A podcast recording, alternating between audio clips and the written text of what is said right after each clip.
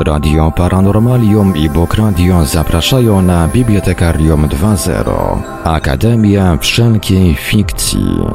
No to proszę Państwa, znowu nas trochę przysypało. No tam w niektórych częściach kraju już troszkę tam odtaje, ale znowu idzie jakaś taka fala chłodu. No i tak troszkę sennie się zrobiło i dzisiaj też będzie E, może będzie gorąco na antenie Radia Paranormalium i Bogradia, ale będzie sennie, bowiem główną część audycji poświęcimy czasowi snu aborygenów. Prawda, Marku? Dzień dobry wieczór Państwu. Oczywiście, że prawda. Dzisiaj posłuchamy wykładu, prelekcji Jana Maszczyszyna, świetnego autora, świetnych e, powieści, no nazwijmy je takich nawiązujących do prozy Werna, tylko pisanych współcześnie, mm, taki styl zwany steampunkiem, no, po części, no, to nie oddaje pełni, pełni prozy Jana Maszczyszyna, no ale, ale coś tam jednak o niej mówi. Jan Maszczyszyn, który mieszka w Australii, od dawna, od kilkudziesięciu lat, był sobie pod koniec lat 80. wyemigrował, no i tam mieszka, ale pisze po polsku, pisze świetną prozę, nagradzaną, wyróżnianą i rozchwytywaną przede wszystkim przez czytelników. Radzę sięgnąć, a dzisiaj opowie nam o aborygenach i o ich czasie snu. Wierzcie mi Państwo, y, pomimo, że autor dawno, dawno już mieszka w Australii, w, w kraju anglojęzycznym i troszkę mu z tą mową polską, no, nie, nie powiem, że nie po drodze, ale zawsze jak człowiek na obczyźnie, to mu trudniej się składa te wszystkie wyrazy y, w zdania. No to jednak wykład, który, który Państwo usłyszycie w dzisiejszej audycji jest absolutnie fascynujący. Może ma tam swoje jakieś takie przysłuchy anglojęzyczne, czy jakieś takie nawiązania, czy jakieś składnie. Wierzcie mi Państwo, to w ogóle nie ma żadnego znaczenia.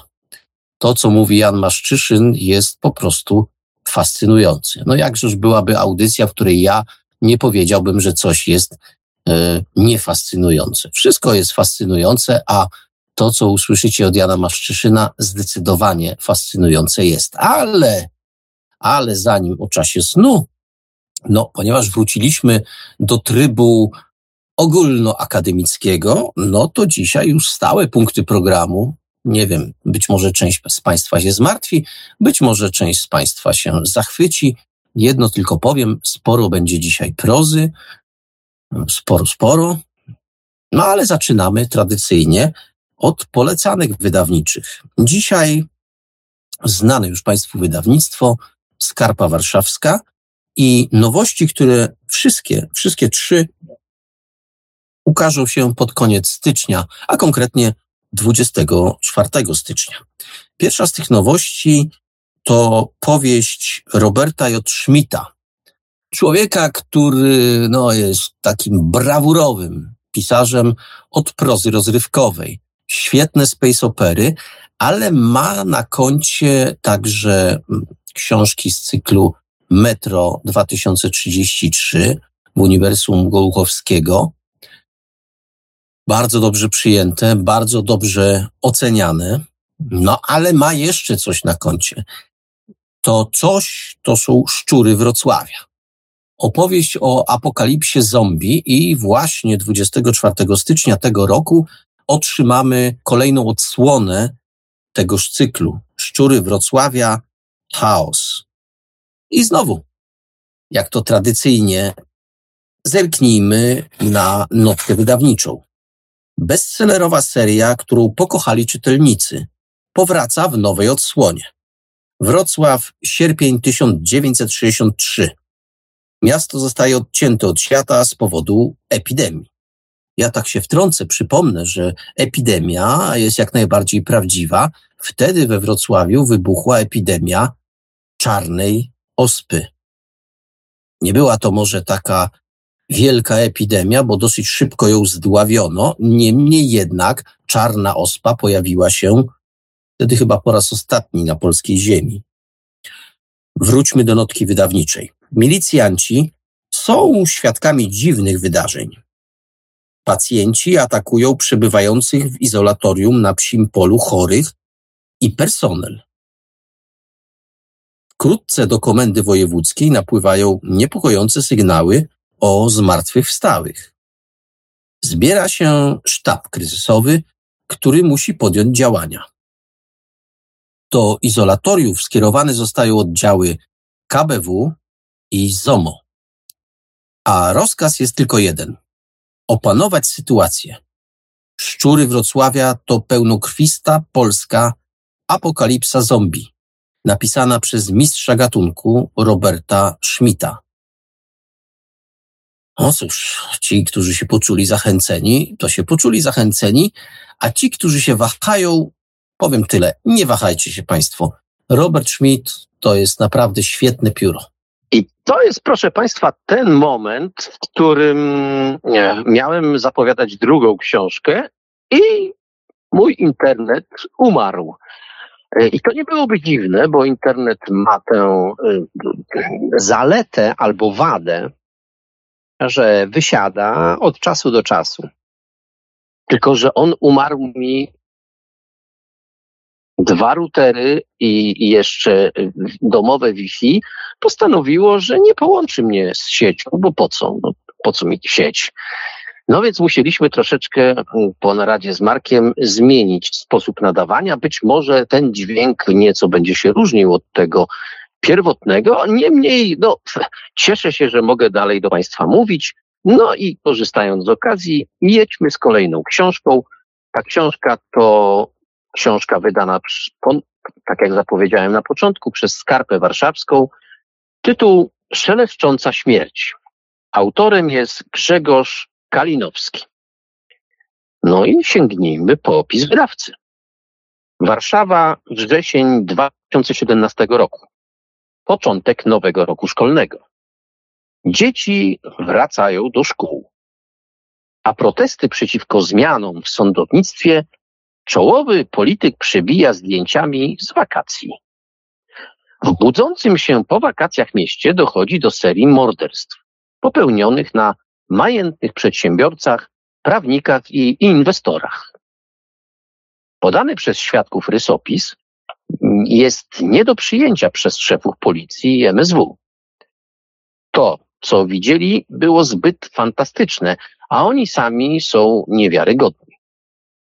Czy można ufać pogrążonemu w alkoholizmie rysownikowi komiksów i chłopakowi, który lubi pobudzić się dopalaczami? Zeznania świadków można podważyć, ale zapis monitoringu Prowadzący sprawę komisarz konieczny musi zmagać się nie tylko ze zwykłymi trudnymi trudami śledztwa, ale i ze swoim przełożonym, no i politykami. Szeleszcząca śmierć to kolejna powieść z duetem złożonym z Artura Koniecznego i jego partnerki, dziennikarki Joanny Becker. Tym razem w śledztwie pomagają koledzy z telewizji, dziennikarz ekonomiczny i ksiądz. Tak, to była druga pozycja mm, z wydawnictwa Skarpa Warszawska, czas na trzecią. To tym razem książka z zagranicy. Też 24 stycznia premiera. Tytuł Syndrom ocalałej. Autorem Robin Giggle albo Geigl. No, się pisze. Zerknijmy, co o tej książce napisano. Najlepsza powieść kryminalna roku 2022. Według The New York Times oraz Los Angeles Times. Śmierć milionera Charlesa Persona wydaje się zwykłym samobójstwem. W jego rezydencji nie ma śladów włamania ani walki. Pojawiają się nowe poszlaki, a technicy komputerowi odkrywają nagranie głosowe, które obciąża adopcyjną córkę Persona, Anne, która przyznaje się do winy. Rick McCabe nie jest zainteresowana prowadzeniem sprawy. Jednak nie potrafi zignorować elementów układanki, które do siebie nie pasują i ostatecznie podejmuje się sprawy, próbując przekonać Anne, by wycofała swoje wcześniejsze zeznania.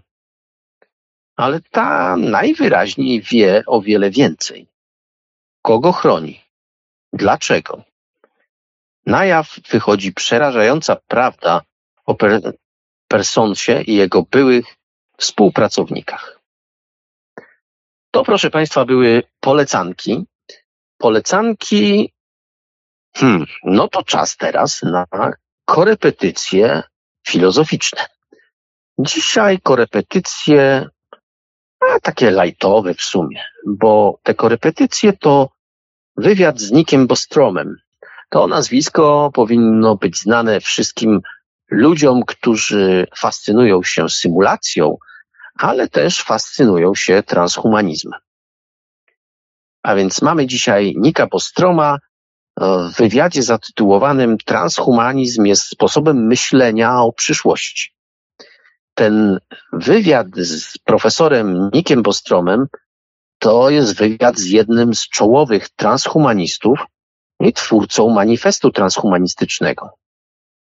Jest też Nick Bostrom założycielem Instytutu Przyszłości Ludzkości na Uniwersytecie Oksfordzkim. Tekst ukazał się tradycyjnie w dwumiesięczniku Filozofuj e, w roku 2017 w numerze szóstym. I tradycyjnie już powiem, że tekst jest dostępny na licencji uznania autorstwa na tych samych warunkach 3.0 Polska. Trochę o udzielającym wywiadu Niku Bostromie. Urodzony w roku 1973, profesor filozofii na Uniwersytecie Oksfordzkim. Autor licznych publikacji z zakresu superinteligencji, wzmocnień ludzkich, symulacji komputerowej i analiz ryzyka przetrwania ludzkości w wyniku różnych katastrof. Jego bestseller Superinteligencja, scenariusze, strategie zagrożenia ukazał się również po polsku. A strona www autora ma następujący adres. Nick Bostrom, pisane razem, bez kropek, bez myślników, nickbostrom.com. Prosty tytuł, zawsze można zajrzeć. A zatem wywiad z Nickiem Bostromem. Zacznijmy może od najbardziej podstawowego pytania. Czym jest transhumanizm? Transhumanizm możemy zdefiniować na dwa sposoby, odpowiada Nick Bostrom. Po pierwsze, jako ruch intelektualno-kulturowy, który podkreśla możliwości i potrzebę fundamentalnej poprawy kondycji ludzkiej poprzez rozwijanie i upowszechnianie technologii mających wyeliminować procesy starzenia się oraz umożliwiających znaczne zwiększenie ludzkich zdolności intelektualnych, fizycznych i psychologicznych. Po drugie, jako badanie konsekwencji nadziei i potencjalnych zagrożeń wynikających ze stosowania technologii pozwalających przezwyciężać podstawowe ludzkie ograniczenia, jak również badanie kwestii etycznych wiążących się z rozwojem i użytkowaniem takich technologii. Wiele osób uważa, że transhumanizm jest utopijną i zgubną ideologią, inni z kolei twierdzą, że to poważny nurt filozoficzny, podobnie jak platonizm, tomizm, marksizm czy fenomenologia. Które stanowisko jest bliższe prawdy? Myślę, że niektóre ze wspomnianych poważnych prądów filozoficznych zawierają utopijne i niebezpieczne elementy ideologiczne. Transhumanizm obejmuje szeroki zakres stanowisk. W jego obrębie możemy znaleźć wiele istotnych i interesujących pomysłów głoszonych przez przenikliwych filozofów, ale również sporo szalonych koncepcji i ekscentrycznych dziwaków. Kolejne pytanie. Z jakich tradycji i założeń filozoficznych czerpie transhumanizm? Transhumanizm jest raczej luźno zdefiniowanym ruchem. Wyrastał powoli, a jego źródeł można doszukiwać się w świeckim humanizmie i w koncepcjach epoki oświecenia. Transhumanizm utrzymuje, że obecną naturę człowieka można usprawnić dzięki zastosowaniu rozwiązań naukowych oraz racjonalnych metod, które mają umożliwić ulepszenie ludzkiego zdrowia, poszerzyć możliwości intelektualne oraz fizyczne, a także umożliwić większą kontrolę nad samopoczuciem czy stanami mentalnymi. Transhumaniści proponują, by każda osoba miała możliwość korzystania z takich środków, które pozwoliłyby na rozwój różnych aspektów zdolności poznawczych, emocjonalnych i fizycznych. Jest to nie tylko naturalne przedłużenie tradycyjnych celów medycyny czy technologii, lecz również wielka, humanitarna sposobność prawdziwej poprawy kondycji ludzkiej. Kolejne pytanie. Głównymi koncepcjami w transhumanizmie są super długowieczność, super dobrobyt oraz super inteligencja. Pana interesuje szczególnie ta ostatnia. Czym jest zatem superinteligencja? Superinteligencję możemy zdefiniować jako każdy intelekt, który pod względem zdolności poznawczych znacznie przewyższa człowieka dosłownie w każdej dziedzinie. No to kolejne pytanie. Do jakiego stopnia ludzie mogą konkurować ze sztuczną inteligencją? Ludzkie ograniczenia w przetwarzaniu informacji są znaczące. Dlatego przetwarzanie maszynowe znacznie będzie przewyższać te o podłożu biologicznym. Nawet stosując radykalne wzmocnienie poznawcze, nie sprawimy, by nasze mózgi mogły przekroczyć możliwości oferowane przez maszyny. Podobnie jak możliwości naszych mięśni zostały pod względem siły i wytrzymałości przekroczone przez możliwości urządzeń mechanicznych. Być może trans ludzi nie powinniśmy już uważać za ludzi. Być może te nowe istoty będą czymś innym, jakimś rodzajem postczłowieka. Czasami warto rozważyć zagadnienie potencjalnych przyszłych istot, których podstawowe zdolności będą radykalnie wykraczać poza możliwości obecnych ludzi i nie będą już jednoznacznie ludzkie, według naszych obecnych standardów. Jednym z określeń dla tych istot jest postczłowiek. Ważne, by uniknąć nieporozumień. Postczłowiek nie odnosi się do istot żyjących po ludzkiej epoce, ani nie ma nic wspólnego z życiem pośmiertnym, czy też posthumanistami. W szczególności termin ten nie oznacza, że ludzie nie będą już istnieć. Rozmawiając o postczłowieku, Zazwyczaj jednak lepiej jest najpierw skupić się na tym, jakie konkretne cechy tych przyszłych istot mamy na myśli, a dopiero potem debatować o tym, jak te istoty nazywać. Ostatecznie niewiele wynika z dyskusji na temat tego, jaką nazwą należy określić tak złożone zjawisko. No i kolejne pytanie. Gdzie należy postawić granicę między ludźmi a postludźmi? Kiedy będziemy wiedzieli, że granica została przekroczona? Czy powinniśmy ją przekraczać? Słowo transczłowiek odnosi się do formy pośredniej między człowiekiem a postczłowiekiem. Zważywszy na to, jak zastosowanie przykład medycyny czy technologii informacyjnych umożliwia nam wykonanie wielu rutynowych czynności, które zadziwiłyby ludzi żyjących w starożytności, można by zapytać, czy już nie jesteśmy transludźmi? Pytanie to z pewnością jest prowokacyjne, ale ostatecznie nie jest ono w pełni sensowne, ponieważ koncepcja transczłowieka jest ciągle zbyt niejasna, by udzielić na nie jednoznacznej odpowiedzi. Transhumanista to po prostu ktoś, kto opowiada się za transhumanizmem. Dlatego dziennikarze i pisarze, którzy wskazują, że transhumaniści to osoby uważające siebie za transludzi, popełniają błąd.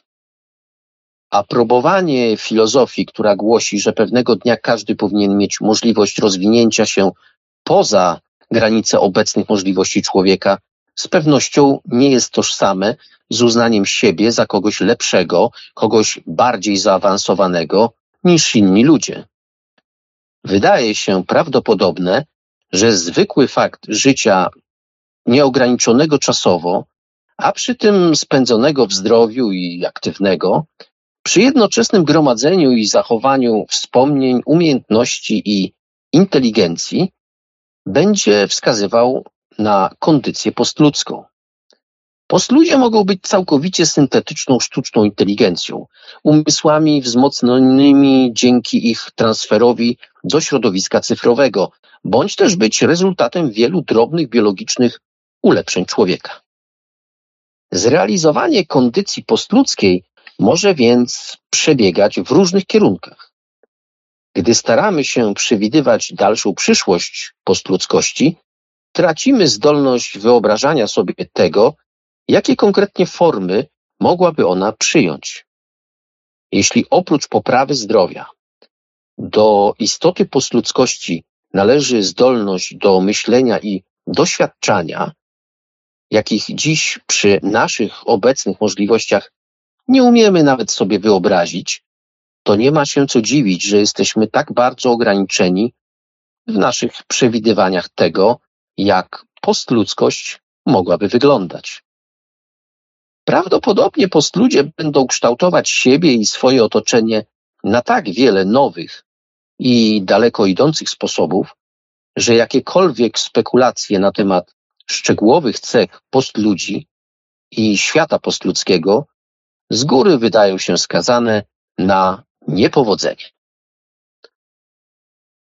To tyle, jeśli chodzi o wywiad z Nikiem Bostromem. Ja mam nadzieję, że ta nowa forma przekazu, a przypomnę, że internet i mnie, i Markowi Senkowi sprawił no, nie lada niespodziankę, jak to internet postanowił się na nas wypiąć i skazani jesteśmy na połączenie telefoniczne. Z moich doświadczeń wynika, że to połączenie idealne nigdy nie jest. Ja tylko mam nadzieję, pokładam całą nadzieję w zdolnościach Marka, który już nieraz cudów dokonywał, że przynajmniej jakoś będę słyszalny. Kontynuujmy zatem, bo internet najwyraźniej nie ma ochoty do mnie wrócić. Nie wiem, jakichś grzechów dokonałem i cóż takiego, cóż takiego y, zrobiłem, że postanowił się na mnie wypiąć. Ale audycja, audycja y, trwa i tak jak Państwu obiecałem na początku, proponuję zagłębić się w świat aborygenów australijskich. I zapraszam Państwa na prelekcję Jana Maszczyszyna świetnego pisarza, ale co ja tu Państwu będę opowiadał? Wystarczy wbić w wyszukiwarkę imię i nazwisko Jan Maszczyszyn. Wyświetli się Państwu nie tylko cały dorobek literacki, ale też postać pisarza. Ja tymczasem, korzystając z okazji, zapraszam na prelekcję o czasie snu, o aborygenach australijskich, o ich niezwykłym świecie i o tym, co z ich mitologii, a może właśnie nie mitologii, da się wyczytać, co współczesny człowiek może w tej, w tych opowieściach, chciałem znowu powiedzieć mitologii, ale właśnie w tych opowieściach, co może od, odczytać o przeszłości Ziemi, o przeszłości ludzkości, w ogóle o latach, o których tak zwana oficjalna nauka i to wszystko, co niby wiemy, no, nie do końca precyzyjnie to coś wszystko nie potrafi się wypowiedzieć. Tymczasem czas snu aborygenów mówi nam czasami znacznie, znacznie więcej niż ta oficjalna wiedza. Zapraszam na prelekcję Jana Maszczyszyna.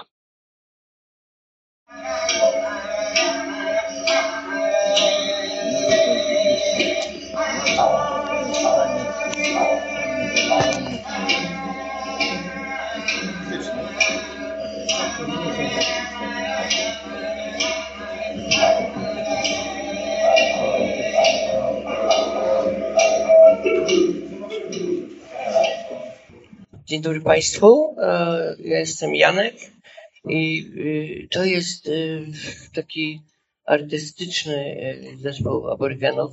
Robią to naprawdę świetnie.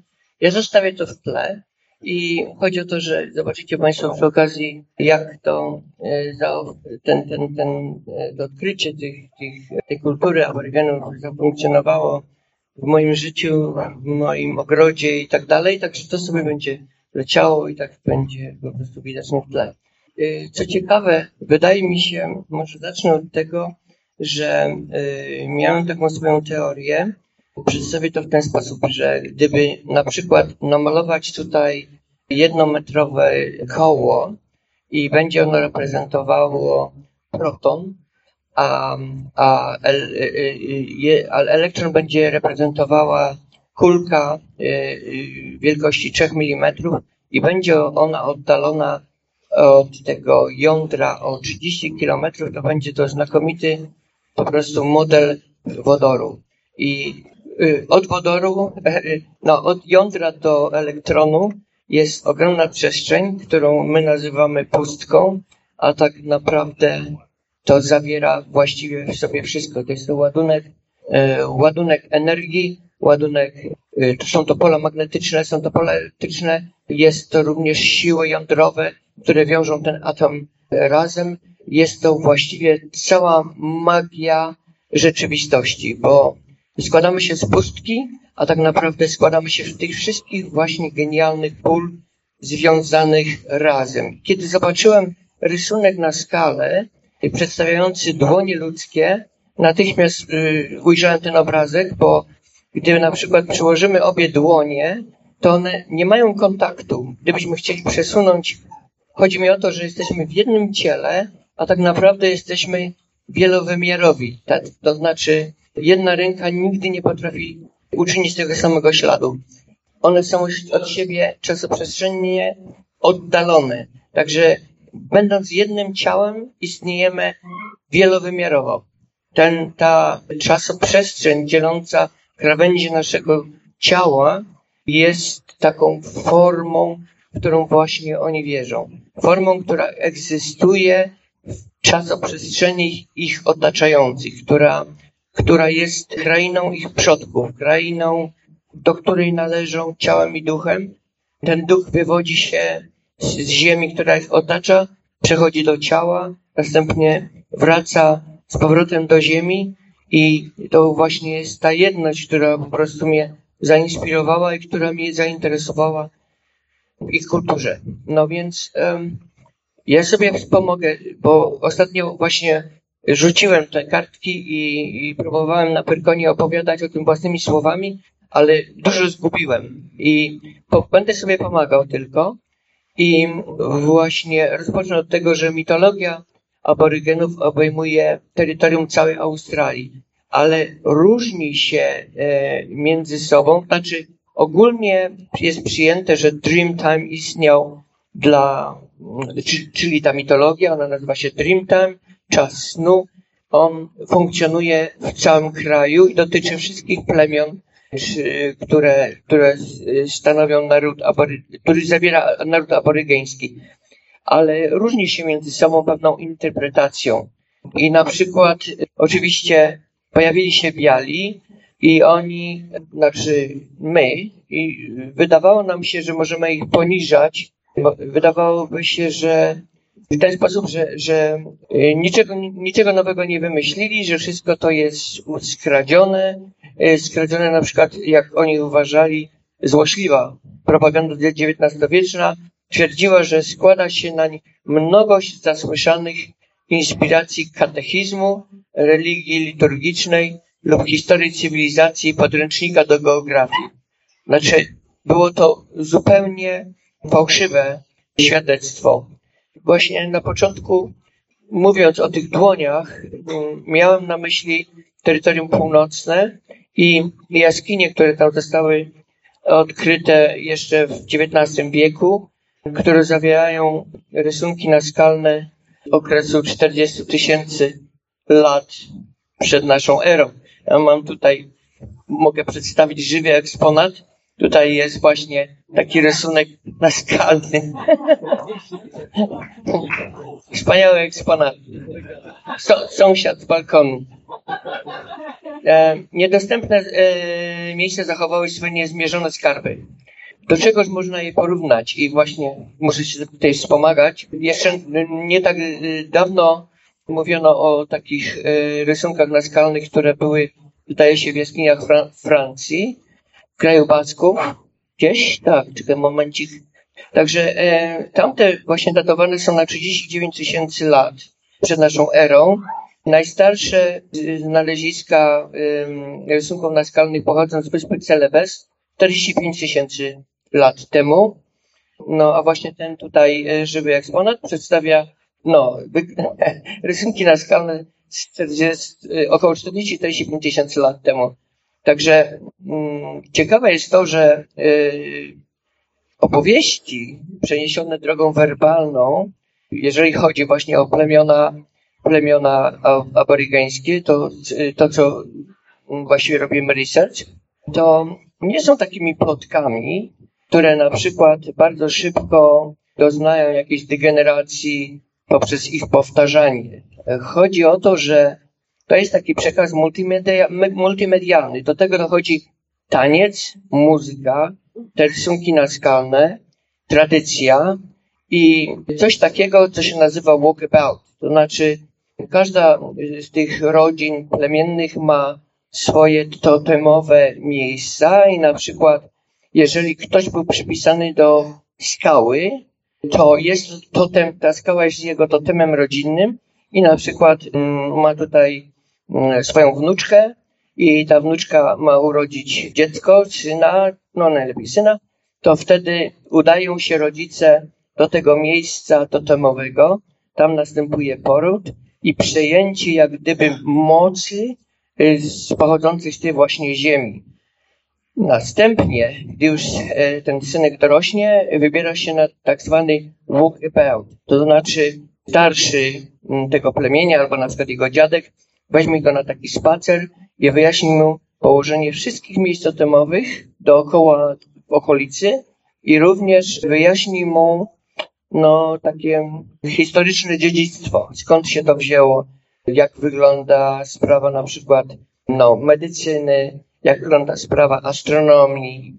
No, jest to taki jak gdyby introdukcja kulturalna, wprowadzenie do no, takiej walki o, o zatrzymanie, o no, zachowanie tej tradycji. Właśnie następnie wspomnę, e, do czego w ogóle malowidła te aborygenom posłużyły. Otóż wraz z ludami zamieszkującymi archipelagi wysp sąsiednich, cieśniny Torresa i Głównej Nowej Gwinei, wierzyli oni, że inspiracja do tego pochodzi właśnie z ich obcowania z duchami, z przodkami tej ziemi. I co jest ciekawe, że pozbawione są te rysunki ust. To znaczy, y, y, starali się zrobić podobiznę istoty żyjącej w tym paralelnym świecie, dość wierne, ale pozbawione ust, dlatego żeby te usta nie mogły wpływać na ich życie doczesne, żeby po prostu pozostawały wizerunkiem, a nie ingerowały w życie żywych. I po prostu chodzi, że one są jak gdyby z szacunku zaciemnione.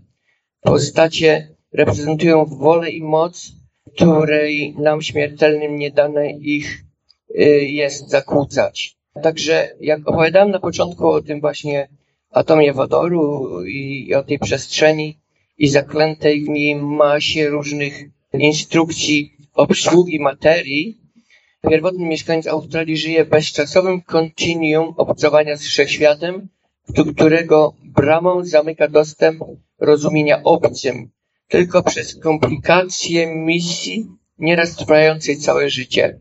To świat sakralnej fantazji, pełen wyimaginowanych tworów i ponadczasowej mocy. Sen, któremu towarzyszy życie w całej jego pełni ofiarowania się różnorodności ziemi, gdzie człowiek jest elementem wspólnym z naturą, a nie celem samym w sobie. Okej? Okay? I no i y, po prostu zastanawia, zastanowiłem się nad tą sprawą i zaczynam od y, lingwistyki.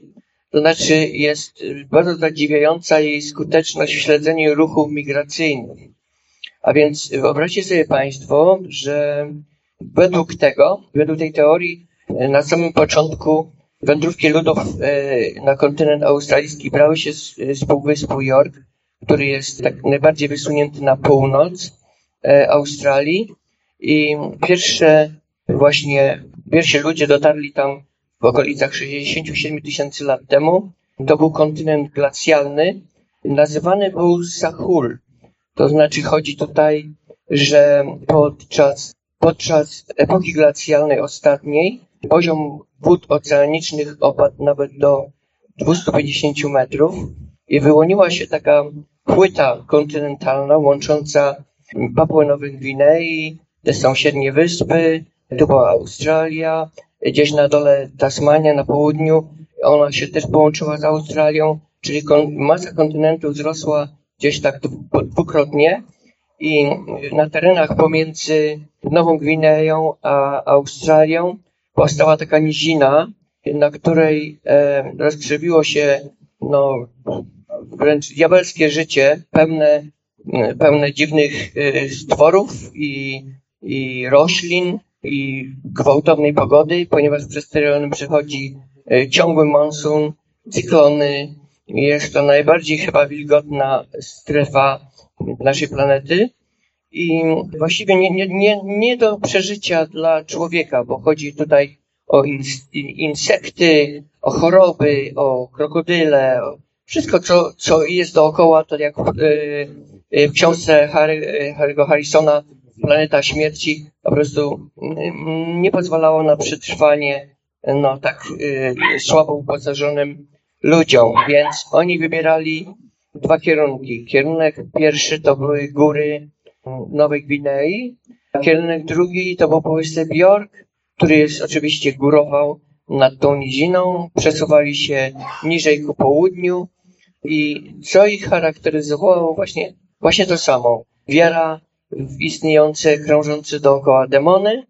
I takie też mają, mają coś sobie wspólnego z tym, że y, Nowa Gwinea pozostała taka bardzo agresywna przyrodniczo, a już Australia troszeczkę, mimo tych krążących legend, że jest taka zabójcza, była jednak znacznie spokojniejsza i nie było właściwie na niej pustyń, tylko były dwa wielkie morza wewnętrzne i pełna była właśnie megafauny, znaczy zwierząt, które istniały wtedy w Australii, a które już zostały wyniszczone właśnie przez plemiona Y, aborygeńskie. No i teraz znowu wrócę do tego werbalnego, y, werbalnej historii, którą mm, aborygeni są zdolni, w której aborygeni są zdolni przekazać tak skomplikowaną mitologię, niezakłóconą, niezniszczoną przez czas. I zasięgnąłem informacji no, w internecie, że na przykład jeżeli chodzi o aborygenów, to Wszystkie języki, które, które są w Australii, posiadają gdzieś około 6 do 8 tysięcy wyrazów. Jeżeli chodzi, chodzi mi o to, o pojemność językową, jak, jak się to przedstawia. Jeżeli chodzi na przykład o ile słów obecnych e, w języku koreańskim, jest ich 1,1 miliona. E, portugalski ma 820 tysięcy, fiński 800 tysięcy, angielski 520, a tutaj według Google to polski 150 do 200 tysięcy. Pod koniec y, wieku XVIII w Australii było aż 750 różnych aborygeńskich społeczności, z których każda miała 6 do 8 tysięcy słów i tymi słowami operując budowała swoją fantazję, czyli tą całą mitologię, którą oczywiście nie wierzymy jako biali, prawda? Także yy, zaznaczyć yy, należy, że wraz z, z brakiem przekazu językowego ginie pewnego rodzaju historia i tradycja. Ciekawe, że właśnie prawdopodobnie chrześcijaństwo zniszczyło naszą werbalną, werbalną historię w jakimś tam procencie. Zapytajmy teraz o minimum językowe, bo to jak już sięgnąłem po, po, po maksimum, to zainteresowałem się minimum językowym i na przykład na jednych z wysp kanaryjskich La Gomera około 20 tysięcy mieszkańców zna tam język gwizdany e, nazwany Silbo. Wynaleziono go, aby móc się porozumieć na ogromnych górskich przestrzeniach. Pochodzi on z antyku sprzed naszej ery. No i, i zdał egzamin praktyczny, ponieważ język mówiony w wysokich górach można usłyszeć na 200 metrów, to język gwizdany jest słyszalny na odległość do 8 kilometrów. Teraz drugi język, zawierający 48 głosów, które można porównać do mlaskania, to jest język okung. Pod względem ilości głosek to jeden z najbardziej skomplikowanych języków świata. Poza tym jest to język toniczny, składający się nie tylko z mlasków, ale z samogłosek nosowych. Przetrwał dlatego, że do życia plemienia Kung nigdy nie, nie, nie życie języka Kung nigdy nie, nie zakłóciły wpływy cywilizacji. Obecnie żyje y, około 5600 osób posługujących się tym językiem Angolii i Namibii i znamy go z, z filmu komediowego Bogowie muszą być szaleni. Innym językiem jest znowu takie dziwne. No, ja przepraszam, że ja, że ja odchodzę od tematu, ale język jest jawajski. Jest on potrójny, ponieważ mieszkańcy wyspy Jawa zupełnie inaczej zwracają się do przyjaciół, inaczej do pracodawcy, a jeszcze inaczej rozmawiają na ulicy. Także to jest yy, też ciekawe. Także wracając do języka w Australii, plemię Wiriaduri, które jest takim reprezentantem tego języka, takiego najbardziej mm, adekwatnego, który przedstawia całe bogactwo y, tej mitologii. Nawet mam ten, y, ten słownik tego języka na własnym, na własnym, na własnym y, telefonie komórkowym. To właśnie po, po, posłużę się na tym przykładzie omówieniem tej, tej mitologii. A, jeszcze jest taki język Piracha. Pochodzi on y, z dżungli mm, amazońskiej i ma tylko 200 słów, y, no, tylko 200 słów i właściwie nie posiada on no, takiego znaczenia nośnego. Y, no, w tym w słowniku 200 wyrazowym naprawdę, na pewno nie udało się zapisać żadnej mitologii. To tylko taki taka, myślę, ciekawostka. I e, mamy teraz do czynienia e, z okresem ery kenozoicznej. rozpoczęła się 2,5 miliona lat temu, trwa do dzisiaj i będzie najpewniej trwała do czasu, kiedy po prostu człowiek zniknie z tej planety. 11 tysięcy lat temu zakończyła się ostatnia, ostatnie zlodowacenie i, I właśnie wtedy udało się tym plemionom dostać do Australii, która e, właśnie, jak już wspomniałem, miała dwa wielkie morza wewnętrzne. Jedno z nich nazywało się Eromangasi. Również na terenie Alp Australijskich e, roztaczał się wielki lodowiec o, o wielkości 7000 kilometrów kwadratowych. I um, jezioro Eromanga istniało na tym terenie od 110 milionów lat i zapewniało zadziwiający różnorodny mikroklimat obecny w opisowych historiach aborygenów. W czasach obecnych uległo ono rozczłonkowaniu na kilka słonych jezior. I rejestrując mity w ich ojczystych brzmieniach, australijski e, lingwista Robert Dixon zaobserwował zgodność pomiędzy niektórymi szczegółami mitologicznych krajobrazów, a odkryciami naukowymi. E, w przypadku opowieści z płaskowyżu Alterton, opisujących pochodzenie jezior, badania geologiczne dowiodły, że wybuchy wulkanów, których źródłem są współczesne jeziora i których, e, o których wspomniano w tych mitologiach, w tych e, historiach, rzeczywiście odbyły się 10 tysięcy lat przed naszą erą, no, co pokrywa się z historią aborygenów, czyli jak, jak, jak ich przekaz werbalny był e, precyzyjny że nawet tyczył się właśnie praw geologii, krajobrazu um, i oczywiście obecnych w środowisku zwierząt. Na przykład e, mit e, aborygenów z Wiktorii, wczoraj wspominałem właśnie o Port Philippi, e, opisujących obecną Zatokę Melbourne jako wyłoniony region i bieg rzeki Jary, był właśnie nazwany wtedy centrum bagien Karum Karum. Mit o jeziorze Erie, opisany w roku 1906, mówi, że pustyni Australii Środkowej były niegdyś żyznymi i nawadnianymi równinami podobnymi do ogromnego ogrodu. Ten ostatni mit przetrwał do czasu, kiedy to wielcy odkrywcy tych ziem decydowali się na poszukiwanie e, właśnie tego morza Eromangi. Tak barwne i prawdopodobne były to przekazy. Mowa tu o Charlesie Sturt, e, który wybrał się właśnie w poszukiwaniu tych mórz i chciał przeciąć Australię z południa na północ i ledwo przeżył. Uratowali go właśnie um, aborygeni, kiedy zabłądził na pustyni. Właśnie jeżeli chodzi o, o zwierzęta, znowu przekaz werbalny, który, który opowiada o tym, że, że przepasne y, właśnie y, przestrzenie południowego kontynentu były wypełnione megafauną, którą y, ci czarni kolonizatorzy sąsiadowali aż 17 tysięcy lat.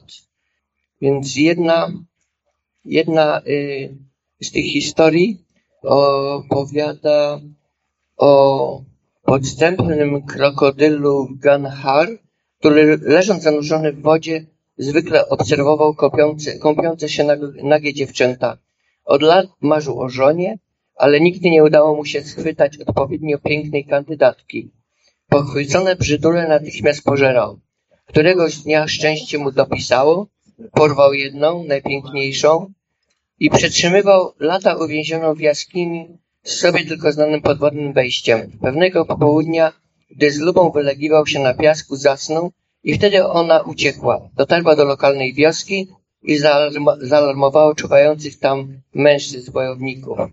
E, wojownicy oszczepami przegonili zażarcie walczącą bestię. Dziewczę ocalało, jednak potem wszyscy mieszkańcy okolicznych obozowisk narzekali, odnajdując wokół sady tajemne, zagrzebane w piasku krokodyle jaja. Okazało się, że nieszczęsna piękność nie umknęła złośliwości losu, przebywając i współżyjąc z bestią przez lata przejęła jego sposób rozmnażania. Historię tę opowiadano ku, prze, ku przestrodze młodym, młodym e, e, dziewczynom, przy zapalającym się ognisku, żeby po prostu nie zbliżały się do rzek. Następne zwierzę, ty, Tychalacelo, było długo nierozpoznawane na freskach zwierzęciem, lecz wkrótce okazał się być w dowodach kopalnych lwem torbaczem osiągającym wielkość współczesnego lwa afrykańskiego. I jak, jaki dziwaczny wyłania się tutaj obrazek, kiedy oto e, potwór, ten, ta lwica, goni jakąś ofiarę, na przykład człowieka i dopada go, zagryza i potem z jej worka y, wy, wy, wybiegają, wy, wysuwają się młode i dobierają się już wspólnie do, do ofiary. No to troszeczkę takie jak z Aliena. Właśnie na wspomnianym wybrzeżu y, Arnhem Land jest aż 126 malowideł ściennych, które które właśnie przedstawiają różnego rodzaju zwierzęta y, już nieistniejące, o których znowu są opisy słowne, y, wskazujące na to, jak one się zachowywały. To jest normalnie kapitalna biblioteka werbalna, która jakimś cudem przetrwała i archeolodzy czy paleontolodzy grzebiący w ziemi, wykopujący te kości, nagle sobie zdają sprawę, że dysponują fakta, no, danymi faktograficznymi pochodzącymi e, z kroniki, nawet nie pisanej, bo Aborigenie nie mają, nie mają pisma, ale właśnie z werbalnej, która w szczegółach mówi o zachowaniu tych zwierząt, znaczy poprzez e, kontynuowanie e, tradycji przekazywania tej, tych historii mitologicznych i jednocześnie na rysunkach znajdują się pewne szczegóły anatomii tych zwierząt, które, którymi y, paleontolodzy się supportują, żeby zbudować konkretny y, szkielet tego zwierzęta. I jakoś wszystko się w tej dziedzinie zgadza, więc jest to y, rzeczywiście wspaniałe narzędzie poznawcze, niezakłócone y, jak dotychczas przez um, człowieka białego. Teraz y, znowu, a, następne zwierzęta. Pojawia się Zaglosus, długodzioby, ogromny dziobak i, i towarzyszący mu geni ornis, gigantyczna, a bardzo agresywna gęś. No znowu w rysunkach ta gęś y, się pojawia jako taki, no znamy gęsi, taki jakiś złośliwy potwór z tamtego czasu. Jest też pola, polar chesters, wielki byk, który przypomina południowoamerykańskiego tapira. Megalania to największy zamieszkujący ląd jaszy osiągający 6 metrów długości. Są też gigantyczne, nielotne ptaki podobne do nowozelandzkich moa. Warany dochodzące do 7 metrów długości. Teraz jest wąż Wonnambi, 6 do 9 metrów długości. Inny wąż Dubu Dingala był największym znanym australijskim pytonem.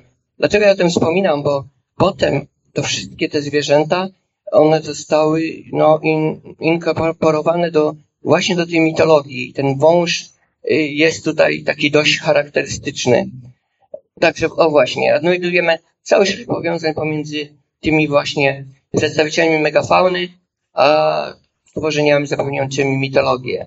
Teraz y, aż się prosi w tym miejscu, żeby y, powiedzieć o, o sferze niebieskiej. I tutaj właśnie ujrzymy y, obłoki Magellana, najbliższą Ziemi gwiazdę Alfa Centauri, o której oczywiście oni nie wiedzieli. I y, wtedy mogli inkorporować wszystkie te stworzenia, o których wspomniałem, w konstelacji gwiazd. Jest znowu, znowu pozostały jako dokumentacja przydająca się właśnie y, tym po prostu naukowcom, którzy, którzy badają te sprawy. I teraz Dreamtime, czyli ten, ten czas tego snu, to nieprzerwany proces tworzenia, który rozpoczął się dawno temu w okresie zwanym okresem marzeń. Wtedy to Ziemia otrzymała swe cechy materialne od istot stwórczych, ich działaniom zawdzięczamy rozwój flory oraz fauny wraz z jej częścią zwaną ludzkim rodem. Z tych samych też czasów pochodzą obrzędy i uroczystości. Według podań cały świat ukształtowany został przez duchowych przodków w mitycznej epoce, do której nadal, nadal można się dostać podczas odpowiednich sakralnych obrzędów, czy też będąc pogrążonych w marzeniach sennych. Oni już nie śnią, jak myślimy, znaczy w tym sensie, że nam się wydaje, ok, śniło nam się coś złego, coś złego nam się wydarzy w dniu następnym, albo śniła nam się na przykład teściowa, albo coś takiego, no to, to nie będzie to jakiś taki monster, który nam się śnił, tylko że oni to sobie zinterpretują, że to jest jakiś po prostu kontakt yy, z tym światem paralelnym. Także całe ich życie jest podporządkowane właśnie temu istnieniu świata obok, do którego przenikną po śmierci. Nie, no, jest to na pewno interesujące. Bardziej, przynajmniej dla mnie interesujące bardziej niż na przykład nasza koncepcja nieba, które jest puste, które nie, nie, nie lubi zwierząt, bo, bo zwierzęta nie mają duszy i, i tak dalej. Ponieważ Australijczycy identyfikują naturę ze sobą, przy naturalnych gatunkach widzą istoty o ludzkich właściwościach. Australijczyk, aborygen, postrzega wokół siebie niezmienny krajobraz, który tłumaczy sobie tym, że takie właśnie istoty o ludzkich właściwościach stworzyły go w zamierzchłym czasie. Zatem na początku była ciemność i ogołocony z życia ląd. Rzeczywistość, w której każda istota już istniała od zawsze i na zawsze przeoblekła się w materialną realność. Dotąd współuczestniczyła. Teraz poczęła się zwolna przekradać z nadrealu do świata obok. Niektóre plemienia wierzą, że kiedyś niebo było bliskie ziemi, zbyt bliskie, całym ciężarem więc opierało się o powierzchnię, zmuszając wszelkie obecne stworzenia do pełzania. Fajny obrazek. Należało je podnieść do niebo, by, by przerwać to niecne, upokarzające yy, świat i odrzucić noc, by nie blokowała więcej świata. Wtedy nastąpił pierwszy wschód słońca. Śniący pozbawieni kształtu bohaterowie mogli odtąd podróżować poprzez lądy, kryjąc święte miejsca i znaczące formy skalne, takie jak Uluru, Katatiuta. Katatiuta to jest taka forma bardzo podobna i w ogóle zaniedbana przez y, turystykę. Katatiuta to jest taka forma skalna bardzo podobna do Uluru, nawet większa, która znajduje się w tym samym parku. Jak się wjeżdża do parku Ularu, dostaje się bilet i na jedno, i na drugie. Tylko, że to drugie jest tak gorące, że temperatura tam panująca około 11 rano to 52 stopnie Celsjusza. Akurat kiedy ja tam byłem, to tyle było. Nie da rady mm, tam przejść. Bo potrafili, e, bohaterowie potrafili zmienić formę, stając się okresowo człowiekiem i zwierzęciem.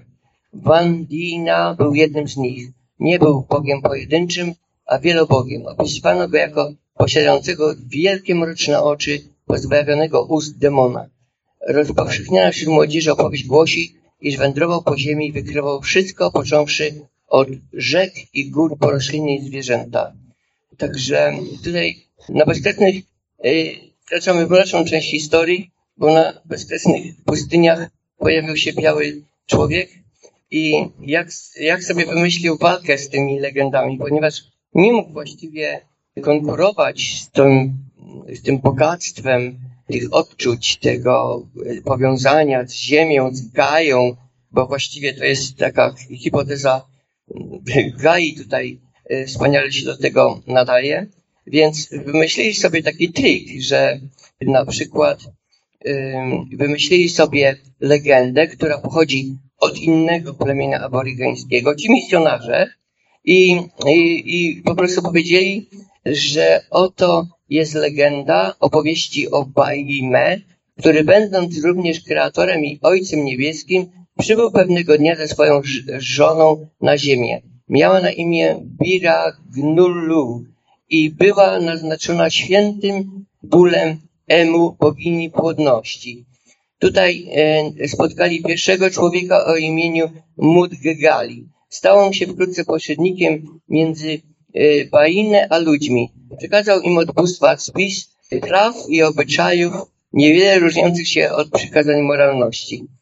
No, także taki trik, którym jak gdyby przybliżali mit e, aborygeński, który miał tak naprawdę korzenie chrześcijańskie i tym samym było im łatwiej złamać ich jak, jakiegoś takiego ducha i no, nie zmusić, ale przekonać do, do tego, żeby się stali się chrześcijanami. To niektórzy zrobili. No więc to tyle, jeżeli chodzi o ten Dream. Tam jest tego mnóstwo, ale y, nie chcę się zatrzymywać na tym tylko, y, bo zastanawiało mnie, jeżeli ktoś ma tak wspaniałą i bogatą imaginację, czy y, odważył się ktoś z nich na przykład napisać fantastykę. I ponieważ wszystkiego, czego dotkną, to jest od razu, od razu sakrum, od razu nie, nie można na przykład opowiedzieć o czymś, co było gdzieś dawno, dawno temu, bo nara, na, naraża się na jakąś zemstę demonów, na, na nie, nie, nieprzyjemne uwagi od y, krewnych i tak dalej. No, było to, jest to bardzo, bardzo dość trudne dla takiego kogoś, żeby fantazjować. Więc szukałem jakichś opracowań na temat właśnie mm, powieści wykreowanych przez aborygenów. Bardzo trudno coś takiego znaleźć i znalazłem panią w Słowenii, która, no, która się zaangażowała właśnie też y, w poszukiwanie tego typu książek. Więc według słów autorki musiała być, zmuszona była oprzeć się na teoretycznym brikolażu, brikolażu istniejących podejść teoretycznych. Autorka dokonała kompleksowej analizy sześciu tekstów literackich, dzięki czemu można powiedzieć, że studium, on nazywa się Ivy Polak, tworzy pewną formę kanonu aborygeńskiej science fiction. Dla każdego z tych tekstów Polak e, przedstawia odpowiedni kontekst społeczno-historyczny oraz analizy tekstów w ramach fantastyki jako meta zasady. Więc teraz, według niej, większość tekstów okazuje się hybrydowa, stanowi mieszankę fantastycznych gatunków, takich jak baśń, realizm magiczny, nauka fiction, gotyk i inne. W rozdziale trzecim zajmuje się pracą Erika Wilmota. Below the Line 1991 pisarz bada możliwość azjatyckiej inwazji i jego powieść jest identyfikowana jako pierwsza aborygeńska książka fantastyczna. Następnie Polak prezentuje Ellen van Nerwin nowelą Water 2014, której pisarka przedstawia plant people, y, czyli takich ludzi roślin, y, czyli takiego postać takiego nieludzkiego, nową, taki transhumanizm. Dalej Archie Weller opisuje Land of Golden Clouds 1998. Utwór umieszczony, umiejscowiony w bardzo odległej przyszłości, obficie czerpiący z biblijnego motywu drugiego przyjścia. Kadai Ta Sung 1990 to złożona narracja typu Slipstream, która dostarcza modeli kulturowego doświadczenia rzeczywistości. Autor powieści badając Autorka, e, autor powieści badając aborgańskie śnie, e, śnienie, ilustrując nagość, prostolinijność poznania uczy bycia po nowoczesnej egzystencji. Rozważony też jest tekst Alex Wright's Swan Book 2013. Prowadzi on Polak do, do konkluzji, że aborygańska science fiction stanowi punkt zwrotny nie tylko w aborygańskiej spekulatornej fikcji, ale także dla całej science fiction w ogóle. Ogólna pozycja ostrożnego optymizmu wynika z faktu, że omawiani autorzy konstruują przyszłe postkolonialne światy, które świadczą o możliwości przetrwania kolonializmu. Okej, okay. będzie to wszystko suche, jak będę tylko czytał, no ale pozwoliłem sobie poszukać tej literatury w takim sklepie Geek Shopie, który w Melbourne jest bardzo popularny, nazywa się Minotaur i tam właśnie udało mi się dostać, to jest Clark Coleman, to jest Terra Nullis, to znaczy taka jak gdyby ziemia niczyja. Bardzo pięknie napisana książka. I ja jej nie, do, nie dokończyłem, bo ją niedawno, niedawno ją kupiłem, zanim tu przyjechałem. Ale coś takiego jak powiedzmy kolonializm, ale na innej planecie. Znowu są właśnie takie, no, te istoty, które są podobne do aborygenów i mm, taka powiedzmy E, kolonizacja planety, w której oczywiście poszkodowanymi są ci mieszkający na tej planecie. W każdym razie zapytam się, masz jeszcze więcej takich książek? Nie miał.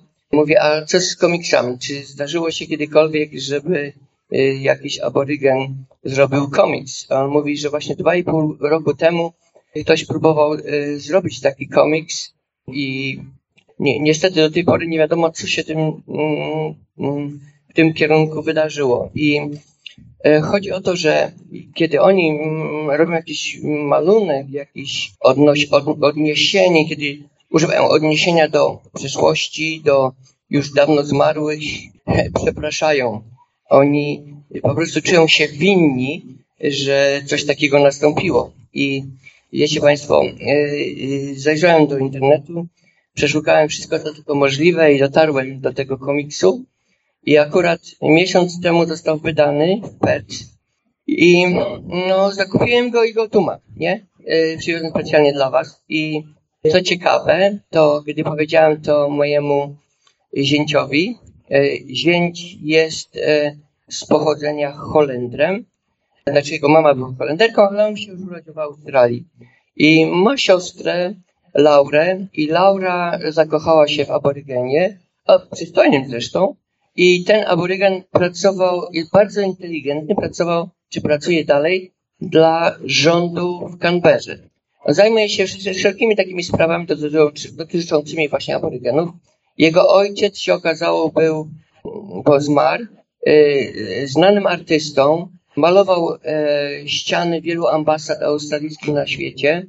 W końcu zgromadził dość sporą kasę po tym i Y, urządził sobie y, galerię taką właśnie poświęconą nie tylko jego pracy, ale wszelkiej sztuce aborygańskiej y, w takiej miejscowości Łodonka. I co ciekawe, udało mu się no, uruchomić taki wydział na, w okolicznym takim koledżu, Tejfie koledżu, który zajmował się właśnie tworzeniem, malowaniem, sztuką aborygańską. Ale Zaprosił do tego również białych, znaczy każdy, mógł być, nie tylko biali, Indusi, ktokolwiek był zainteresowany tym, e, został poddany takiej introdukcji jak należy interpretować tą sztukę. Kiedy zapytałem się tego mojego, y, potem skontaktowałem się z nim, y, to on ma na imię Scott, jest teraz w Prum, tam też pracuje dla, dla rządu, tam został oddelegowany. Kiedy się go zapytałem, czy mogę zaprezentować obraz jego ojca, on powiedział, że nie, nie mogę tego zaprezentować, dopóki nie zostanie mi to wytłumaczone. Jakoś znaczenie tego obrazu. I no, jakoś się nie, nie udało przed wyjazdem zorganizować takiego meetingu, żeby, żeby on miał czas mi to wyjaśnić. No i nie mam tych obrazów. W każdym razie było to bardzo interesujące. Kiedy wspomniałem mu o tym właśnie komiksie, to y, przyznał, że zna tego autora, to jest jego przyjaciel. Także jakiś świat jest mały. I właśnie przedstawię Państwu, no może po raz pierwszy w Polsce, to są e, właśnie, nazywa się Dark Heart, i to jest indi, indigi, Indigiverse, czyli taki no, y, wszechświat indigenous people, czyli tych y, people, tych ludzi, którzy zamieszkiwali da, dany kontynent jeszcze przed kolonizacją. To jest numer jeden, to jest numer dwa. No i oczywiście to jest taki komiks opowiadający o historii. Ja, ja mam tutaj materiał, Państwu pokażę, o historii demonów, Y, którzy y, są rozbudzeni y, przez takiego białego kampera. No, ta, taka sobie historia, ale ciekawa pod względem graficznym. Momencik. No i to jest z muzyką akurat. I to jest Midnight Oil. I oni śpiewają piosenkę. No, no, jest po prostu, kiedy nie można spać, kiedy łóżko pali cię w tyłek, nie? To znaczy, y, kiedy, kiedy masz oddać długi, nie? Y, kiedy jesteś y, na obcej ziemi, mm, w obcym świecie, zachowujesz się jak ham, nie? I, i w tym samym momencie, jakim cudem ty możesz po prostu spać, nie? To jest ten komiks. No, ja nie wiem, czy nie jestem czasem ostatni raz z wami, bo jestem stary dziad, także naprawdę jestem szczęśliwy, że tutaj jestem E, to tylko jest tak pobieżne, bo to jest ogromny temat. E, jeżeli macie Państwo pytania, pogadajmy sobie. No bo szkoda, żebym się tak prezentował, a, a chciałbym słyszeć, czy coś Was interesuje, co mogę powiedzieć na temat. Proszę. Powiedziałeś mnóstwo interesujących rzeczy. Język aborygenów jest tylko jeden, czy one już się zlały w jeden, czy jest wiele na rzeczy? Nie, nie, jest, jest coś takiego, że, że e, Dreamtime to jest taki uniwersalny termin. I teraz e, legendy, bo ja nie wspomniałem tutaj o takim wężu, o, o, różnych rzeczach, ale naprawdę, jak zauważyłem z tych moich, e, tego mojego researchu, to no coś nie działa. Z mojego researchu, z mojego researchu to E, jest tak, że mm, e, to jest dość popularne. W Polsce jest bardzo dużo artykułów na temat właśnie Dreamtime, tego czasu snu, tych takich węży tęczowych i tak dalej.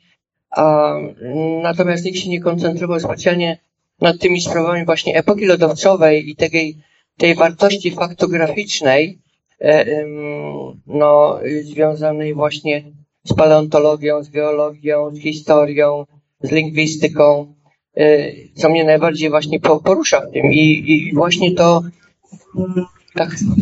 Najbardziej zwięzłej monografii na temat y, jest, jest to jakby wytłumaczone. Jest no właśnie. Cała wędrówka, no. która na tym przesłynku ona, ona ma odzwierciedlenie w ogóle w mitologii, gdzie są poszczególne plemiona, które opadały, są w mitologii. E, I to było przez e, naukowców, zwłaszcza australijskich, opisywane w jakiś sposób. I, i, bar I, bardzo często właśnie tutaj w Polsce, że widziałem jest naprawdę mnóstwo artykułów na, ten temat, na ten temat i ja nie chciałem tego powtarzać, bo to by było, chciałem być po prostu mm, oryginalny, nie?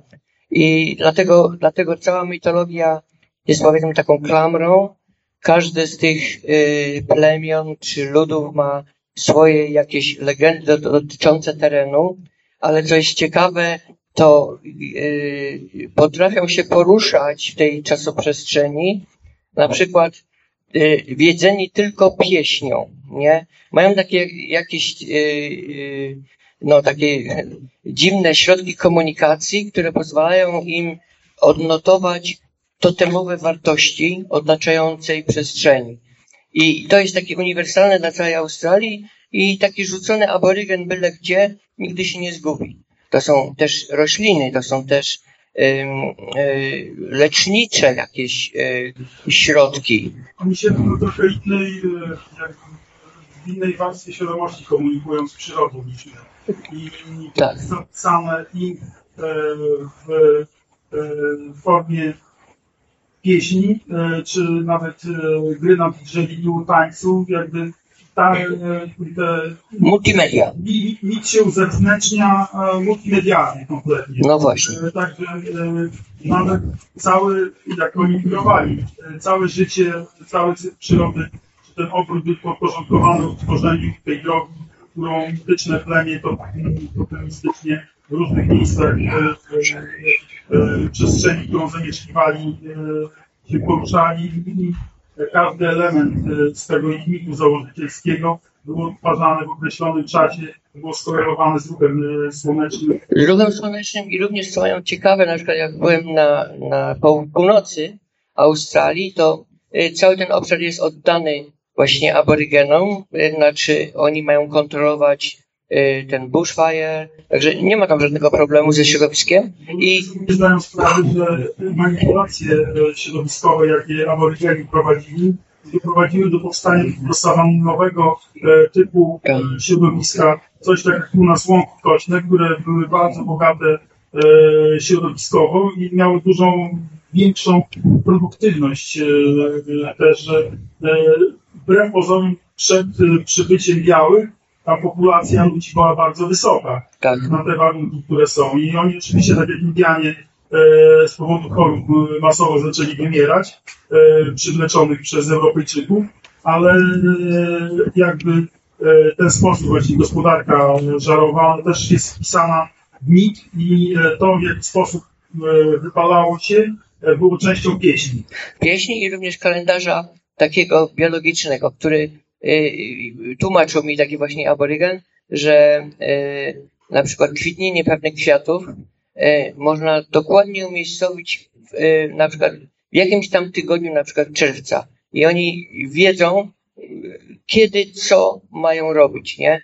Tak samo bardzo było ciekawe, kiedy kąpałem się w ich sakralnych, bo pozwolili na to, sakralnych takich studniach, takich stawach, kiedy nie wolno było dotknąć niczego żywego tam, oczywiście nie było krokodyli, ale były takie ryby, które mnie ciąkały, nie? No, e, teraz jak się nazywają te ryby? Ja sobie teraz przypomnę. Baramandi. Na skorpionach tak? No nie, one były ciekawe, czy się nadaje do jedzenia chyba, ale, ale nie, nie za bardzo. E, powiedz nam jeszcze coś o tym myślowym porozumiewaniu się na odległość aborygenów. Co z tym jest prawdy, a jak to wygląda? Zwoływaniu, zwoływaniu się tych, na spotkania przez myśli, poprzez telepatię. Czy to jest prawda i jak to wygląda? No, wiesz, e, e, to, już będzie troszeczkę taka, takie hipotetyczne, nie? Bo e, wiadomo, że, że my, biali, specjalnie nie wierzymy w tego typu porozumienia, ale porozumienie duchowe występuje w każdej grupie. Ja myślę na przykład nawet tutaj, my między sobą nie musimy nawet mówić, a czujemy to samo, więc jeżeli jest właśnie taki aborygen przesuposuwający się przez e, wszechświat, w którym istnieje e, paralelny, paralelne uniwersum wypełnione duchami przodków i, i tutaj jest drugie, które służy temu, temu paralelnemu uniwersum, to już są w jakiś sposób y, powiązani ze sobą. Ja, ja wiesz, ja mam takie swoje hipotezy, ale e, i no właśnie je wrzuciłem w ramy książki e, o tej teleportacji, o, o pewnych e, no takich wierzeniach aborygenów, które mi posłużyły do napisania światów solarnych. Ja ich tam użyłem do do teleportacji całej rasy ludzkiej. E, wiesz, w czasach XIX wieku mnóstwo ludzi zginęło, bo w tych statkach, których płynęli na przykład do Australii, to rozbijali się jakieś tam klify. W jednym miejscu, na przykład tam w Wiktorii jest 2000 braków pod, pod wodą. Po prostu nawigacja zawodziła i kto wie, czy nie byłoby możliwe, żeby właśnie aborygeni pozbierali tych ludzi zanim zmarli i wywieźli y, gdzieś tam w głąb galaktyki, y, co się zdarzyło w moim światach solarnych. A, no, także trudno mi powiedzieć, musiałbym zasięgnąć informacji dokładnie, y, czy takie coś istnieje, jak telepatia w wierzeniach aborygeńskich, ale właściwie wydaje mi się, że oni nawet tego nie potrzebują, bo są tak wspólni i tak zjednoczeni e, w tym, co wierzą. Tak, ja chciałbym tylko jedno takie pytanie Tobie zadać. Gdyż się zorientowałem, że naprawdę długo i dużo czasu spędziłeś e, w szukaniu kontaktu z tymi ludźmi eboryginami. E, ja z moją żoną szukałem przez wiele, wiele, wiele lat dojścia do właśnie tych aboriginów, ale zawsze gdzieś zakoń, zakoń, zakończyła się ta, ta, ta, ta, to szukanie na jakichś takich turystycznych centrach, które oni w sensie tworzą, żeby pokazywać malowidła, pokazywać te takie, bym powiedział, kulturalne rzeczy, ale nie udało nam się wejść w środek ich tego normalnego życia, w takiej wiosce, żeby chcieliśmy tydzień albo dwa tygodnie po prostu z nimi żyć.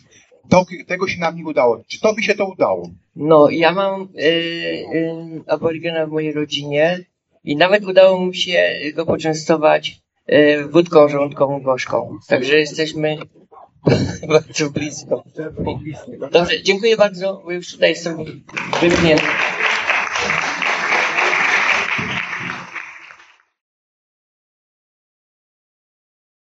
Proszę Państwa, proszę Państwa, skoro już jesteśmy przy snach, a właściwie przy czasie snu byliśmy przed chwilą, no to mam dla Państwa coś bardzo, bardzo a propos, a mianowicie kolejny odcinek cyklu Bez Tajemnic o spirytyzmie.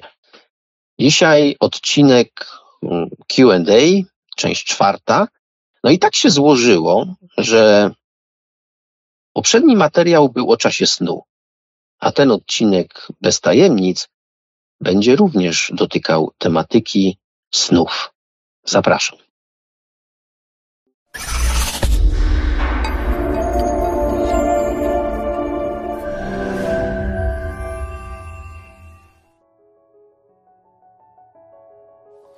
Dzisiaj takie szybkie QA Akurat mam kilka pytań, które w większości dotyczą snów, więc będziemy mieli taką tematykę troszeczkę ujednoliconą.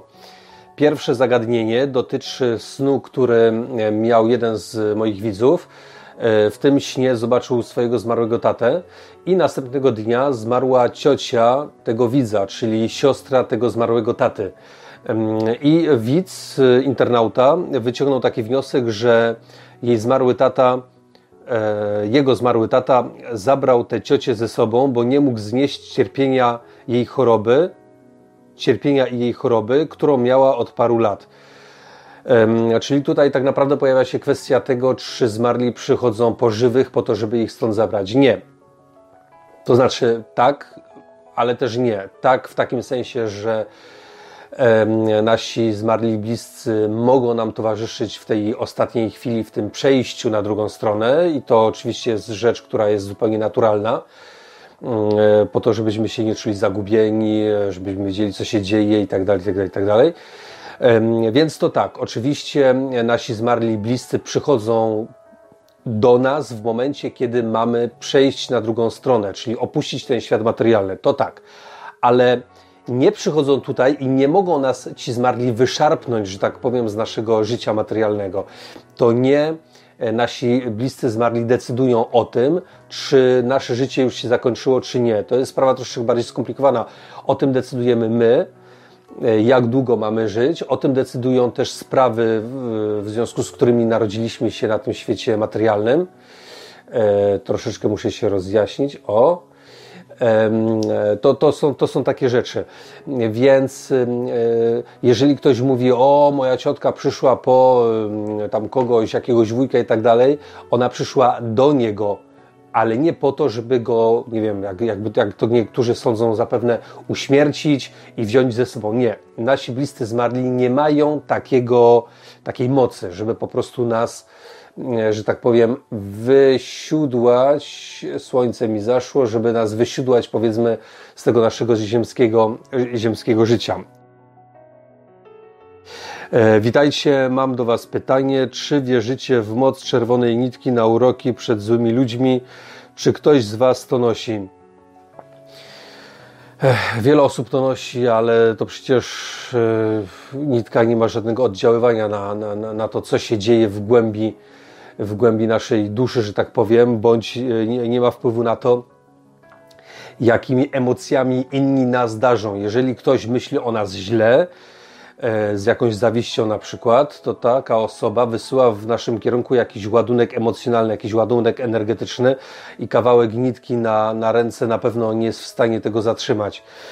To bardziej e, siła, taka nasza wewnętrzna siła, moc naszego ducha jest w stanie jakby, jakby tak przeciwstawić się tym urokom, ale to zależy od naszego rozwoju, e, rozwoju duchowego, a nie od tego, e, kto jaki, e, jakiego koloru nitkę nosi na ręce, więc sprawa chyba jest jasna. Ale wiadomo, że są ludzie, którzy w to wierzą. Ja osobiście uważam, że są bzdury.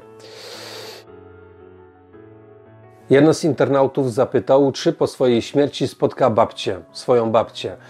I tutaj, mm, no ja nie, nie mogę odpowiedzieć jednoznacznie na to pytanie, ale należy się zastanowić, czy ta relacja między tym tymi członkami, członkami rodziny była na tyle mocna i ważna, aby te duchy miały dalej e, utrzymywać jakiś kontakt ze sobą. E, wiadomo, jak podaje spirytyzm, że duchy lubią się łączyć w jakieś grupy i to są grupy, które mogą później na przykład reinkarnować się, grupy duchów, które mogą się reinkarnować w tej samej rodzinie wielokrotnie, gdzie po prostu duchy e, co jakiś czas przyjmują inne role, czyli jeden duch jest raz babcią, raz jest wujkiem, raz jest przyjacielem z e, przyjacielem rodziny, że tak powiem, innym razem jest córką, potem i tak dalej, i tak dalej. Mm, I teraz, oczywiście Oczywiście e, może na przykład w takiej grupie duchów reinkarnujących się e, w jednej rodzinie może się znaleźć jakiś przypadkowy duch, czyli na przykład jakiś duch, który wcześniej, dajmy na to, z, z tą rodziną nie miał kontaktu, ale e, powiedzmy, że na przykład musi wyciągnąć jakąś lekcję, musi się nauczyć, na przykład musi poczynić jakiś postęp moralny, powiedzmy, albo intelektualny. I teraz duch, który jest zacofany, w taki czy inny sposób może na przykład zostać skierowany, że tak powiem, do, do, do, do inkarnowania, się, inkarnowania się w takiej rodzinie, po to, aby ta rodzina miała wpływ, miała pozytywny wpływ na tego ducha.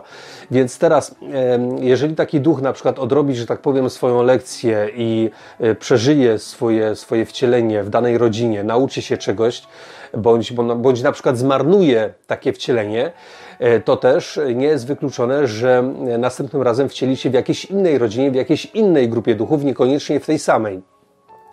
Czasami e, mówimy o tym, że ktoś jest na przykład czarną owcą w rodzinie. Ja osobiście wierzę, że e, takie osoby właśnie one są tak jakby, to są tacy spadochroniarze, można powiedzieć, oni są tak jakby wrzuceni, zostali, zostali wrzuceni do danej rodziny i oni swoim charakterem, swoimi poglądami w ogóle nie pasują do całej reszty, gdzie, gdzie inni się, się bratają, klepią się po, po, po, po ramionach i tak dalej, a, a tutaj jest, mamy w samym środku kogoś, kto po prostu wpadł jak śliwka w kompot i tak naprawdę nie wiadomo, co on tutaj robi.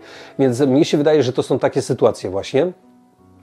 I teraz, mm, czy internauta spotka swoją babcię po swojej śmierci? No, jeżeli ta babcia y, jest, była tak jakby, czy jest duchem zaprzyjaźnionym z tym właśnie internautą, no to oczywiście, że się spotkają, ponieważ te duchy kontynuują te relacje mm, później już po, po śmierci po opuszczeniu świata materialnego.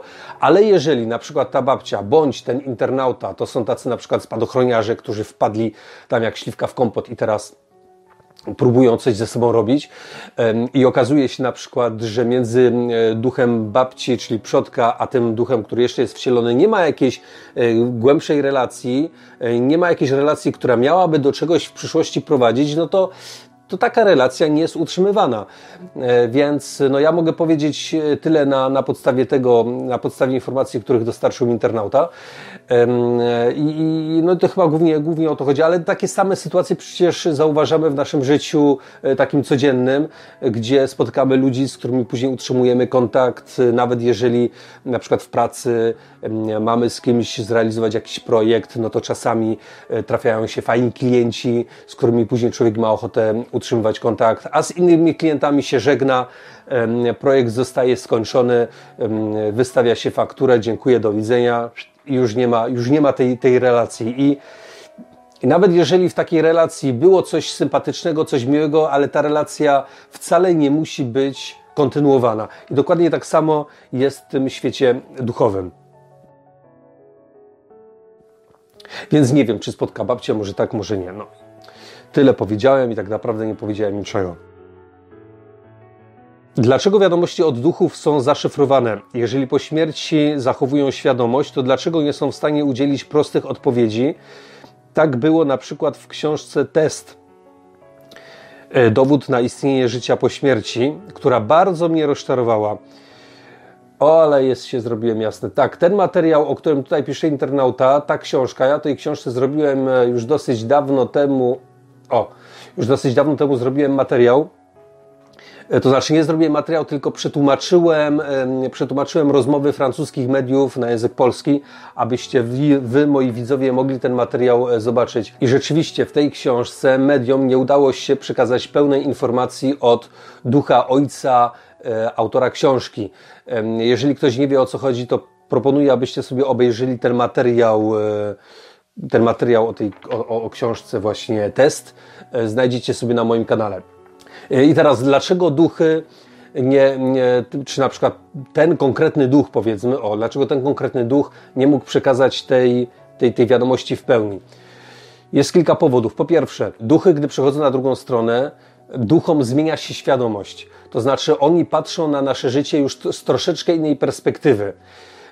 I nie zawsze uważają, że to na przykład, co dla nas jest istotne, jest istotne również dla nich. I oni na przykład mogą chcieć, bądź mogą nie chcieć na przykład poruszać niektórych tematów, uważając, że nawet jeżeli oni sami zajmowali się tym za życia, to tak naprawdę to są błahostki, które nie mają większego znaczenia, jeśli e, spojrzeć na nasze życie materialne z dalszej perspektywy. To jest jedna rzecz. Więc duchom może się nie chcieć, ponieważ uważają, że to po prostu nie ma głębszego sensu. Nawet jeżeli my, jako ludzie tutaj wcieleni, uważamy inaczej.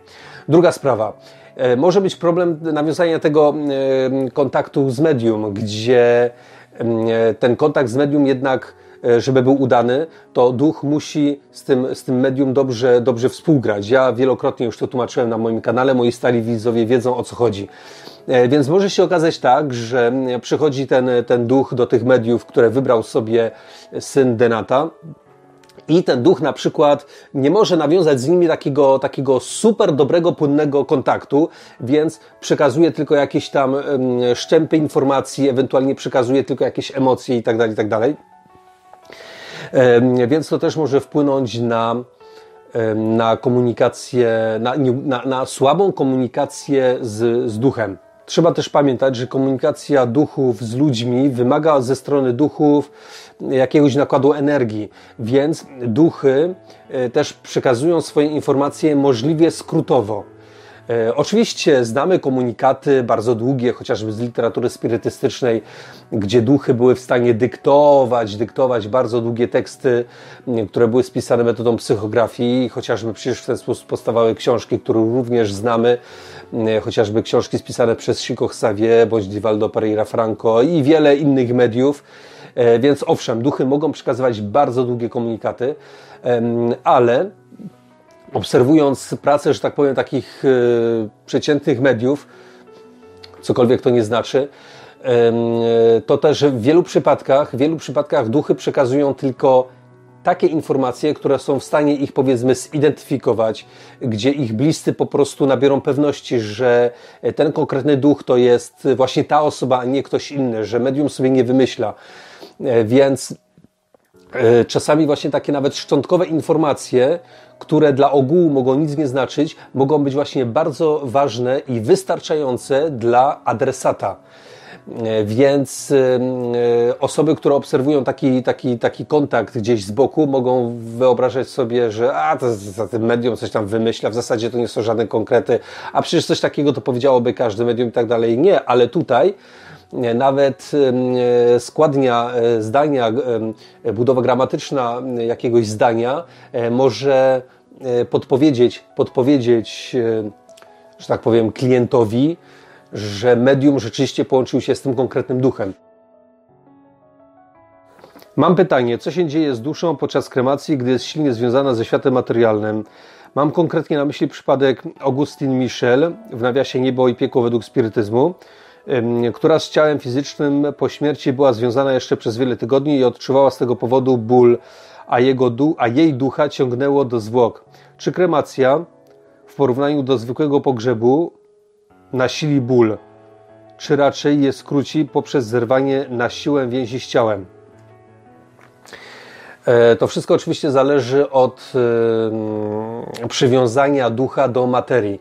Jeżeli człowiek e, żyje, że tak powiem, dla materii, dla przedmiotów materialnych, a w jego życiu ta duchowość, że tak powiem, jest mało obecna, E, że tak powiem, nie, nie zajmuje zbyt, zbyt, wiele, zbyt wiele miejsca, to rzeczywiście duch e, w chwili śmierci będzie potrzebował trochę więcej czasu, aby, aby opuścić ten świat materialny, aby zerwać więzi, te więzy ze swoim ciałem materialnym, i rzeczywiście zdarza się, że w chwili kremacji duch jeszcze może odczuwać sensacje związane właśnie z tą kremacją, ale w momencie, kiedy ciało zostanie, zostanie e, spalone na, w proch i tak naprawdę przestaje istnieć, no to mm, prawdą jest, że przecież tych więzów nie ma, bo, bo ten duch już nie ma z czym się więzić.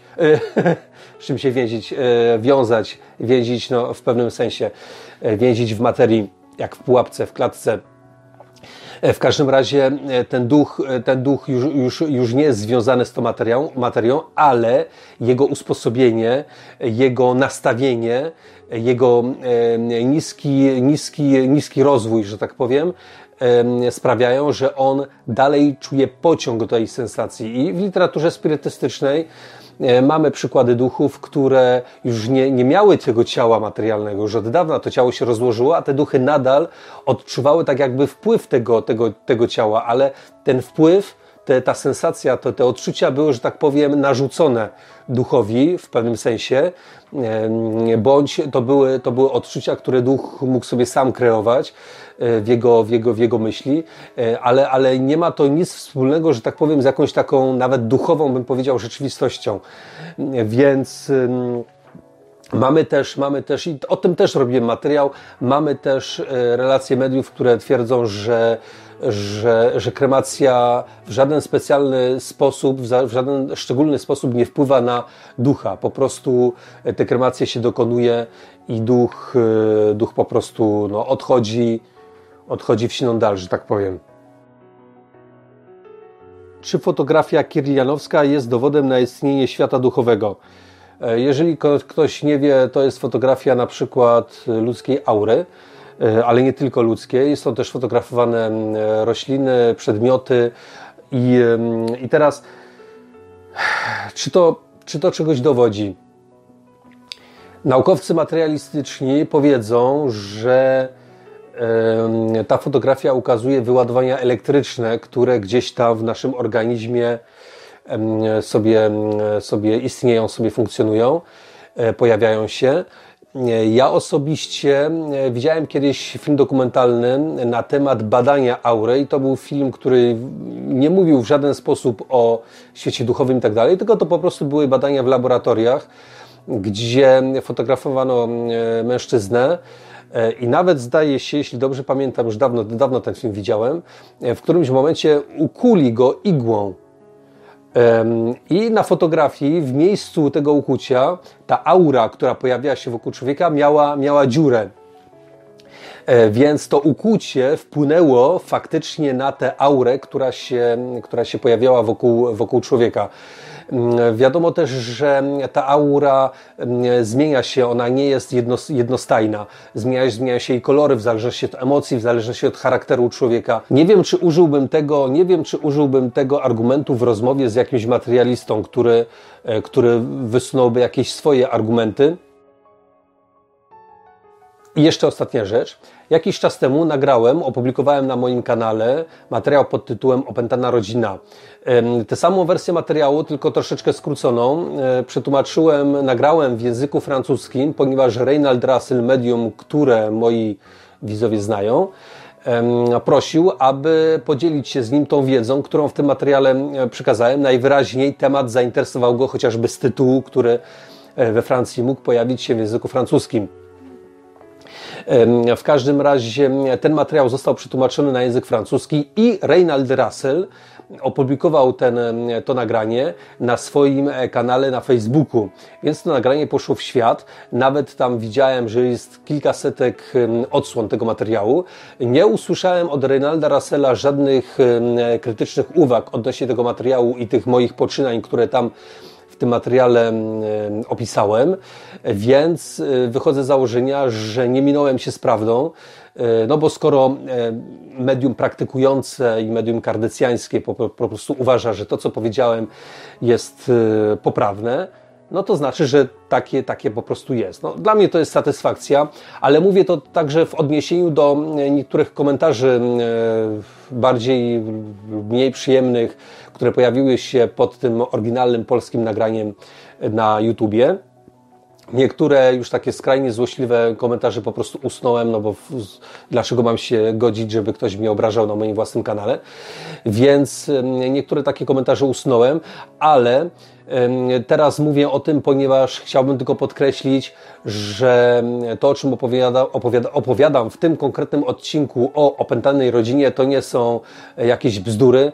I wydaje mi się, że ta, znaczy jestem wręcz przekonany, że ta ścieżka postępowania w takich sytuacjach, którą tam opisałem, jest jak najbardziej słuszna. Szczególnie, że ta rodzina, o której opowiadałem w tym materiale o opętanej rodzinie, ona e, nauczyła się z tymi fenomenami żyć.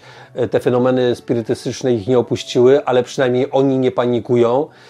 I, no i to jest tylko taka satysfakcja, którą mam, taka mała satysfakcja, że te, te, te rady, których mogłem udzielić, bo jedynie w taki sposób teoretyczny mogłem im pomóc, że jednak ma to jakieś swoje oddziaływanie e, i e, nie pomyliłem się, nie pomyliłem się w ocenie sytuacji, więc, e, więc fajnie, więc fajnie i mówię to po to, abyście wy, moi widzowie, wiedzieli, że co już powiedziałem, ta droga, ta ścieżka postępowania jest odpowiednia tylko trzeba po prostu chcieć to zrozumieć.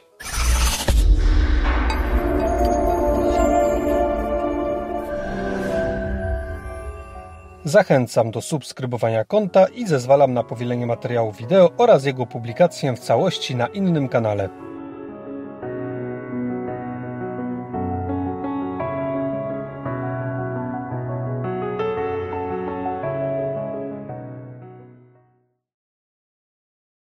Czy wiedzą Państwo, co to są drable? No, ci, którzy uprawiają, to wiedzą. Ci, którzy nie uprawiają i nie interesują się specjalnie różnymi eksperymentami literackimi, no to wiedzą albo nie wiedzą, trudno określić.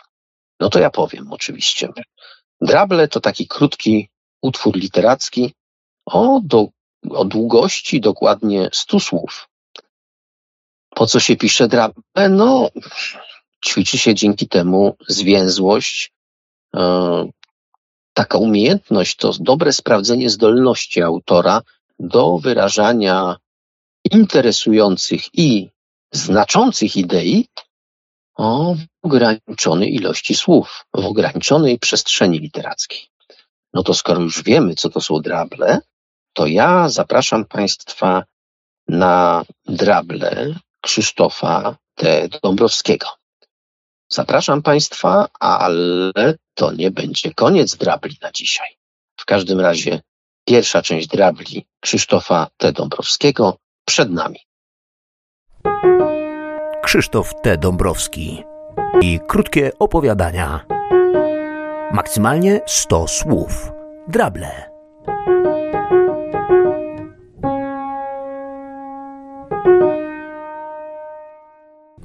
Drable, drable, drable. Poszedł na kręgle.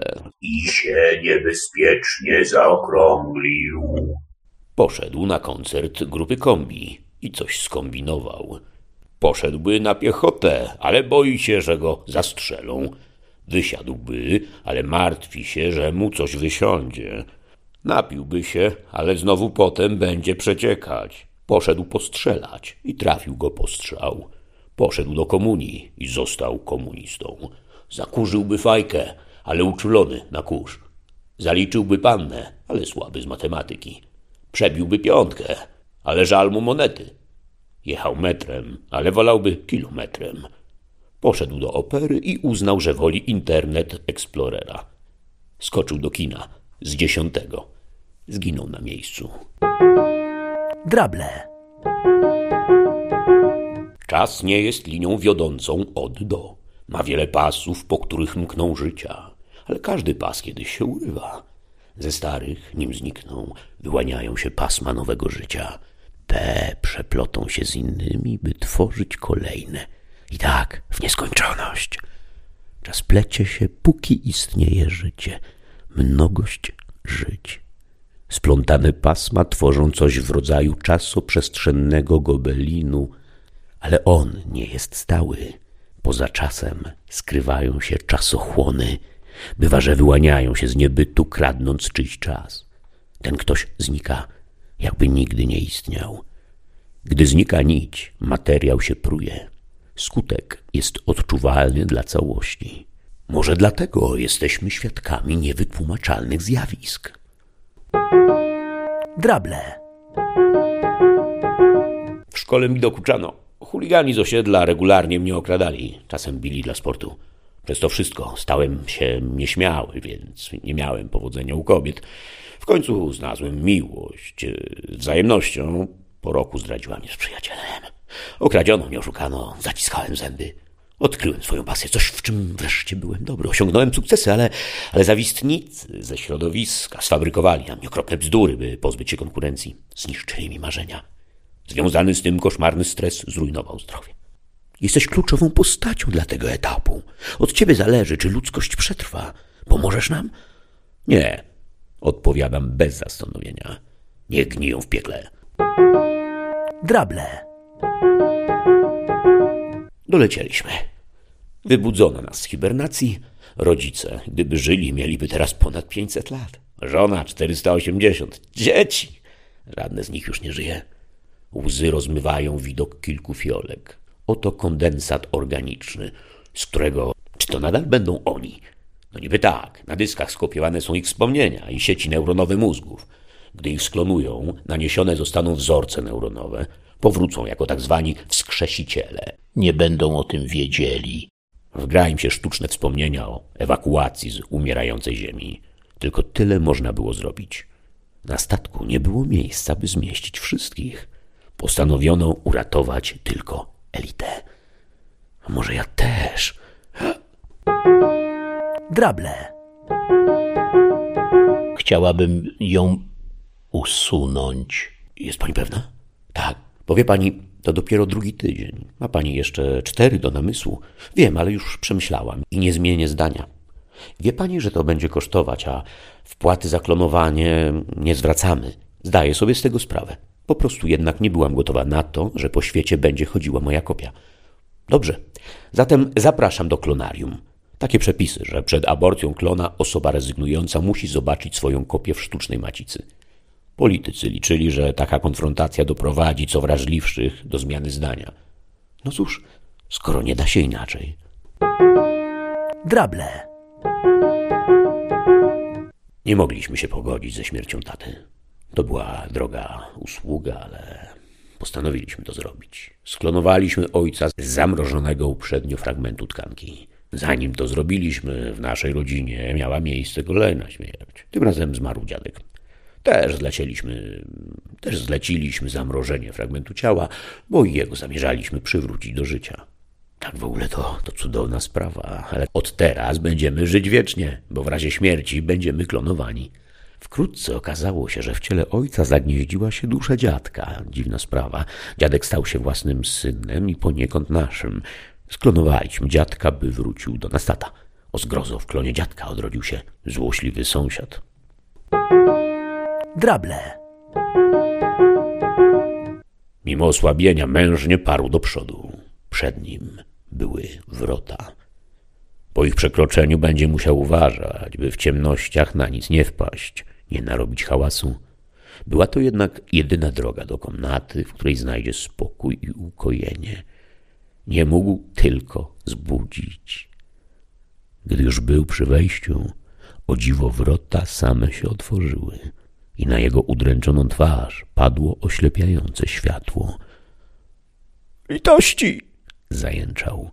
Jednak istota nie zamierzała być litościwa, a co gorsze, kipiała gniewem. Schwyciła go szponami za odzienie i brutalnie wciągnęła do środka. Ty cholerny pijaku! zaskrzeczała jego żona. Drable. Obyś żył w ciekawych czasach. Niestety żyje. Rok temu wybuchł największy skandal w dziejach ludzkości. Wyszło na jaw, że rząd światowy eksperymentował na swych obywatelach. Wyciekły informacje, że od wielu lat wykorzystywano nasze wszczepy domózgowe do eksperymentów polegających na sprawdzaniu, na ile jesteśmy podatni na manipulacje na odległość. Rządzący mogli wkładać nam do głów obce myśli albo wywołać u nas określone zachowania. Najgorsze, że mogli wywoływać u nas fałszywe uczucia. Wielu wariatów nagle przestało słyszeć głosy. Seryjny morderca okazał się niewinnym człowiekiem. A ja wczoraj rozwiodłem się z żoną, której tak naprawdę nie kochałem. Uczucie było wgrane do mej głowy. Drable.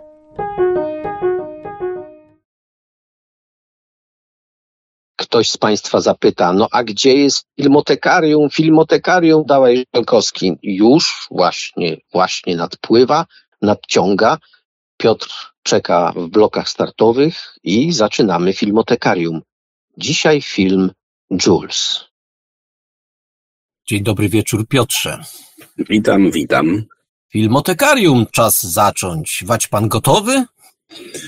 No, I tak, i nie powiem ci. E, W dzisiejszym filmotekarium przynosimy wam kolejną nowość, a że filmy o UFO traktujemy zawsze jako priorytet, to dzisiaj takowy znowu u nas gości. Będzie to Jules.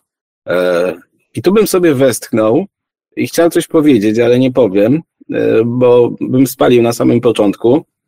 Powiem tyle. Film opowiadający o bliskim kontakcie między ludźmi, a tak zwanym, nie wiem, szarakiem, kosmitą. Jednocześnie muszę powiedzieć, że to jest film, o którym słyszałem y, w internecie od dawna. To znaczy pojawiały się jakieś, wiesz, y, zapowiedzi, zajawki, jakieś tam screeny widziałem, y, no ale film się dopiero pojawił względnie niedawno. Uff, co byś dodał, żeby zachęcić naszych widzów do sięgnięcia po Julesa? Ja nie wiem, czy to, co powiem, zachęci, czy zniechęci, ale ja ten film odbierałem na dwóch płaszczyznach. Jako taki lekko science fictionowy film o UFO, to pierwszy poziom, pierwsza płaszczyzna, i jako film o starości, taki dosyć przygnębiający film o starości, o tym wszystkim, co się z tym wiąże, w pewnym momencie zacząłem nawet odnosić wrażenie, że reżyser, być może scenarzysta również, to byli wielcy artyści i postanowili opowiedzieć historię rozpadu człowieka, rozpadu jego osobowości, no starości po prostu. Postanowili opowiedzieć, używając figury, takiej figury przenośni, związanej z UFO, związanej z em, tego rodzaju zjawiskami, które z UFO się wiążą.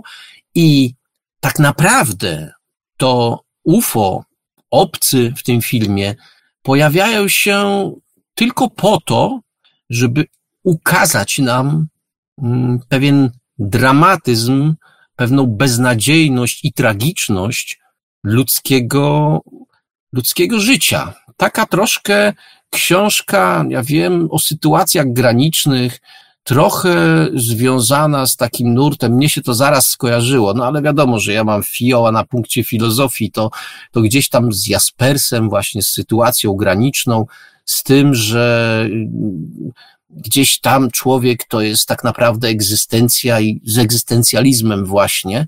No i później nie mogłem się już z tego wypisać, już mi trudno było wrócić do tej narracji ufologicznej, bo cały czas mi się to przekładało właśnie w takie filozoficzne wątki i, i ja już się tym filmem jako filmem o UFO, o obcych, no nie mogłem cieszyć po prostu. To był dla mnie zupełnie inny film, który jakby ktoś mi zwrotnicę przestawił, no ja już nie mogłem wrócić po prostu i oglądałem film o staruszkach.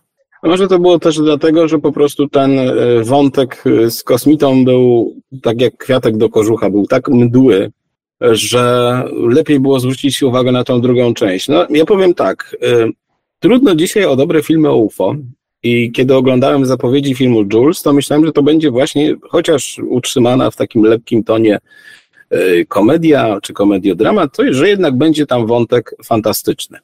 Zawiodłem się.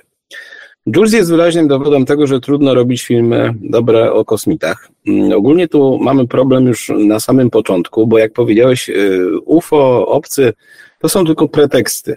I to jest naprawdę taki symbol, na tle którego są pokazane rozterki głównych bohaterów. E, wiesz, z drugiej strony jakieś takie dziwne skojarzenia z Alfem e, cały czas miałem i ten film, muszę powiedzieć, mierził mnie, nie podobał mi się, bardzo mi się nie podobał. Nawet jeżeli mówimy tutaj o tej warstwie symbolicznej, okay, coś w nim było nie tak, ale do rzeczy. Mamy tam przedstawioną historię Miltona, wdowca, emeryta, o, który ma dość utrudniony kontakt ze swoimi dziećmi. Z synem chyba w ogóle nie ma, a jego córka uważa, że powinien trafić do domu starców, ponieważ ma już zaczątki demencji. No, jako tam lokalna e, aktywista on się snuje po życiu, po ekranie, po tej lokalnej społeczności, no aż do jego ogródka spada UFO i niszczy mu grządki. Staruszek tutaj grany przez dość znanego aktora swego czasu, Bena Kingsley'a, coś tam przebąkuje ludziom o UFO, ale myślą oni, że już mu do końca odbiło.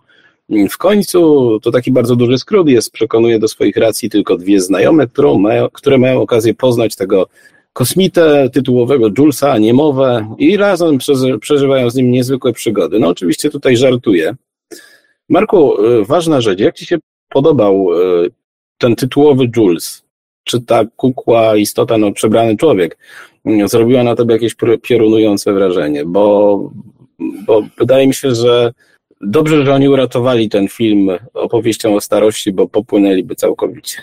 No powiem tak, że ja zawsze jestem taki niepoprawny politycznie, ale ten kosmita to wyglądał jak, nie wiem, jakiś człowiek ogarnięty no, poważnymi deficytami. Dobieram słowa, bardzo Państwo to docencie, że staram się jednak nie wywalać kawy na ławę, będąc, nie, będąc niepolitycznie, nie, niepoprawnym politycznie. No więc on sprawiał wrażenia takiego gościa z deficytami, no umysłowymi to na pewno, a fizycznymi, no kto wie, nie znam fizjologii obcych. Um, tak się gapił, coś tam niby próbował się komunikować, ale nie specjalnie intensywnie. Oglądał telewizję, a w ogóle tak się cały czas się gapił i tak trochę temp, tempo mi strasznie wyglądał ten obcy. I to nie tylko, że tak z fizjonomii, ale również, no, patrzcie Państwo, po, po zachowaniach to on też za taki zalotny nie był. A w ogóle, Piotrze, kiedy mm, powiedziałeś o skojarzeniach w, z Alfem, no jak się to mogło nie skojarzyć z Alfem, skoro w pewnym momencie pojawia się problem kotów. I to nie kotów tak, jak je Alf y, zamierzał używać, ale te koty w sumie pełnią bardzo istotną rolę związaną z napędem tegoż pojazdu, który był się rozbił w ogródku.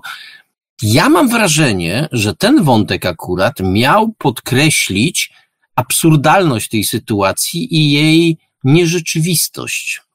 Jej y, takie właśnie y, proweniencje związane z z tym, że facet po prostu mocno się postarzał, jakaś tam demencja być może wchodzi w grę i raczej z tym to jest związane niż z rzeczywistym przybyciem.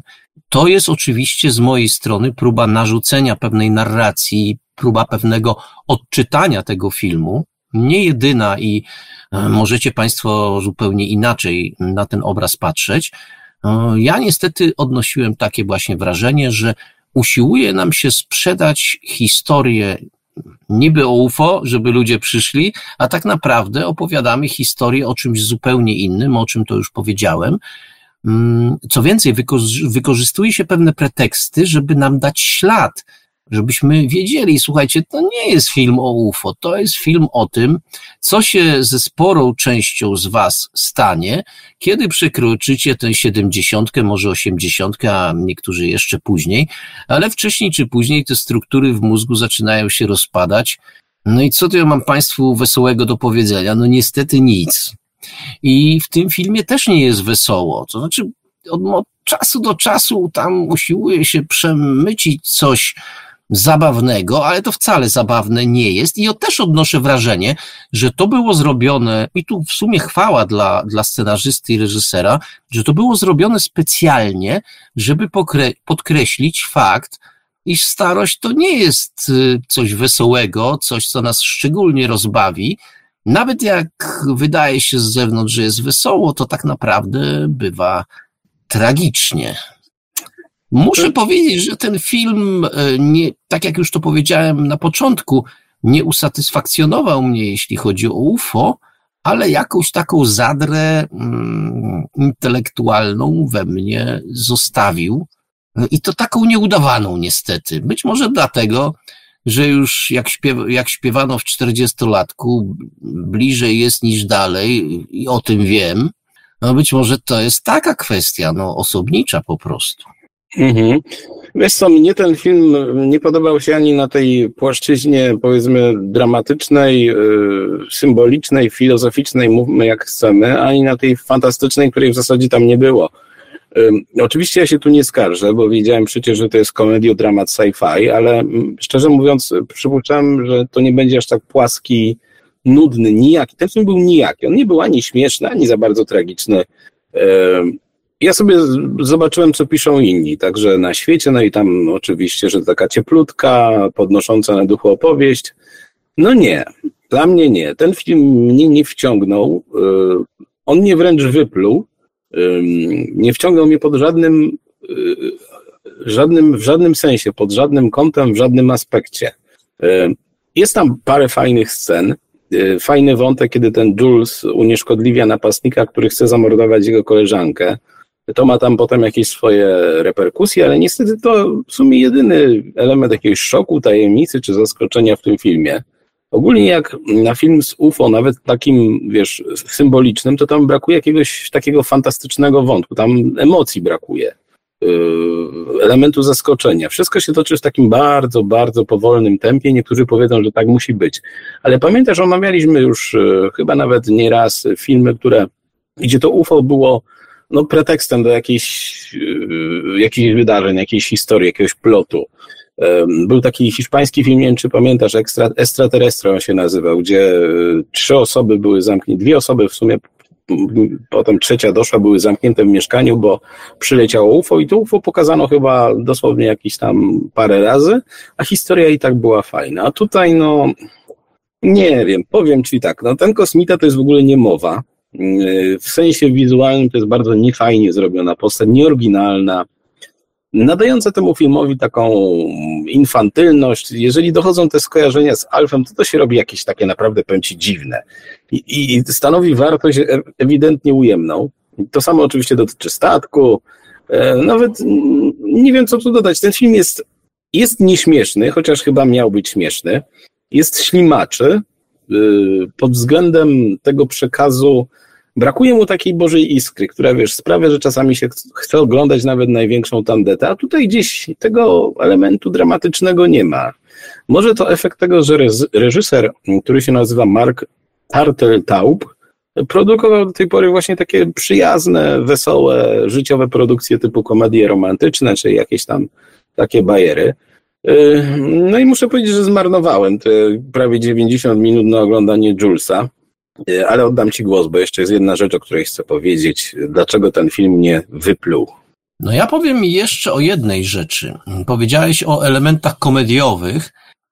One tam są, tylko one nie są takie, że się śmiejemy pełnym głosem i w ogóle po prostu słychać taki głośny, donośny śmiech. One są sytuacyjne, te sytuacje komediowe, sytuacje sytuacyjne. No nieźle. Jestem w niezłej formie. W każdym bądź razie, m, kiedy on na kolejnych zebraniach, nie wiem, Rady Miasta czy czegoś takiego ciała, które w tym mi- miasteczku mm, obraduje co jakiś czas, on nieustannie zgłasza te same problemy. I kiedy w pewnym momencie wszyscy się ekscytują, bo poza stałą listą e, owych problemów, które zgłasza na każdej sesji, zgłasza kwestię mm, tego UFO w ogródku, wszyscy przyjmują to tak spokojnie i to na zasadzie takiej, no staremu popierdzieliło się w głowie, no oczywista sprawa.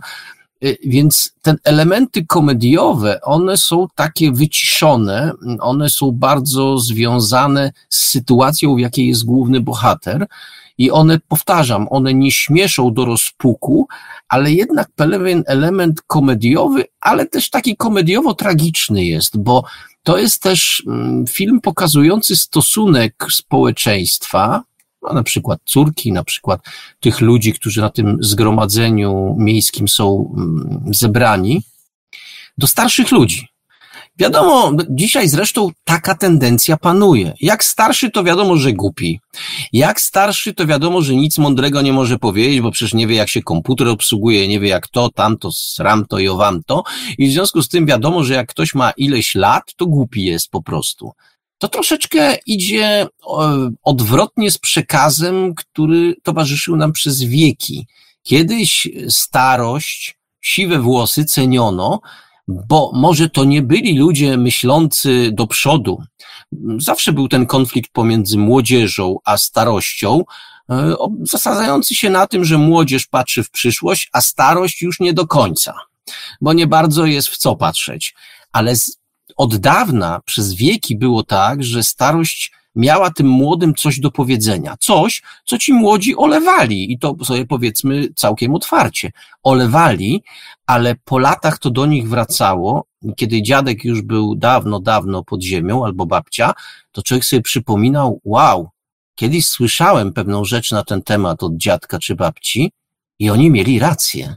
Czyli i pewne przekonanie takie panowało, pewien szacunek dla siwych włosów, tak to sobie górnolotnie określmy. Mm, Tego dzisiaj nie ma. Dzisiaj jest y, potężny w społeczeństwie, mm, przynajmniej w części społeczeństwa, tak zwany ageism, czyli my młodzi jesteśmy fajni, a wszystko, co tam się rusza po czterdziestce, to głupie jest, to przynajmniej, a jak już po pięćdziesiątce, to niedołężne co po 60 to nie wiem, boję się nawet podejrzewać. Troszeczkę w takim klimacie żyjemy i obawiam się, że ten film mm, trochę odpowiada na te, na te nastroje, na to, co się, co się wokół nas dzieje. A jeszcze jedną rzecz chciałbym powiedzieć. Ten film, y, powiedziałeś Piotrze, że się nie zaskoczył. On raz mnie zaskoczył. Miałem wrażenie, że zupełnie, zupełnie pod koniec, ja oczywiście Państwu nie powiem, co się stanie, nie, nie, ale miałem wrażenie, że ten film jakoś nawiązuje akcją do filmu takiego sprzed lat, bardzo wielu lat, który nosił tytuł Kokon, a właściwie do drugiej części Kokonu. I, no i, i, no właśnie nie wiem co powiedzieć, żeby Państwu za dużo nie zdradzić. Nie do końca, nie do końca tak się dzieje, jak sobie wyobrażałem patrząc na ostatnie 10 minut filmu. Miałem nadzieję, ale nie do końca to tak się rozgrywa. No i muszę powiedzieć, że tu Piotr, e, kiedy atakuje ten film bardzo słusznie, e, ma rację absolutną. Ten film, mam wrażenie, kończy się tak niejako. Właściwie nie wiadomo, jak on się kończy i co z tego ma wynikać. Ja nie bardzo odczytam, o ile staram się, jak Państwo słyszycie, dzisiaj jestem bardzo aktywny i staram się tego filmu chcąc nie chcąc bronić, idzie mi jak idzie, ale końcówki tego filmu nie jestem w stanie bronić ani obronić. Wiesz, takim największym y, zarzutem wobec y, Julesa jest to, że tam główny bohater w zasadzie nic nie mówi, mógłby nie istnieć, mogliby go tam posadzić, on by sobie siedział przed tym telewizorem w sumie i nic by się nie stało. Natomiast tam nie ma głównego bohatera. Główny bohater, czyli Milton, jest totalnie nijaki. Brak mu charyzmy, w ogóle te postacie są takie, wiesz, jakby powycinane z papieru. Mm, to gdzieś mi strasznie mi się to nie podobało, że oni nie potrafili zrobić y, fajnej grupki. Y, no, no to nie byli tacy bardzo starzy ludzie znowu, ale powiedzmy seniorów. I to było takie odpychające trochę. W ogóle ten film, film był odpychający. Nie to, że nie chodzi mi o wiek, nie chodzi mi o przedstawione problemy. Chodzi mi, że on miał taki, wiesz, przedziwny klimat, taki sztywny. Ja to zaobserwowałem w wielu innych filmach, które żeśmy o, o, omawiali, ale to były zwykle filmy, no takiej kategorii B albo indie, czyli kino niezależne. I coś sprawia w tym Julesie, że my się tam dystansujemy od w ogóle wszystkich bohaterów w sumie.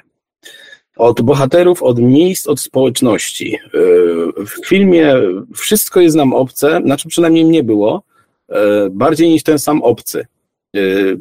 Ja ci powiem tak, że do tej pory w drugiej odsłonie Filmotekarium żeśmy zrecenzowali chyba dotąd trzy filmy o obcych nowe i one wszystkie trzy były w sumie złe.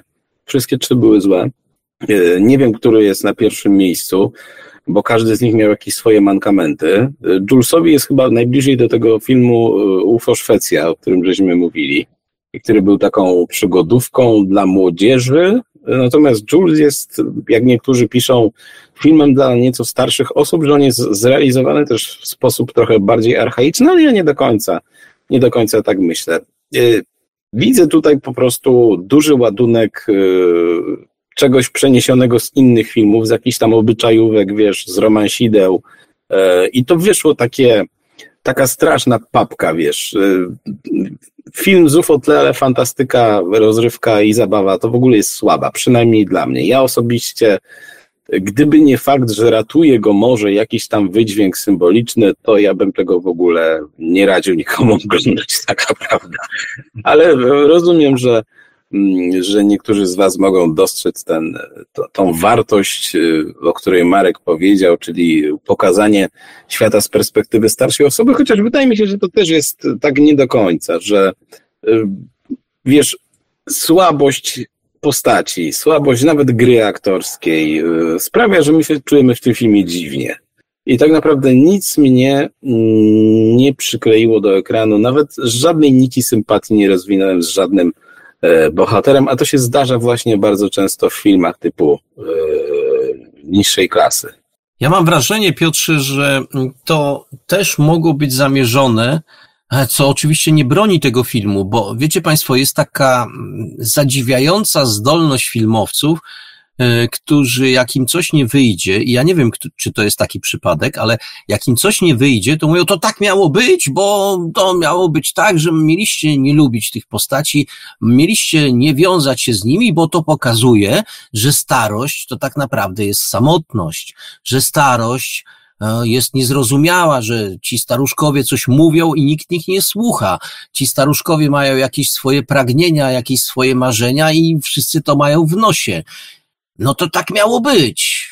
E, nie jestem przekonany, że to tak miało być. To, że ja staram się to tak odczytać, bo się zafiksowałem na pewnym odczytaniu tego filmu, sam nie wiem, czy słuszne jest to odczytanie, ale no, powiedzmy, skoro się już przywiązałem, to będę, będę stał na tej pozycji, no to rzeczywiście, no, może bym się nawet dał przekonać, tylko ja do końca być może to wynika z mojej ignorancji filmowej, ale ja do, nie do końca wiem, czy ten efekt, który opisałem przed chwilą, który częściowo opisał Piotr, to jest wynik nieudolności realizatorów filmu, reżysera, wcześniej scenarzysty, czy wynik tego, że tak, tak miało być.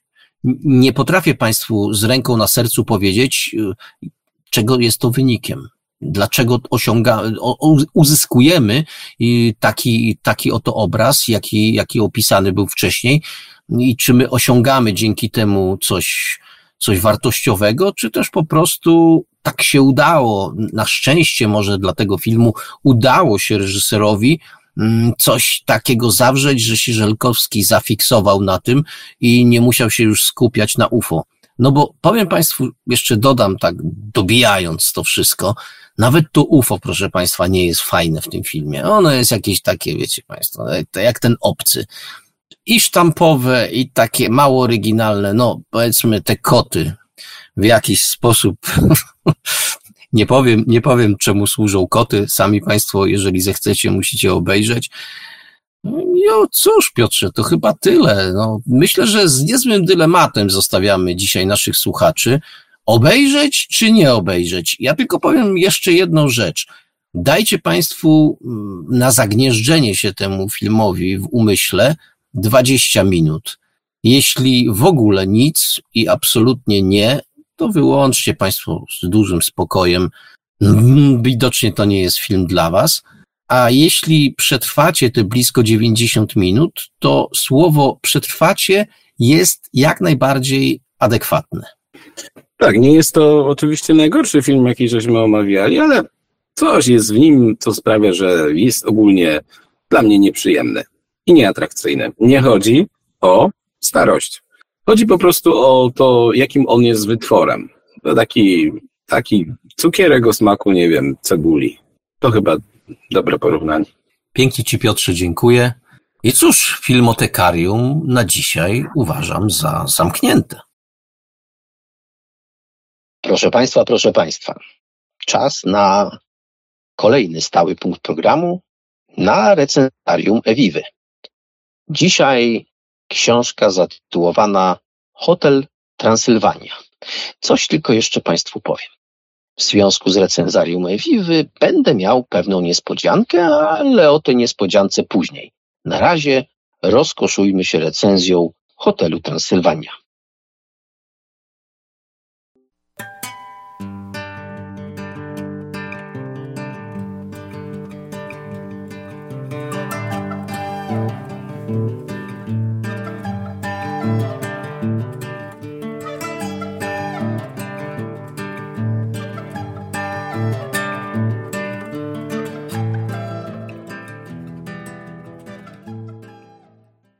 Wita się z wami Luiza Ewiwa Dobrzyńska. Z ręką na sercu mogę powiedzieć, że kochałem wampiry jeszcze zanim stało to się modne. Już jako małe dziecko obejrzałam stary film o Drakuli i płakałam rzewnymi łzami nad biednym wampirkiem, który został tak bezwzględnie unicestwiony. Skąd się to u mnie wzięło, Bóg jeden raczy wiedzieć. W każdym razie Kiedyś pochłaniałam każdą książkę traktującą o nocnych krwiopijcach. Przestałam dopiero, kiedy w modę weszły badziewia typu zmierzch. Tego się po prostu nie da czytać. Ale moja sympatia dla wampirów pozostała.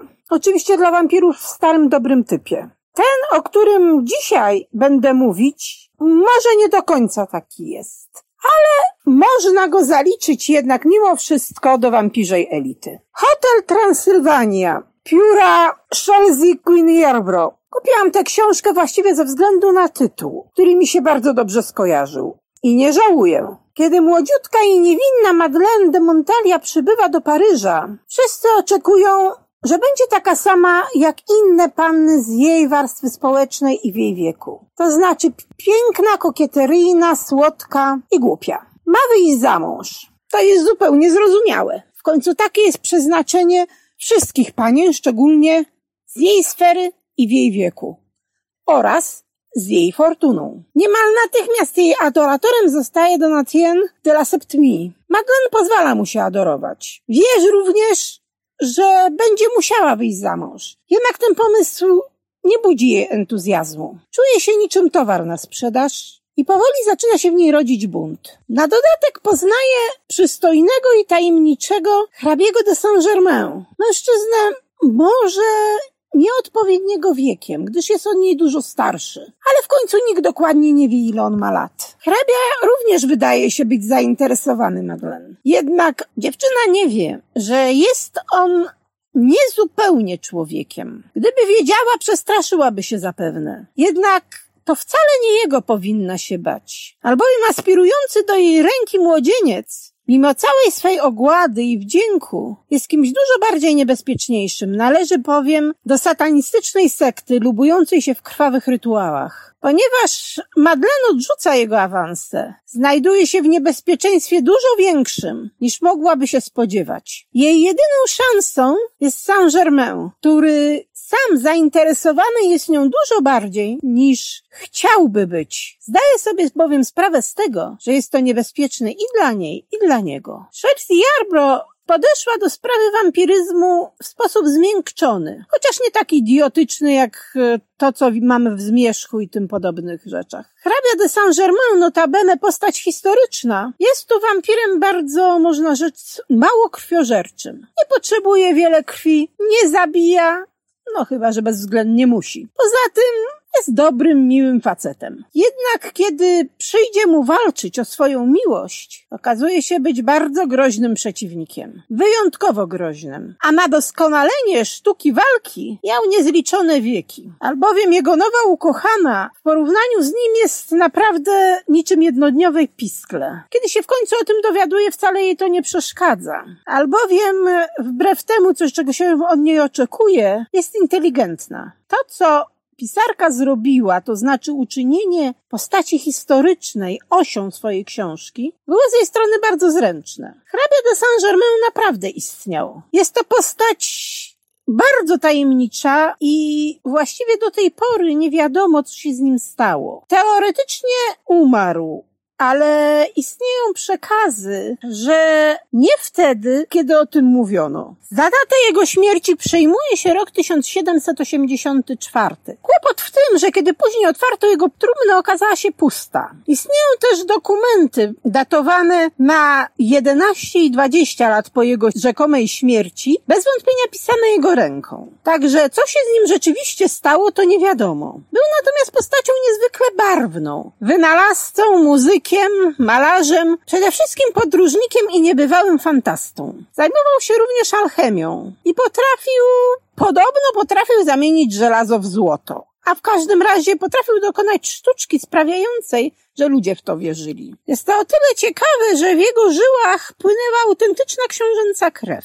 Nie francuska, a węgierska. Więc jak na księcia miał bardzo ciekawe e, zainteresowania. Tak jak wspomniałam, na pewno był wielkim fantastą, kimś na kształt barona Minhausena. Kobiety go uwielbiały, mężczyźni byli nim oczarowani. Jednak jaki był naprawdę, to nie wiadomo do dziś. Jak również nie wiadomo, co się z nim stało. To właśnie wykorzystała Szelziarro, tworząc swoją wersję jego postaci. Wielowiekowego wampira, który żyje, ma mnóstwo przygód i stara się przy tym nikogo nie krzywdzić. To urocze. Można powiedzieć, że jest to wampir zbyt łagodny, ale ostatecznie możemy przyjąć, że wśród wielu, wielu krwiopijców mogli się trafić i tacy jak on. No niby dlaczego nie? Z rachunku prawdopodobieństwa wynika, że mogli być gorsi i lepsi. W każdym razie książka otwierająca trylogię o jego przygodach, Hotel Transylwania, jest napisana niezwykle barwnym językiem, bardzo ciekawa, nie przesadza opisami seksu, czego bardzo nie lubię. Nie to, że nie ma tam tego w ogóle. Trochę jest, ale nie za wiele. Natomiast jest bardzo dużo mroku związanego z satanistyczną sektą, przeciw której Saint-Germain jest zmuszony wystąpić. Co ciekawe, pewnie nie zrobiłby tego,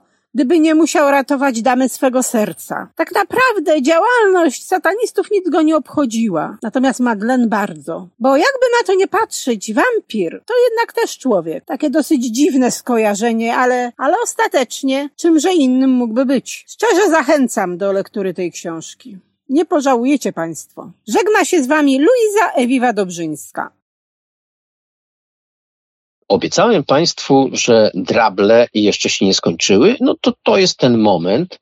Znowu Krzysztof T. Dąbrowski i drable.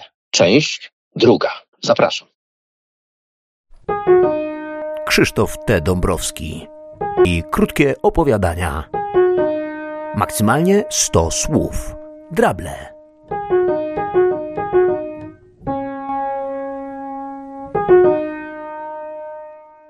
Drable, drable, drable. Typowa ekspedycja na Marsa. Spełniło się w podboju kosmosu. Miliardy ludzi z zapartym tchem śledziły relacje z lądowania na planecie. Historyczne chwile. Pierwszy krok na Marsie, wbicie amerykańskiej flagi, bo przecież to oni wyłożyli lwią część kasy na wyprawę. Potem pierwszy dłuższy spacer po czerwonym globie i wszystko zapowiadało się tak pięknie, aż tu nagle w oddali dostrzeżono niewielki budynek. Parę minut zajęło dotarcie do niego. O dziwo, nie było to złudzeniem. Stał tam naprawdę, aż błyszczał nowością. Jeszcze większego szoku doznano, gdy dostrzeżono tabliczkę z informacją Ośrodek Obsługi Astroimigrantów współfinansowany z ośrodków Unii Międzygwiezdnej. Drable.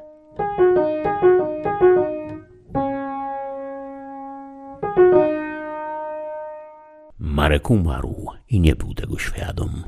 Po prostu usiadł i ze zdziwieniem zauważył, że odkleił się od ciała, które nadal leżało na łóżku. Po chwili powoli zaczął się unosić, coraz wyżej wyżej.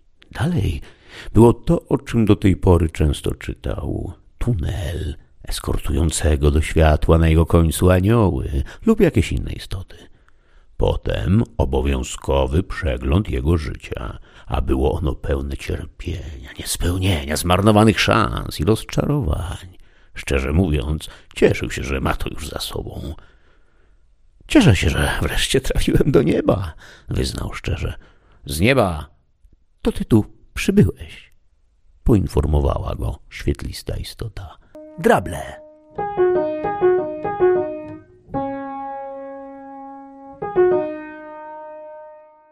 Zamieszkała staruszka w nawiedzonym domu. Duch grasował, nie skarżyła się nikomu. Dwoił się, troił, upiornie hałasując. Niestety na nic się to nie zdało. Rankiem staruszka spokojnie parzyła kakao. Strwożył się strach, że taki niestraszny. Nie mogę wystraszyć głupiej baby, postanowił cień straszyć. Zrozpaczony wpadł na pomysł genialny w swej prostocie. Zatrzasnę jej drzwi przed nosem.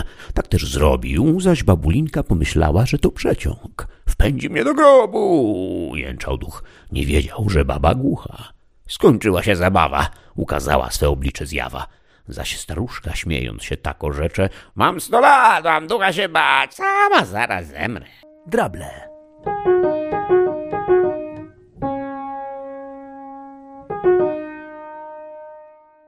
Narodziny przed czasem, cesarskie cięcie, po uprzednim wybraniu daty, nienaturalne wydobycie dziecka z brzucha dokonało się. Jego los miał być zupełnie inny, miał być wielkim człowiekiem, mruczy stara kobieta. Miał realizować marzenia i być kimś niewiarygodnie wręcz szczęśliwym. O takich mawiało się kiedyś, że byli urodzeni pod szczęśliwą gwiazdą, ale jemu to odebrano. Skrzywiono mu przyszłość, zniszczono życie. To fakt, jest zapijaczonym żebrakiem. Wszyscy wzdychamy ze smutkiem nad losem nieszczęśnika. A wszystko przez to, kontynuuje profesor od astrologii, że zmieniono mu datę narodzin i wydobyto go pod złą gwiazdą. Na dodatek ten nieszczęsny układ planet z dnia wydobycia na świat. Drable.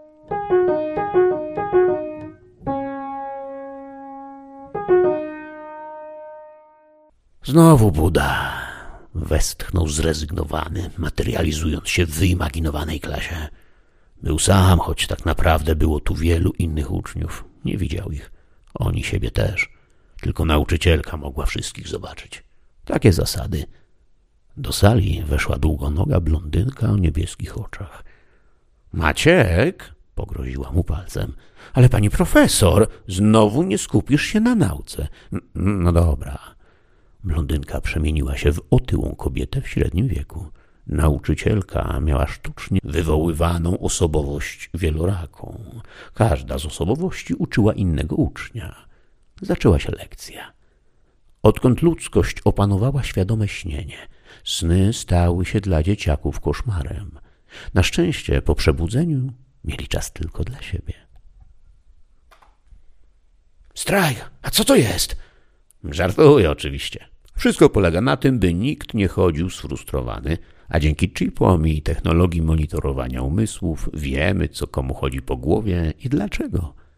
A teraz zadajmy sobie pytanie, czy przeciętny Kowalski, wpadając na piękną kobietę pragnącą zostać jego kochanką, pójdzie protestować czy uprawiać seks? A sfrustrowana, zaniedbywana nauczycielka, trafiając na przystojnego, kulturalnego... Teraz rozumiecie? No cóż, mamy... No cóż, mnóstwo mamy takich androidów. Znamy też inne formy uprzyjemniania życia potencjalnym frustratom i dzięki temu oni, zatracając się w chwilowych przyjemnościach, zapominają o tym, co ich w długofalowo uwiera w życiu. Ale to już tematy na inne historie. Drable.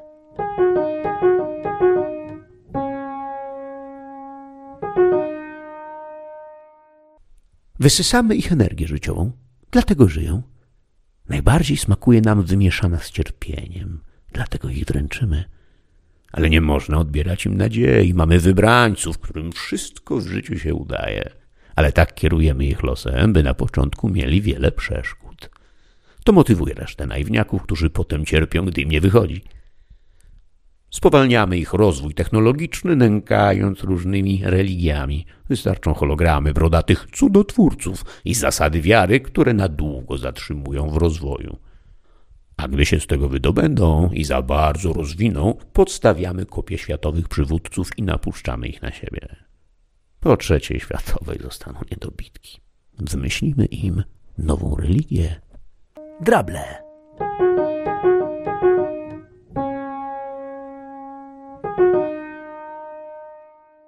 Rok 2057.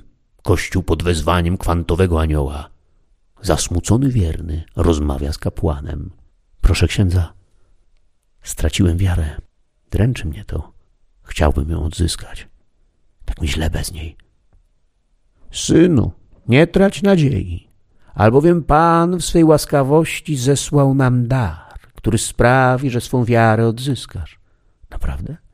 W mężczyznę wstąpiła nadzieja. Chodź ze mną, nakazał ksiądz.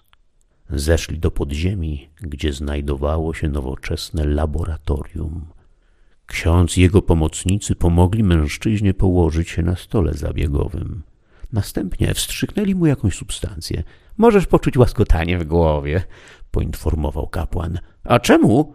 Wstrzyknęliśmy ci nanoboty, które odbudują zdegenerowany fragment mózgu odpowiadający za doznania religijne. Drable, drable, drable.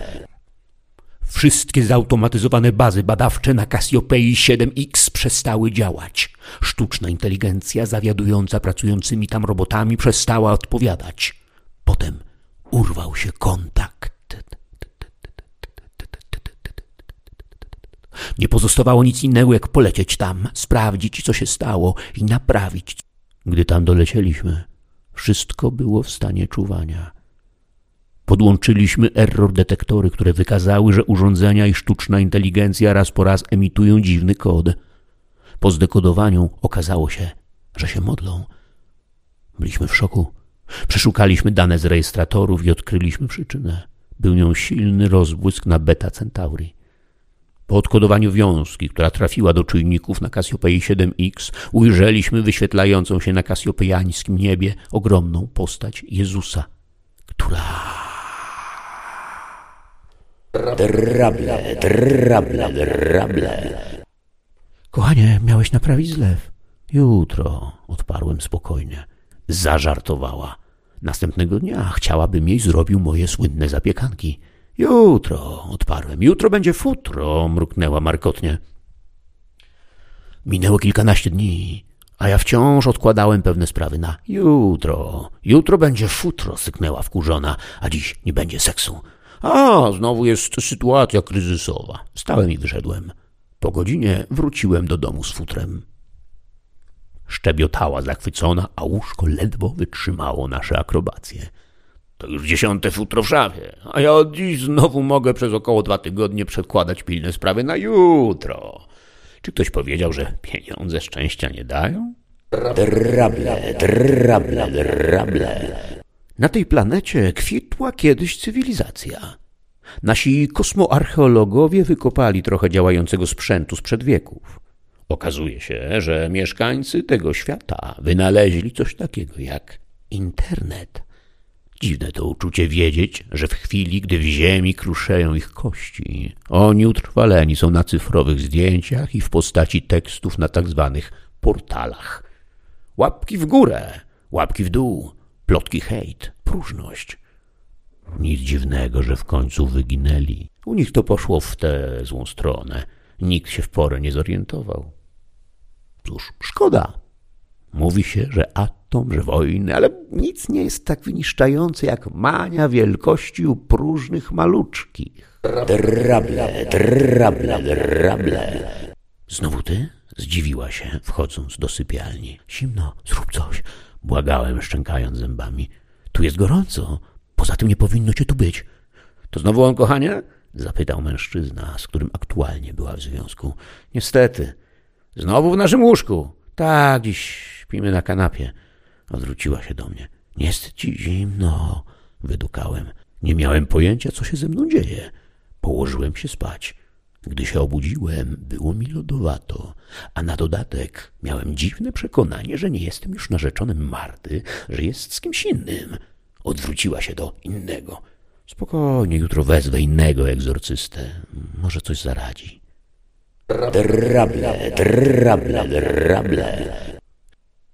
Z tą po rozstaniu będziecie się lubili, będziecie, ale nie będzie seksu, no. Będzie cię traktowała jak dobrego przyjaciela. A ta? Odpada. Zwolenniczka palenia mostów. Następna? Z tą jeszcze długo będziecie spotykali się na igraszki. Bardzo polubi seks z tobą. Biorę. Odradzam, nie będziesz jedyny. Z tamtą podobnie, ale będzie chciała tylko z tobą.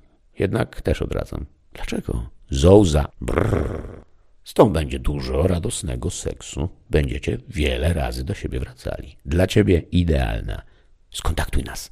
Powiedziałem do cyberdoradcy randkowego z portalu LoveX. Oszacowano, że miłość nie jest wieczna, więc dziś wszyscy dbają o to, co będzie po rozstaniu. Ja też. Drable, drable, drable. Józek wyszedł z siłowni i choć intensywnie ćwiczył, miał ochotę komuś solidnie wpierdolić. Wyglądał jak szafa trzydrzwiowa, istna góra mięśni. Zauważył herlawego chłopaczka, a kazał się zatrzymać. Spuścił dzieciakowi solidny łomot. Złamał nos, wybił zęby. Od razu poczuł się lepiej. Lubił czasem poturbować słabszego. Szedł ulicą wesoło pogwizdując. Potrącił go samochód. Nim Józek wstał, auta już nie było. Kulejąc zbolały, ruszył parkową alejką. Nagle coś twardego uderzyło go w głowę. To ciężki kasztan spadł z dużej wysokości. Puk! Po twarzy Józka spłynęła stróżka krwi. Zamroczony wyszedł na plac. Błysnęło, rozpętała się burza. Pierwszy piorun trafił w Józka. Bóg lubił czasem poturbować słabszego. Drable, drable, drable. Sprawa przedstawia się następująco i od zarania dziejów sieje nam zamęt w głowach, które odradzają zatruwające egzystencję zbędne pytania o życie po życiu. Nie mamy żadnych wieści z zaświatów. Tak samo jak zaświaty nie mają żadnych wieści od nas. Czy dla umarłych oznacza to, że nasz świat przestał istnieć? Albo że był złudą, snem? No przecież, że nie. Przecież nasz świat nadal jest. Żyjemy w nim. A czy dla nas znaczy to, że zaświatów nie ma? Tylko dlatego, że nie mamy żadnych wieści z zaświatów? A może jest tak, że po prostu międzywymiarowa poczta daje ciała lub e, ektoplazmy? Drable, drable, drable. Gonił mnie. Dyszał ciężko, ale tupot był coraz głośniejszy. Wkrótce mnie dopadnie. Mimo to uciekałem, ile sił w nogach, przeraźliwie piszcząc. Mimo to uciekałem, ile sił w nogach, przeraźliwie piszcząc.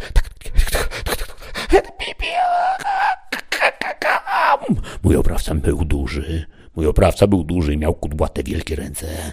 To ich się teraz najbardziej obawiałem. Narzędzie zbrodni. Skręciłam gwałtownie, lecz nic to nie pomogło. Był już tuż za mną. Niemal musnął mnie palcami. To już koniec. Po mnie. Przemknęło mi przez głowę. Instynktownie, czując jego rękę zbliżającą się do mojego boku, uskoczyłam na bok, padłam i kawałek się przeturlałam. Już miałam się zerwać, licząc na jego gorszą zwrotność, kiedy mnie dopadł, przygniatając do podłogi. Przegrałam.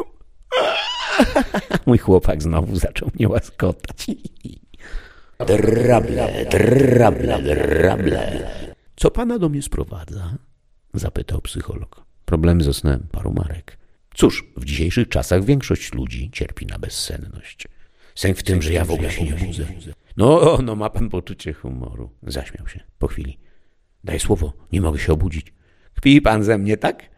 Marek miał dość. Nie jesteśmy w moim śnie. Proszę to udowodnić. Mogę na przykład sprawić, że znikną panu nogi. A! Psycholog spojrzał na klienta jak na wariata. Marek skupił się i psycholog zamiast nóg miał teraz kikuty. Boże, proszę to cofnąć! krzyczał przerażony. Przepraszam, przepraszam. Marek był zakłopotany. Tego jeszcze nie potrafię zrobić. Drable, drable, drable. Dobrze czasem popłakać na filmie. Oczyszczają się oczy i dusza. Dobrze się pośmiać do łez. Śmiech to zdrowie. Rozumieć się bez słów też dobrze. Kochać to szaleństwa od pierwszego wejrzenia. Zrozumieć chory umysł prześladowcy, by potrafić mu współczuć, a poprzez to wybaczyć. W końcu noszenie w sobie urazy i nienawiść negatywnie wpływają na zdrowie. Jakieś przeciwwskazania? Zdecydowanie nie używać wśród zestresowanych ludzi. Unikać korzystania, gdy ktokolwiek w naszym otoczeniu choruje na depresję. Otwórz się na nowe doznania. Pozwól sobie czuć. Świat od razu nabierze barw. Już od dziś tylko za 20 kredytów w każdej aptece, bez recepty. Pytaj sprzedawców o Empatin Max. Empatin Max w Twojej aptece. Krzysztof T. Dąbrowski i krótkie opowiadania. Maksymalnie 100 słów. Drable.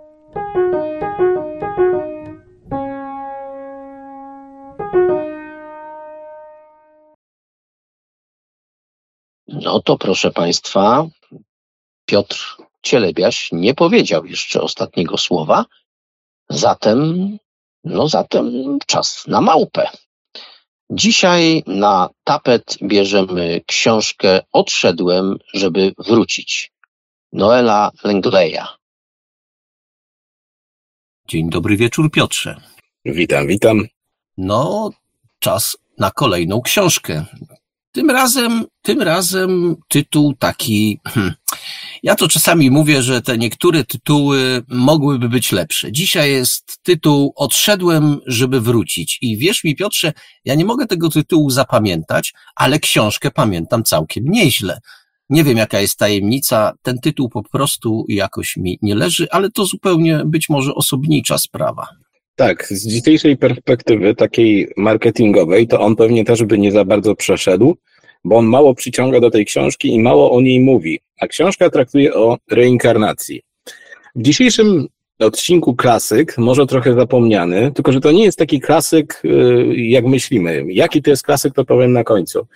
Y, książka, która w oryginale nazywa się Edgar Casey o reinkarnacji. Tak brzmi jej angielski tytuł. A kim był Edgar Casey? No to osobom zainteresowanym zjawiskami z pogranicza nie musimy mówić. Znany był jako śpiący prorok. Był kimś w rodzaju ekstrasensa, jasnowidza. To jest taka profesja, która u nas w Polsce nie ma dobrego mm, odpowiednika. To jest tak zwany psychik, psychik, czyli ktoś na przycięciu medium i jasnowidza właśnie, a, a w sumie ani jedno, ani drugie. Specjalnością Casey'ego było mm, diagnozowanie chor chorób, albo odpowiadanie na pytania y, jego klientów. On się wprowadzał w taki trans przypominający sen, doświadczał zmienionych stanów świadomości, mm, no i otrzymywał skądś te odpowiedzi na pytania, dlatego nazywanego właśnie śpiącym, śpiącym prorokiem. Nie wiem, Marku, ja mam dzisiaj takie wrażenie, że po latach y, no, y, popularności Casey jest dziś trochę postacią zapomnianą. Pamiętano o nim bardziej około roku 2000, ale osobiście sobie tak myślę, że do spadku zainteresowania Casey'm przyczynił się fakt, że jego najsłynniejsze proroctwa dla, dla świata, bo on proroctwa dla świata też wygłaszał, no cóż, jakoś się nie do końca wypełniły. On mówił o tym, że zostanie odkryta komnata zapisków, yy, ta słynna, starożytna biblioteka wiedzy. Mówił chyba też, że zostanie e, znaleziony fragment Atlantydy. Także te jego e, proroctwa były takie bardzo ciekawe w pewnym okresie, ale jakoś tak się zadziwiająco nie wypełniły. Co jeszcze o Casey trzeba powiedzieć? E, to, to może trzeba wiedzieć, zanim się tę książkę ruszy. To jest osoba, która jest bardzo mocno osadzona w milenaryzmie, ale też w ezoteryce. On jedną nogą stoi na gruncie chrześcijańskim, drugą, drugą nogą na gruncie ezoterycznym. I widać po prostu w tej książce fascynację i Biblią, i teozofią. E, on chce to jakoś połączyć. Czy to się udaje, no to już musicie sobie sami odpowiedzieć na to pytanie. I ta książka niestety nie jest dla wszystkich, moim zdaniem. E, powiem tak, e, ona jest dla ludzi zainteresowanych takimi kwestiami jak na przykład regresja hipnotyczna, poprzednie wcielenia i tak dalej. Natomiast musimy mieć świadomość, że po pierwsze to jest pozycja stara, a po drugie, znaczy stara. Archaiczne koncepcje są w niej zawarte pewne, ale jest też taka mocno indoktrynująca. E, chodzi o to, że tam, wiesz, tam nie ma tak, że ona nam przedstawia dowody na istnienie reinkarnacji. Nie, tam jest i tyle. I od razu otrzymujemy jakieś duchowe, duchowe nauki, no ale z perspektywy tej, nie wiem, ideologii, z którą Casey był mocno związany. Warto powiedzieć, że tak naprawdę, y, bo to, to mogło umknąć, autorem tej książki nie jest sam Casey, to jest książka o Caseym i jego różnych y, przewidywaniach, różnego rodzaju przygodach, tak bym to określił, bo właściwie mamy tu taki trochę chronologiczny przegląd różnych przypadków, z którymi Casey się stykał. Autorem książki, i znowu nie wiem, czy to dobrze wymówię, y, Noel Langley, Chyba Noel Langley. Potwierdź Piotrze albo zaprzecz. Chyba tak. Może być Langley, Langley. Wiadomo o kogo chodzi. Jasne. Natomiast wracając jeszcze, no to powiem, że y, jest w tej książce wstęp napisany przez, y, no, przez kogoś, kto nosi nazwisko Casey. Ja nie wiem, jakie tam, y, jakie tam koligacje rodzinne wiążą, ale Hugh Lynn Casey podpisuje wstęp. I cóż, proszę Państwa, Piotr powiedział o tym, że to pozycja dosyć leciwa i taka, która, no, nie tryska już e, pewną nowoczesnością. No, okazuje się, że w tych sferach, e, którymi się interesujemy, które jakoś tam, jakoś tam nas przyciągają, pewien postęp jednak następuje i pewne koncepcje dzisiaj już są bardziej wywindowane e, w kosmos, no może nie w kosmos, ale w każdym bądź razie wywindowane, jeśli chodzi o opis, o pewne rozumienie. Co ważne, powiedziałeś o tej komnacie zapisków. Ja odnoszę wrażenie, że, że cały czas ten temat jest grzany i co rusz tam, jak coś się o Egipcie mówi, o Sfinksie, to coś o tej komnacie tam zawsze też się wspomina. O tej Atlantydzie, no cóż, może się po prostu pomylił z datowaniem i jednak tę Atlantydę ktoś w końcu kiedyś, przynajmniej kawałek, odnajdzie. Ale zgoda, rzeczywiście, e, jak minął czas zainteresowania, przełom, przełom wieków, czy właściwie już tysiącleci, zainteresowanie nieco spadło. Natomiast sama książka wydaje się ciekawa i to z dwóch względów. Pierwszy to, tak jak powiedziałem, to jest takie sukcesywne pokazywanie przypadków różnego rodzaju, e, omówienie tego, jaką rolę odgrywa karma w życiu, a w każdym razie w trwaniu duszy i że ta karma w ogóle istnieje. Ja powiem tak, ja odnoszę, odniosłem wrażenie, że ta książka jest dosyć cenna dla, może być dosyć cenna dla współczesnego człowieka, paradoksalnie niezainteresowanego e, tematami, o których mówimy, ponieważ ta książka mm, gasi pewną taką radosną, radosne przekonanie, że mm, jeśli istnieje, jeśli istnieje reinkarnacja, to to jest fajnie, bo jeszcze raz wrócimy do życia, nie umieramy, tylko ciągle wracamy. No, Casey i autor książki widzą to trochę inaczej. Bliżej jest temu spojrzeniu do tego spojrzenia indyjskiego, gdzie kolejne, kolejne wcielenia, powroty na Ziemię nie są wcale powodem do ogromnej radości, jak to u wielu Europejczyków ma miejsce. Wręcz przeciwnie. Coś, czegoś dokonujemy tu na Ziemi i to jest jakby odliczane, a nawet nie jakby, tylko na pewno. Odliczane, ważone, mierzone. Jakieś zadanie mamy do wypełnienia. Raz to się udaje, raz się nie udaje. To nie jest książka radośnie krzewiąca, krzewiąca ideę reinkarnacji, że fajnie będzie, bo nie umieramy, ta książka jednak pewną re refleksję, mm, no chyba zaszczepia i to, to dobrze, bo jak słyszę tych wszystkich mm, nowoczesnych y, bardzo ludzi, którzy w pismach na przykład dla kobiet e, z tych pism dowiadują się, że coś takiego może reinkarnacja istnieje i e, cieszmy się wszyscy, to trochę, trochę parskam śmiechem w tym momencie. Ta książka y, trochę, trochę daje kubeł zimnej wody dla tych takich radosnych postrzegaczy reinkarnacji, no i z tego względu ja ją będę szanował, aczkolwiek pewno też bym się podpisał, że książki jednak mają swój termin przydatności do, do użycia. E, widzimy tutaj w tej książce przeglądy życia ludzi, którzy się cofają do dawnych inkarnacji i tam, i tam wiesz, tam są, tam są dziwne przypadki. Nie wiem, może to kogoś urazi, ale to oni tam, wiesz, spotykają Jezusa, toczą życie gdzieś obok wielkich postaci i po prostu ten element, wątek religijno-biblijny w tej książce jest tak silnie zarysowany, że ja nie mogę oprzeć się wrażeniu, że jak mówię, no Casey stoi w rozkroku między wiarą w Boga, a wiarą w ezoterykę i w to, co nazywa się niekiedy, nie wiem, wiedzą tajemną. Także mnie to osobiście trochę koli. E, I w pewnym rozdziale, wiesz, tam jest nawet mowa o tym, czy Biblia potępia reinkarnację, przywołuje się szereg przykładów, e, ale zanim do tego rozdziału dojdziemy, w ogóle ta książka jest taka dość treściwa. Zanim do tego rozdziału dojdziemy, to zauważamy już ten miszmasz.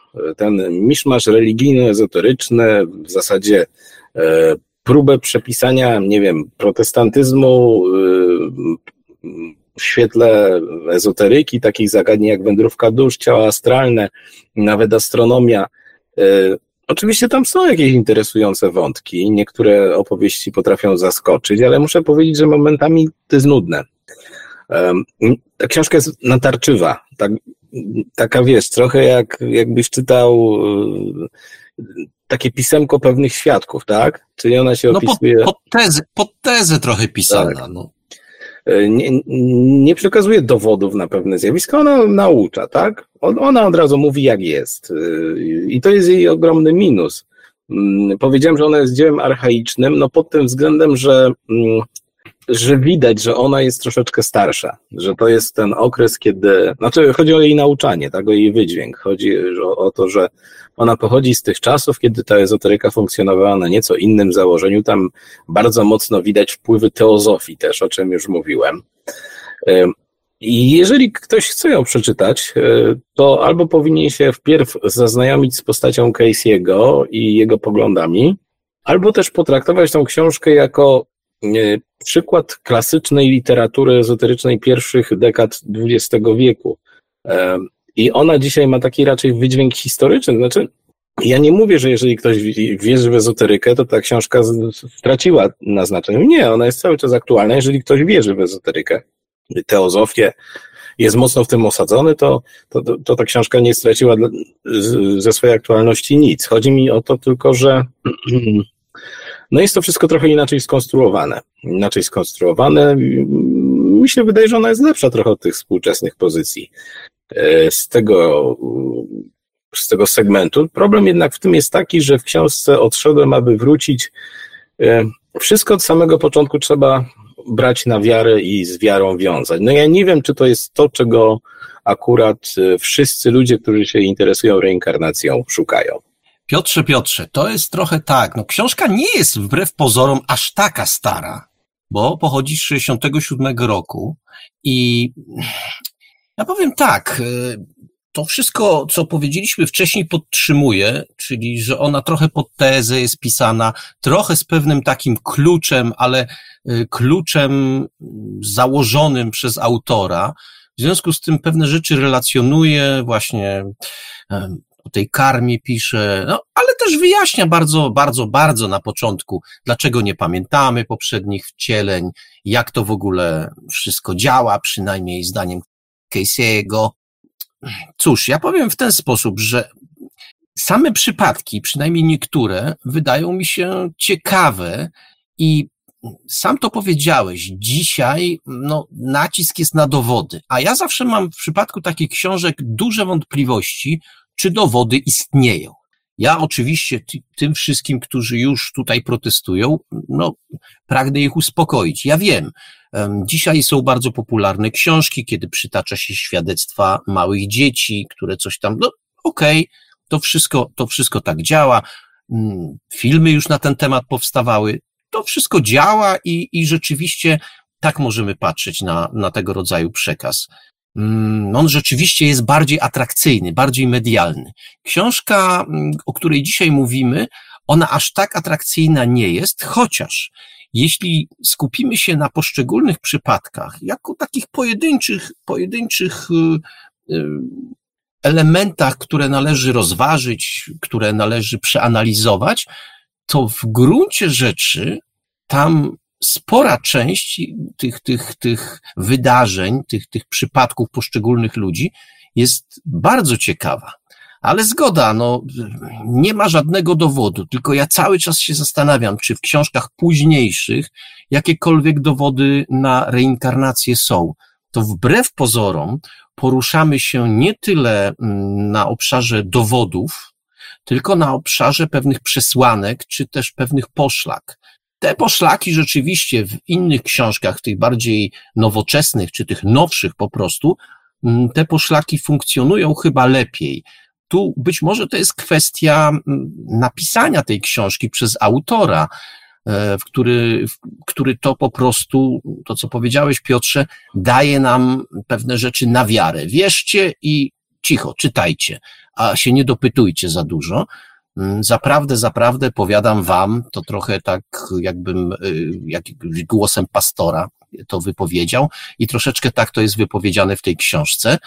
No cóż, ale ja cały czas to podkreślę po raz chyba czwarty teraz, że przypadki, przynajmniej niektóre, które zawarte są w tej książce, wydają mi się naprawdę ciekawe i warte zapamiętania, warte pewnej analizy i żeby się nimi po prostu później w przyszłości, znając temat, mając go przepracowany, żeby tymi przypadkami móc się posłużyć, bo one naprawdę wydają się takie krwiste, soczyste, przynajmniej niektóre.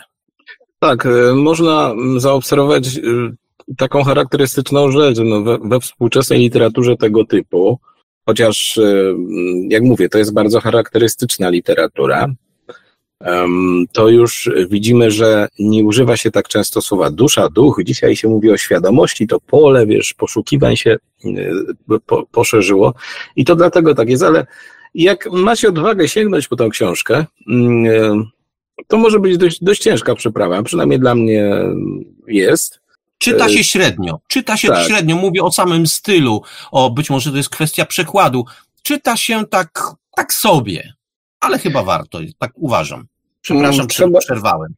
Trzeba e, moim zdaniem poczytać sobie najpierw o Casey, zobaczyć e, jak on funkcjonował, kim on był, e, bo to też jest, wiecie, ta kwestia indoktrynacji, która jest tam dość mocno, ona mnie trochę razi, ale spróbować można, nawet w kontekście czysto historycznym. Okej, okay, Piotrze, pięknie Ci dziękuję za dzisiejsze spotkanie. Cóż, do, na, do następnego, do następnej książki. Trzymajcie się, cześć. O, proszę Państwa, tylko tak powiem, że te drable to się jeszcze nie skończyły. Były już dwie części, to czas na część trzecią. Część trzecią, a zatem Krzysztof T. Dąbrowski i drable, o, kolejna wersja. Krzysztof T. Dąbrowski i krótkie opowiadania. Maksymalnie 100 słów. Drable.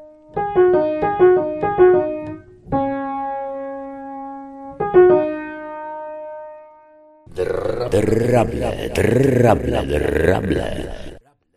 Umarłem na zawał, wyleciałem z ciała i przez chwilę się nad nim unosiłem. Gdy mnie to znudziło, poczułem, że coś każe mi lecieć do góry. Znosiłem się i znosiłem, aż wleciałem w tunel. Na jego końcu było oślepiające światło. Poleciałem tam i spotkałem świetlistą istotę, która oznajmiła mi, że jest aniołem. Wpuszczono mnie i zacząłem skakać, krzycząc z radości. Cicho! Obsztorcował mnie anioł. Yy, zdziwiłem się. Trwa modlitwa z szefem. Szefem? Tak, to ten, którego nazywasz Bogiem. I on też się modli? Aż mi ektoplazma zawirowała ze zdziwienia. Tak. Do kogo? Niemal wykrzyknąłem. No wiesz, każdy ma swojego Boga. Drable. Adam wrócił do domu. W sypialni zobaczył siebie w łóżku z żoną. Krzyknął. Ten z łóżka wypowiedział hasło. Adam zwiotczał. Klon od zarabiania ma awarię. Wydaje mu się, że jest mną. Wyjaśnił zdezorientowanej żonie. Wrócił do łóżka i kontynuowali igraszki. Do sypialni wszedł kolejny Adam. Wykrzyczał hasło. Ten w łóżku zwiotczał. Klon od opiekowania się dziećmi. Znowu awaria, wyjaśnił zrezygnowany. Ale widząc nagą żonę, nabrał ochoty na amory. Rozebrał się i wskoczył do łóżka. Do sypialni weszła kobieta, wyglądająca identycznie jak jego żona. Uśmiechnęła się i na paluszkach wycofała z sypialni. Klon od zaspokajania nadmiernie popędliwego męża działał jak należy. Drable. Niepoprawny optymista uznałby, że obecna sytuacja ma wiele plusów. Zaoszczędziłby na butach, na skarpetkach, spodniach, a nawet majtkach. Zaoszczędziłby też na koszulach, swetrach, kurtkach, rękawiczkach i szalikach. Oczywiście paski, zegarki i inne tego typu drobiazgi również mógł wrzucić do rubryczki zatytułowanej oszczędności. Ach no tak, do tego wszystkiego należy dorzucić kolejne oszczędności na biletach, benzynie, napojach, jedzeniu. Nie trzeba chodzić na randki, do kina, teatru, koncerty też odpadają. No i oczywiście nie ma mowy o żadnych wakacjach.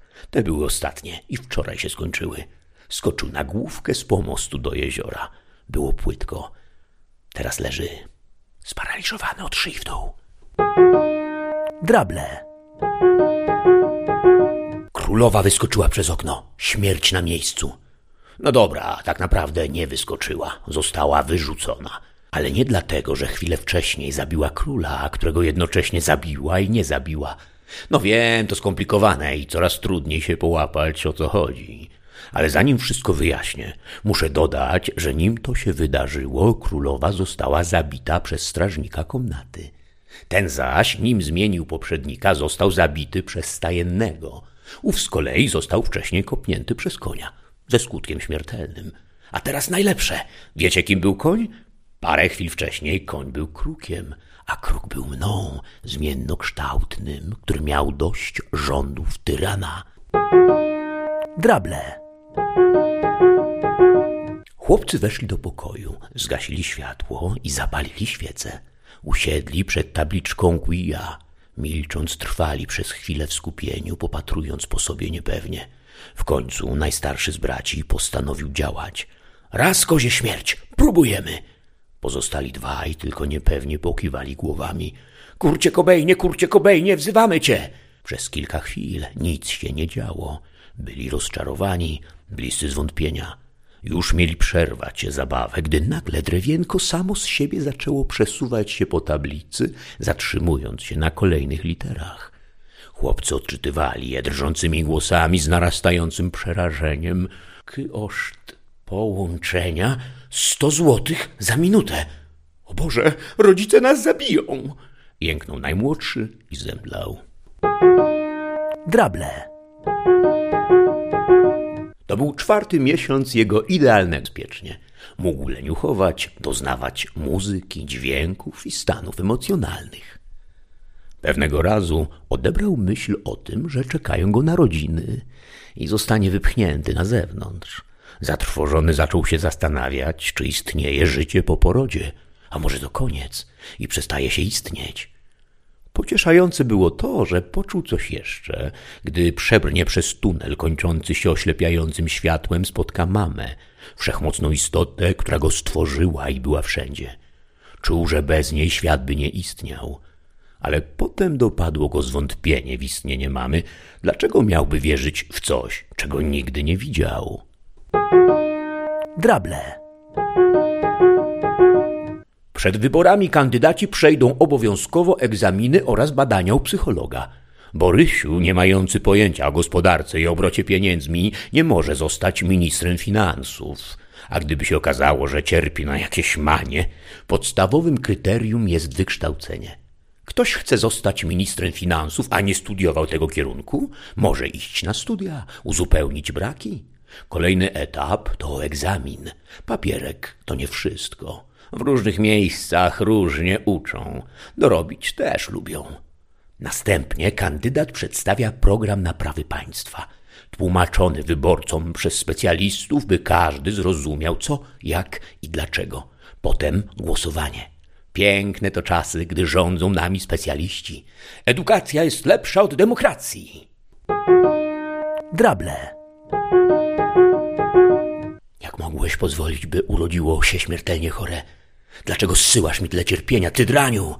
To tylko kilka setek tysięcy skarg i zażaleń, jakie każdego dnia napływają do naszego dnia. Oni, biedni naiwniacy, myślą, że zawracają głowę i złorzeczą Bogu, ale nie, to trafia do nas. Szef wszystkich szefów ma ciekawsze rzeczy do roboty. Dlaczego urwało mi nogę? Za co? Sprawdź go, bo jęczy strasznie, że mu nogę urwało. A co on się tam tak pyszczy? Przecież sam chciał to przeżyć, jak sobie do wcielenia wybrał na inkarnację. Sam wybrał taką karmę. Odrzucamy? Zdecydowanie. Drable. Radek od dziecka był prześladowany przez silniejsze dzieciaki. Gdy dorósł, miał ambicje, ale nauka mu nie szła. Skończył na kasie. Sfrustrowany i niespełniony. W końcu ciężko się pochorował. To wtedy odeszła od niego żona i zabrała ze sobą dzieci. Dzieci niestety zginęły w wypadku samochodowym. To wpędziło go w ciężką depresję. Jakby tego było mało, skończyły mu się pieniądze i ledwie wyzdrowiał, a już go eksmitowano. Skończył jako bezdomny. Miał tego dość. Popełnił samobójstwo. Jego dusza opuściła ciało i poleciała ciemnym tunelem w stronę światła. Tam zaś świetlista istota oznajmiła mu Przerobiłeś dopiero 10% w tym życiu. Drable. Fafik przybiega merdając ogonem. Pan go nie zauważa. Jak zwykle. Kiedyś był dobrym panem, bawił się z nim, a teraz nic. Na spacerze też nie zwraca uwagi. Wreszcie Fafik słyszy swe imię. Pan trzyma coś przy uchu, mówi w powietrze. Brak mi Fafika. Masz rację. Koniec żałoby. Czas na nowego pupila. Idzie do schroniska. Tam zatrzymuje się przy jednej z klatek. Fafik odruchowo, z zazdrości, wskakuje do ciała psa z klatki, a ten natychmiast zaczyna się łasić do gościa. Tego wezmę, mówi pan. Wracając, zwraca się do nowego psa. Wiesz, z zachowania bardzo mi kogoś przypominasz. Nazwę cię Fafik. Drable. Od kiedy we wszystkim zaczęła nas wyręczać sztuczna inteligencja, roboty i androidy, nam pozostało już tylko bardziej odmurzające nic nie robienie, które spędzaliśmy na konsumowaniu produkowanej codziennie popkulturowej papki, zażywaniu tabletek uszczęśliwiających, imprezach, seksie i... No właśnie, przez całe wieki ludzie narzekali na nadmiar pracy i marzyli o tym, by znaleźć się na takim etapie rozwoju, na jakim my się znaleźliśmy, a my teraz grymasimy – ale cóż nam pozostało, skoro zrobiło się jakoś tak nudno? Dobra, będę szczery, potwornie nudno. Niektórym z tej nudy zaczęło odbijać. Jak króliki zaczęli się mnożyć, złodzieje, psychopaci, seryjni mordercy. Nuda obudziła w niektórych potwora. Drable. Proszę Państwa, proszę Państwa. Niespodzianka. Niespodziankę Państwu obiecałem, związaną z recenzarium Ewiwy. No bo dzisiaj będą dwa recenzaria Ewiwy, a to się wiąże z tym, że całkiem niedawno, jeszcze w zeszłym roku, ale to i tak niedawno, naszym gościem był Henryk Tur, autor powieści W sercu otchłani. No i ponieważ Luiza Ewiwa Dobrzyńska była, popełniła recenzję na temat tej książki, a książka jest w miarę świeża, w miarę nowa, a poza tym naprawdę warta przeczytania, no to poza moimi wywodami na temat tej książki, poza rozmową z autorem, warto posłuchać niezależnej recenzentki. Zapraszam Państwa zatem na recenzję książki W sercu otchłani Henryka Tura.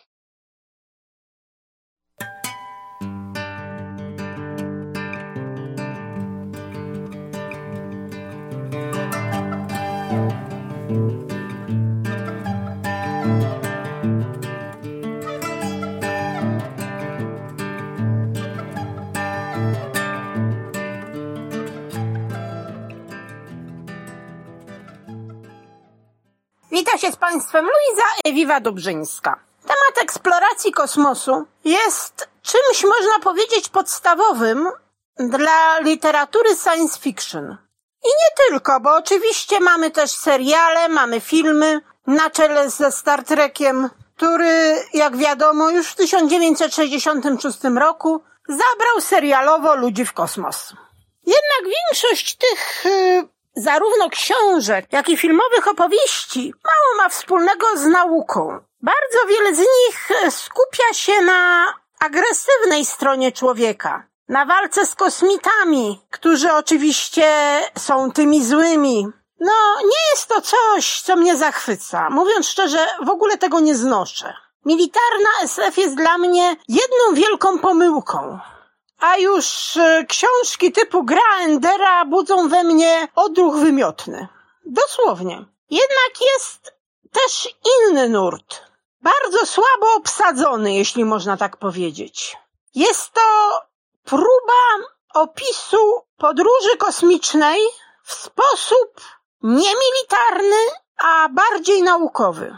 Mieliśmy to u Lema w obokach Magellana i we wspaniałej książce Nieustraszony. Ale mówiąc szczerze, niewielu autorów podejmuje próbę, jakby to powiedzieć, psychologicznej analizy człowieka w obliczu katastrofy naturalnej, z którą stykają się będąc z dala od Ziemi. Przeważnie mamy tutaj do czynienia albo z jakimiś straszliwymi potworami, albo ze straszliwymi przedstawicielami obcej cywilizacji, ale przecież podróże kosmiczne to przede wszystkim my, ludzie. Na tym właśnie skupił się Henryk Tur w swojej książce noszącej tytuł W sercu otchłani. Jest to książka naprawdę niezwykła. Przede wszystkim jest całkowicie oryginalna. Nie przypominam sobie nic podobnego, a i jako recenzentka, i jako czytelniczka naprawdę stykałam się z bardzo wieloma powieściami z nurtu science fiction. O cóż więc w tej książce chodzi? W czasach, kiedy ludzkość podróżuje w kosmos, z Ziemi wyrusza statek Gandhi, sterowany przez wielofunkcyjny komputer Avatar. Statek leci w kierunku odległego układu gwiezdnego. Ponieważ przyspieszenie pozwalające na w miarę szybkie osiągnięcie punktu docelowego nie istnieje, załoga hibernuje. Ma się obudzić dopiero po 40 latach. Dzieje się jednak tak, że zostaje obudzona dużo wcześniej. Gandhi, powiem, znajduje się w ogromnym niebezpieczeństwie. Znalazł się w polu przyciągania czarnej dziury. Wybudzona 14-osobowa załoga ma niewiele ponad 30 godzin, by coś wymyślić albo pożegnać się z życiem. Ludzie postanawiają, że chcą wrócić do hibernacyjnego snu. Jednak nie jest to od razu możliwe. A z biegiem czasu coraz więcej z nich nie ma na to ochoty. Chociaż obawiają się okropnej śmierci, chcą spojrzeć jej w oczy. Czy istnieje cokolwiek, co spowoduje, że przetrwają zetknięcie z czarną dziurą? Książka Henryka Tura jest to przede wszystkim analiza psychologiczna ludzi, którzy znaleźli się w bardzo trudnej sytuacji. Ale oprócz tego jest też bardzo inteligentnie skonstruowanym science fiction. Przede wszystkim pozbawionym tych wszystkich skrótów, które się na ogół stosuje. No powiedzmy, przyszłość, nauka bardzo wysoce rozwinięta, no to mamy aparaty, mamy napęd. To nam pozwala powiedzmy śmignąć w jednej chwili z Ziemi do układu Procjona. No nie, to nie jest po prostu fizycznie możliwe. Możemy oczywiście spierać się z tym, czy fizyka w tym kształcie, w jakim jest teraz, jest już na tyle rozwinięta, by orzec ze stuprocentową pewnością, że czegoś nie możemy albo że coś możemy. Jednak te prawa, które do tej pory poznaliśmy, niestety wykluczają napęd nadświetlny. A nawet napęd bliski prędkości światła jest absolutnie niemożliwy do osiągnięcia przez materię ożywioną. To znaczy, może nie, może jest możliwe, ale z tej materii ożywionej niewiele by zostało. I tego też się trzyma Henryk Tur. U niego wszystko jest bardzo ładnie naukowo opisane. Tak, że właściwie nie ma się do czego przyczepić. Może poza samym obrazem czarnej dziury, ale tutaj, ponieważ tak naprawdę nawet naukowcy nie są do końca pewni, jakie tam panują warunki, autor zdecydowanie mógł sobie pozwolić na pewne fantazje. A poza tym jest to książka bardzo interesująca. Według mnie sam Lem by się takiej nie powstydził. Dlatego wszystkich Was zachęcam, żebyście po nią sięgnęli. Na pewno nie pożałujecie. Żegna się z Państwem Luiza Ewiwa Dobrzyńska. Proszę Państwa, proszę Państwa, co to by była za audycja, gdyby nie było w niej alchemii tworzenia? No to właśnie, żeby zyskać na status pełnoprawnej audycji, startujemy z tąże alchemią tworzenia Katarzyny Prychacz. Dzisiaj szklane półki na serca.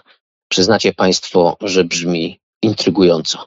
Zapraszam na zabawę literaturą w wykonaniu Katarzyny Prychacz. Halo, halo ludności, z tej strony Katarzyna Prychacz. Serdecznie zapraszam na alchemię tworzenia.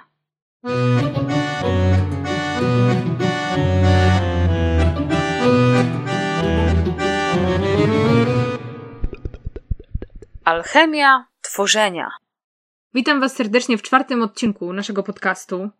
I dzisiaj, dzisiaj, dzisiaj naprawdę spróbuję pobić rekord, ale taki w drugą stronę tym razem, czyli faktycznie, żebym może mówiła trochę krócej niż tą godzinę, e, żeby się nie rozgadywać.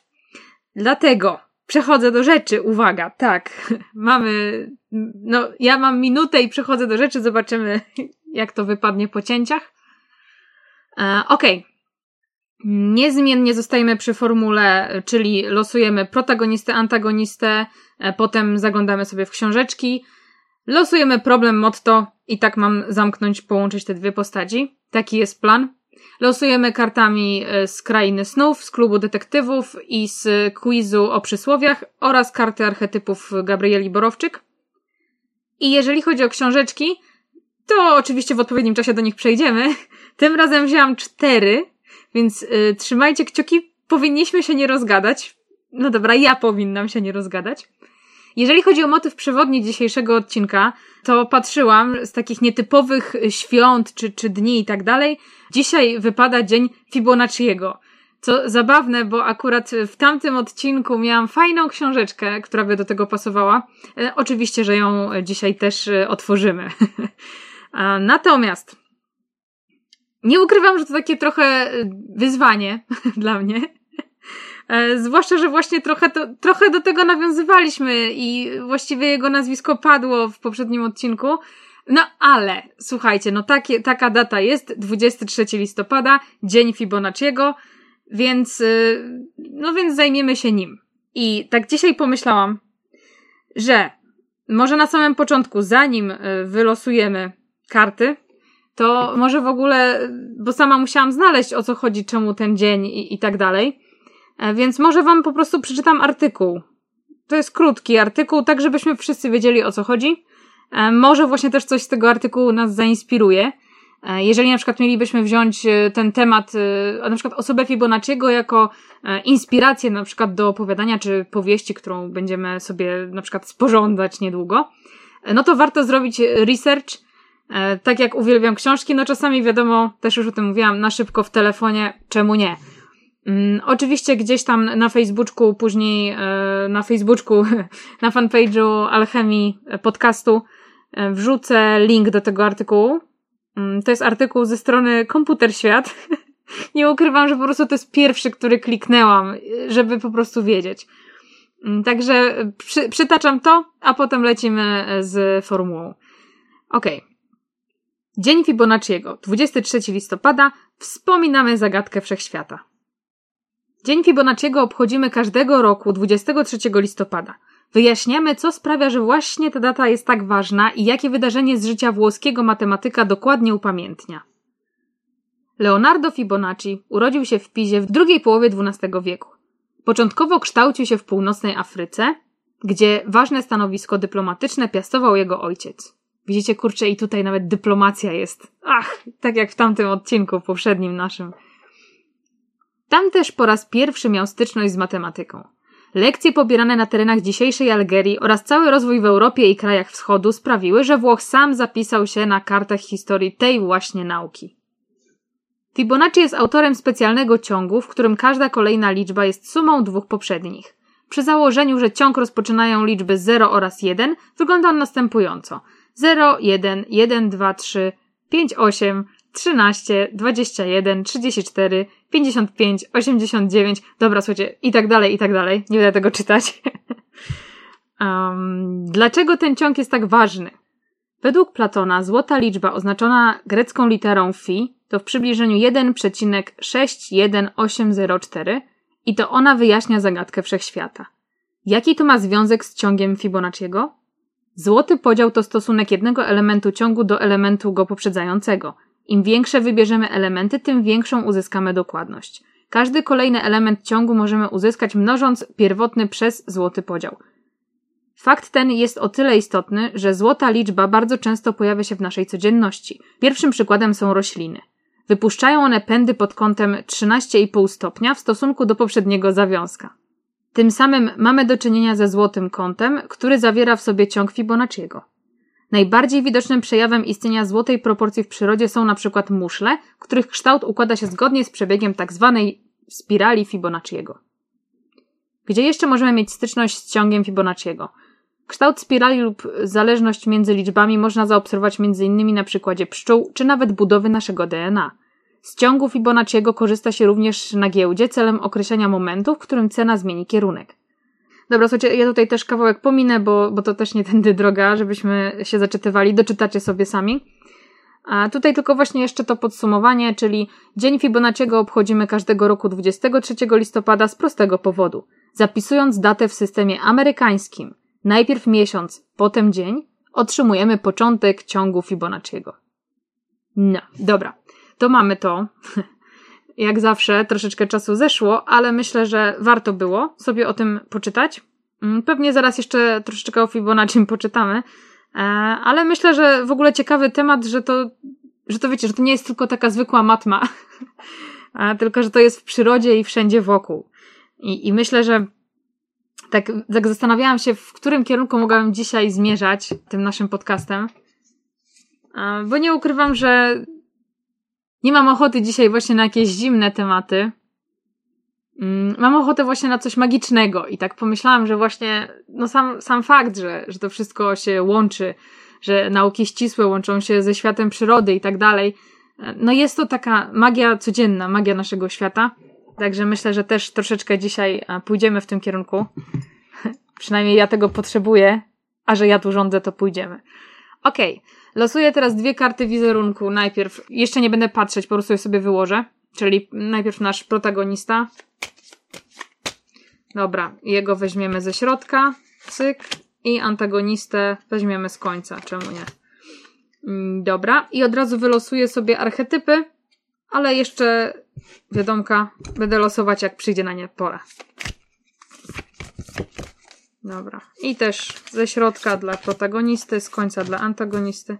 W ogóle niedługo nowa tura archetypów, bo zostało nam jeszcze na dwa odcinki, dwie ostatnie pary. I potem robimy przetasowanie. Dobra, mamy to. Ok, no to losuję sobie, znaczy odkrywam kartę protagonisty. E, I też tutaj zaznaczę, że jeżeli macie ochotę słuchać na przykład i patrzeć razem, e, jak, znaczy widzieć to, co ja odkrywam, to zapraszam Was w sobotę na mojego YouTube'a Katarzyna Prychacz. Tam wrzucam po prostu odcinki tego sezonu zmontowane razem ze zdjęciami. Także jeżeli ktoś woli na przykład i słuchać i tam sobie zawiesić oko, czy patrzeć jak ja opisuję te karty, to serdecznie zapraszam. Dobra, i co my mamy dzisiaj? No, ciekawie, ciekawie. Trochę smuteczki. Może, może podzielają się to razem z moimi dzisiejszymi słabszymi nastrojami. Dobra, słuchajcie, karta przedstawia osobę, właściwie to lalkę, nie wiem nawet jak to określić. E, mamy tutaj no, postać, taką, nie wiem, czy to można nazwać mimem, bo tak y, ma, no ma, ma fioletowe czy tam różowe włosy. Oczy, na, na oczach ma makijaż, takie przekreślone całe oko jest linią i, i takie smutne brwi jakby zrobione. Ta postać ma też właśnie no, taką głowę, która się unosi, lewituje, tak jakby była odcięta y, od korpusu i lewituje. Tak samo dłonie. Natomiast sam korpus ma ogromną dziurę no, no, no, na klatce piersiowej. Ta dziura właściwie ona chyba jest na wylot, ponieważ y, na plecach tej postaci siedzi ośmiornica i właściwie jedna z macek tej ośmiornicy wychodzi e, przez tą dziurę, jakby dziurę po sercu. Więc no ciekawie. ciekawie tutaj. E, oczywiście wokół też dzieje się troszeczkę takiego chaosiku w tle, czyli mamy tutaj czajnik z herbatą, filiżankę, to się rozlewa u góry. Mamy też w oddali, y, to ośmiornica trzyma jedną ze swoich macek kapelusz. I mamy też złote rybki, które latają gdzieś tutaj wokół, jak takie właściwie rozżarzone gwiazdy jakieś. No kurczę, ciekawa postać, powiem szczerze. Widać, że ewidentnie y, będzie się tutaj z czymś zmagała. Może właśnie myślę, jak to połączyć, wiecie, z tym w naszym Fibonacci, bo może właśnie e, tutaj Chciałam powiedzieć, że może tej osobie została zebrana magia, ale no w sumie wokół pływają te, znaczy właściwie lewitują te rybki, czajniki i wszystko. E, więc, e, więc nie wiem sama, w którą stronę tutaj pójść. W ogóle dlaczego ta ośmiornica, nie? No dzisiaj bardzo abstrakcyjnie. Ale wiecie co, odkryję archetyp Zobaczymy, myślę, że może to mi da jakieś tropy. I, i zaraz, no, lecimy dalej. Okej, okay, archetyp buntownik. Jest ciekawie, powiem szczerze, że bardzo tutaj myślę pasuje. I tak, już mi dało jakieś fajne tropy. Najpierw przybliżę wam, czym w ogóle jest ten archetyp buntownika. Buntownik. Podważa ustalony porządek rzeczy, nie zgadza się i jawnie to manifestuje. Bywa niepoprawny, nieugrzeczniony i zadziorny. Kwestionuje zastane status quo. Zadaje niewygodne pytania, zmusza do myślenia i rewizji poglądów, prowokuje. Krytykuje, a czasem wręcz ośmiesza zasady krępujące świat. Dąży do wyzwolenia i wolności. Jego drugie imię rewolucjonista. Gotów jest iść na barykady za swoje przekonania i ideały. Więc mamy tutaj naszego głównego bohatera, który ewidentnie ma jakiś smutek, tak? Jest właściwie taki pusty w środku. No i można by powiedzieć, że klasycznie podróż bohatera pewnie byłaby właśnie po wypełnienie tej pustki, po odnalezienie właśnie może magii w tym świecie. Ale wiecie, tak patrzę, skoro na tej grafice mimo wszystko jest bardzo dużo magii, to może odwróćmy to. Może właśnie na świecie jest za dużo magii. Może jest tutaj gdzieś rodzaj jakiegoś takiego nie wiem, chaosu. Każdy ma co chce, każdy potrafi na przykład wyczarować co chce, zrobić co chce, wszystko jest dostępne, wszystko jest w zasięgu ręki.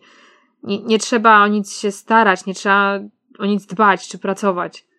I może właśnie to sprawia, że ten nasz bohater jest pusty w środku. Nie czuje takiej motywacji do tego wszystkiego, bo właściwie no to po, to, po, po co żyć, skoro ma się wszystko, co się chce w zasięgu ręki? W sensie takim, że, że nie ma żadnych wyzwań, nie ma żadnej satysfakcji, żadnego rozwoju. I może właśnie to jest też e, źródłem tego buntu naszego bohatera. Może właśnie, tak myślę, że mógłby się rzucić właśnie w naukę. Może właśnie w wertowanie starych ksiąg. Może właśnie planuje, czy chciałby, żeby wrócił stary świat, w którym magia była czymś mniej dostępnym, może czymś tajemniczym, no, żeby wrócił stary świat, w którym magia naprawdę była magiczna, nie? No dobra, zobaczymy y, tutaj naszego przeciwnika i pewnie znając życie będzie się to nam ładnie zaraz łączyło. Idealnie się łączy, powiem wam szczerze. Że ja powinnam z tych kart jakiegoś tutaj tarota wyciągać, bo niektóre są naprawdę bardzo bardzo powiązane, tak, z, z, tym, tak jakbym wcale ich nie losowała, tylko je tutaj, wiecie, przygotowała wcześniej.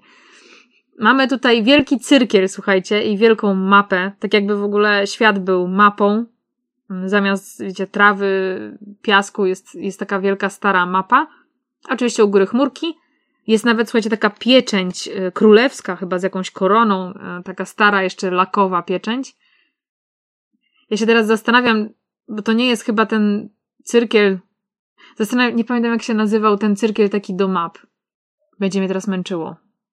No nieistotne, no, ale to jest takie chyba narzędzie y, bardziej kartograficzne. Taki cyrkiel właściwie, no on wygląda jakby miał dwie igły, natomiast pewnie zwykle gdzieś powinien mieć jakiś ołówek. A może nie, no słuchajcie, bo to jest chyba to do wyznaczania odcinków na mapie, czyli właściwie to może mieć dwie igły, bez, bez żadnego ołóweczka. Cholera, nie pamiętam. To miało swoją jakąś mądrą nazwę. Dobra, ale nie będę przedłużać.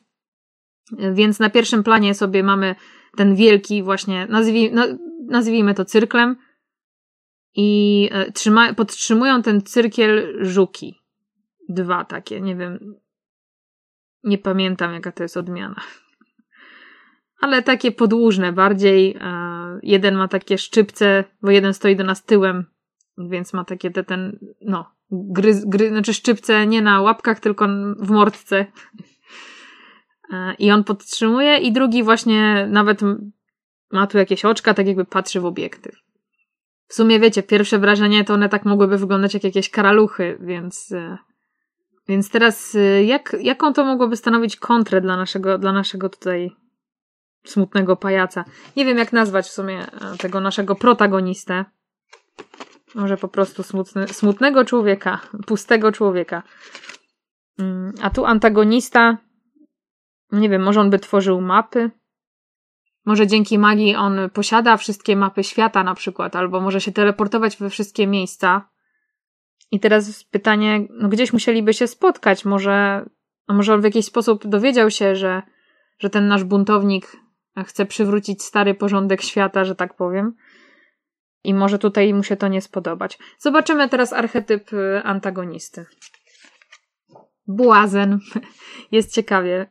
Naprawdę jest ciekawie, powiem wam szczerze. Mm, dobra, co, co to jest ten błazen? Ma poczucie humoru i zaraża nim innych. Zachęca, by oderwać się od szarości i codzienności, przełamać stereotyp. Cechuje go radość życia i kreatywność. Czasem też prowokacja. Żart jest w życiu potrzebny. Może być sposobem na rozładowanie napięcia i rozluźnienie. Inteligentny.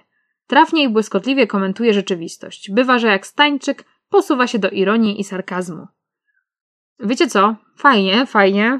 Kolejne fajne tropy tutaj w wymyślaniu, bo może właśnie nasz antagonista to jest ten, który sprowadził, czy nawet rozpowszechnił magię. Wiecie, chciał być takim nowym Prometeuszem, który wcześniej przyniósł ludziom ogień, tak on przyniósł ludziom magię i ją rozpowszechnił. Więc y, tak jak tutaj, no, że zachęca, żeby oderwać się od szarości i codzienności, no i, i tak zachęcał, tak zachęcał, że właściwie ta szarość i codzienność, które też w jakimś tam stopniu są nam potrzebne, mm, zaniknęły, nie? Więc, więc może tutaj właśnie to jest to. I cechuje go radość życia, więc wiecie, no może taki. On będzie raczej kreatyw, kreatywny i, i radosny, wiadomo, no kreatywny, bo musiał jakoś tą magię rozpowszechnić. Natomiast właśnie może z jakiegoś powodu też podoba mu się ta jego pozycja E, łyknął trochę tej, chciałam powiedzieć władzy, ale może nie władzy, a uznania, że jako taki no nadworny, że tak powiem, czarodziej, ktoś tutaj, kto przyniósł taki, taki mocny kaliber na świat, że może właśnie e, ludzie go podziwiają, może stał się e, czymś w rodzaju takiego nawet nie Boga, tylko wybawcy, kogoś, kto zabrał od wszystkich ludzi właśnie problemy, smutki i tak dalej, i tak dalej. Dobra, Mamy tu jaką, jakiś zarys, więc teraz sięgamy do książeczki. Do książeczek właściwie. I zobaczymy, może coś dalej fajnego z tego wyjmiemy. Więc dzisiaj, tak jak mówiłam na początku, wzięłam e, z powrotem książkę Sekretny Kod. A to jest książka, która też już z nami była tydzień temu. Ale tutaj sobie zaznaczyłam po prostu ten rozdział o Fibonacci, więc myślę, że może po prostu tym razem coś sobie przeczytamy z tej książki. Ja tylko zerknę, jak długi jest ten rozdział, bo już trochę czytałam dzisiaj. No, dobra, trochę. Aha, wiecie co, bo, bo to jest rozdział i on ma jeszcze podrozdziały. Dobra, to sobie po prostu przelecimy przez to. Nie wiem, a jakbyście chcieli, to po prostu dajcie znać mi gdzieś w komentarzu, czy w jakikolwiek sposób. To może wtedy po prostu przeczytamy ten rozdział czy może jakieś inne rozdziały z tej książki, jeżeli bylibyście zainteresowani. Mm, Dobra, pokrótce. Mamy tutaj Fibonacci i liczby Fibonacciego, cały ten rozdział. A tu jakiś mądry cytat, bo cytaty zawsze są skarbnicą inspiracji, więc przeczytajmy. Prawdziwie odkrywcza podróż nie polega na odkrywaniu nowych lądów, lecz na patrzeniu nowymi oczyma. Marcel Proust, francuski pisarz. No fajny cytat, fajny. Myślę, jakby to można powiązać z tą naszą tutaj historią.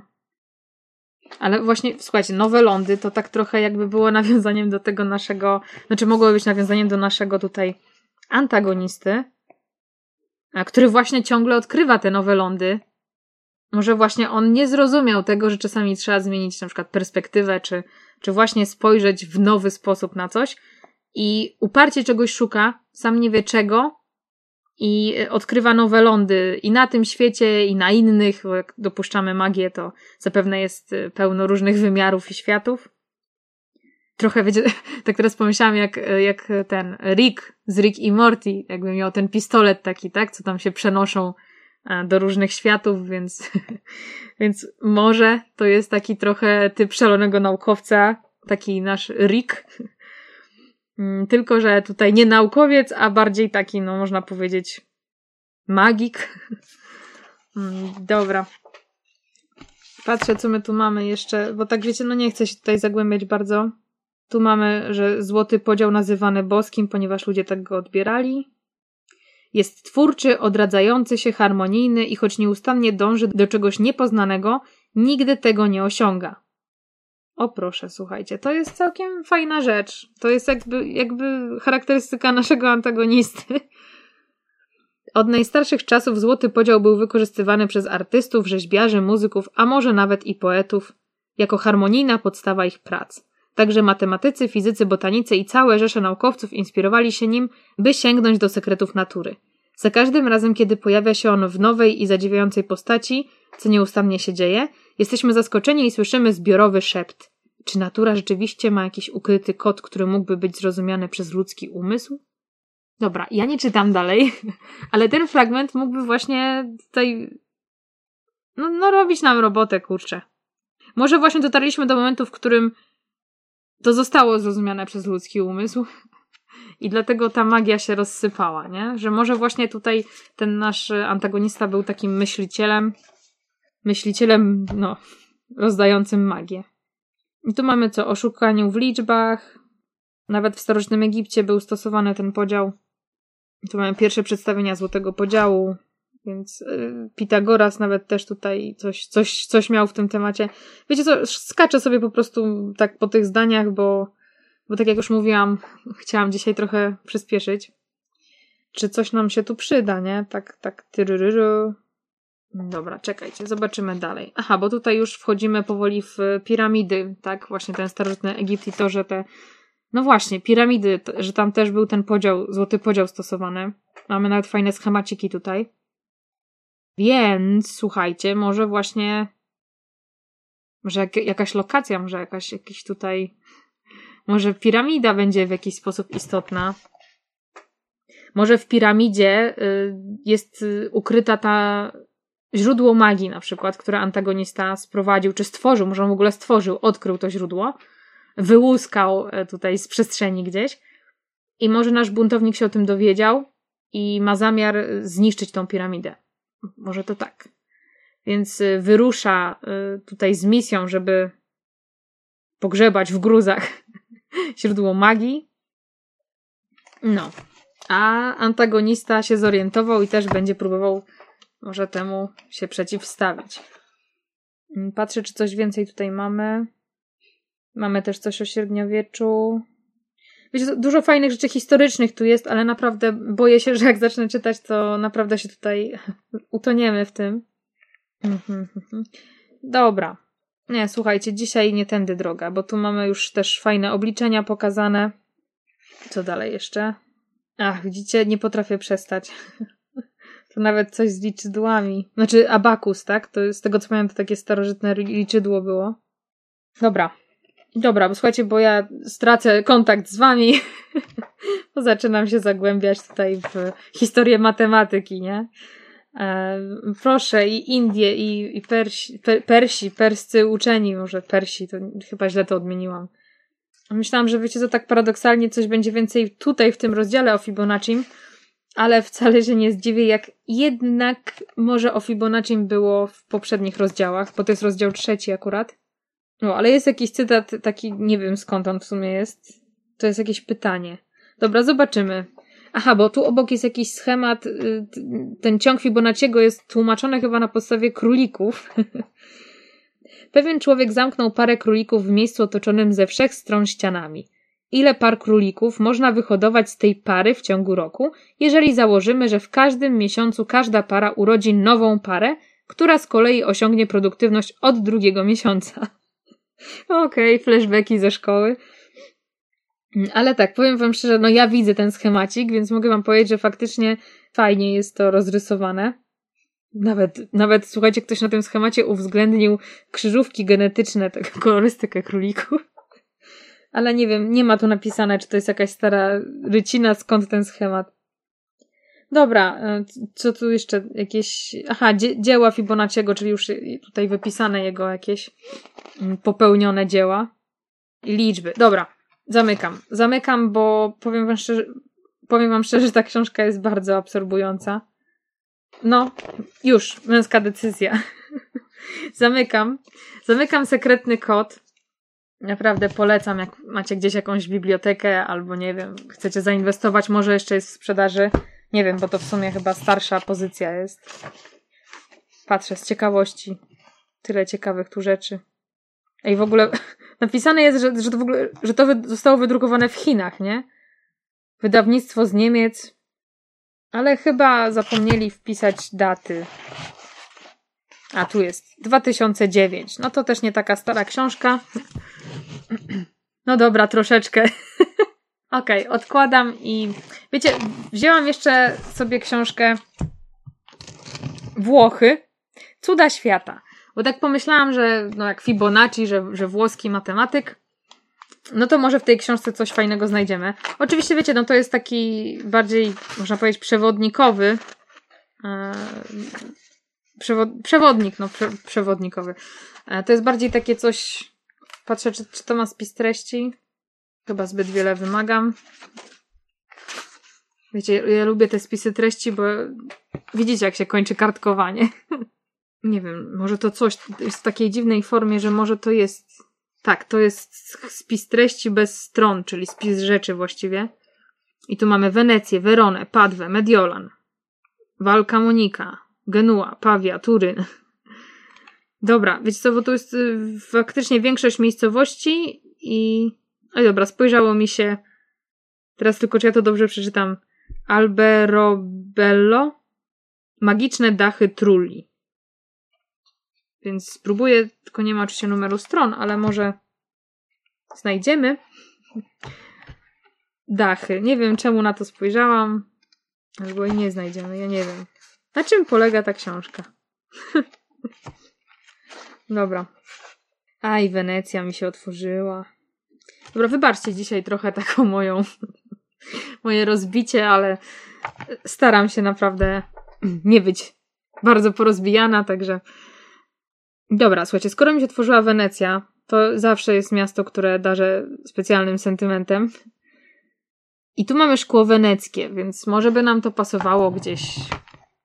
Może właśnie ta piramida jest ze szkła, w sumie trochę jak w Paryżu, w Louvre, z kolorowych szkieł. Może właśnie te kolorowe szkła, tak jak witraże na przykład w starych kościołach, może one napędzają tą magię.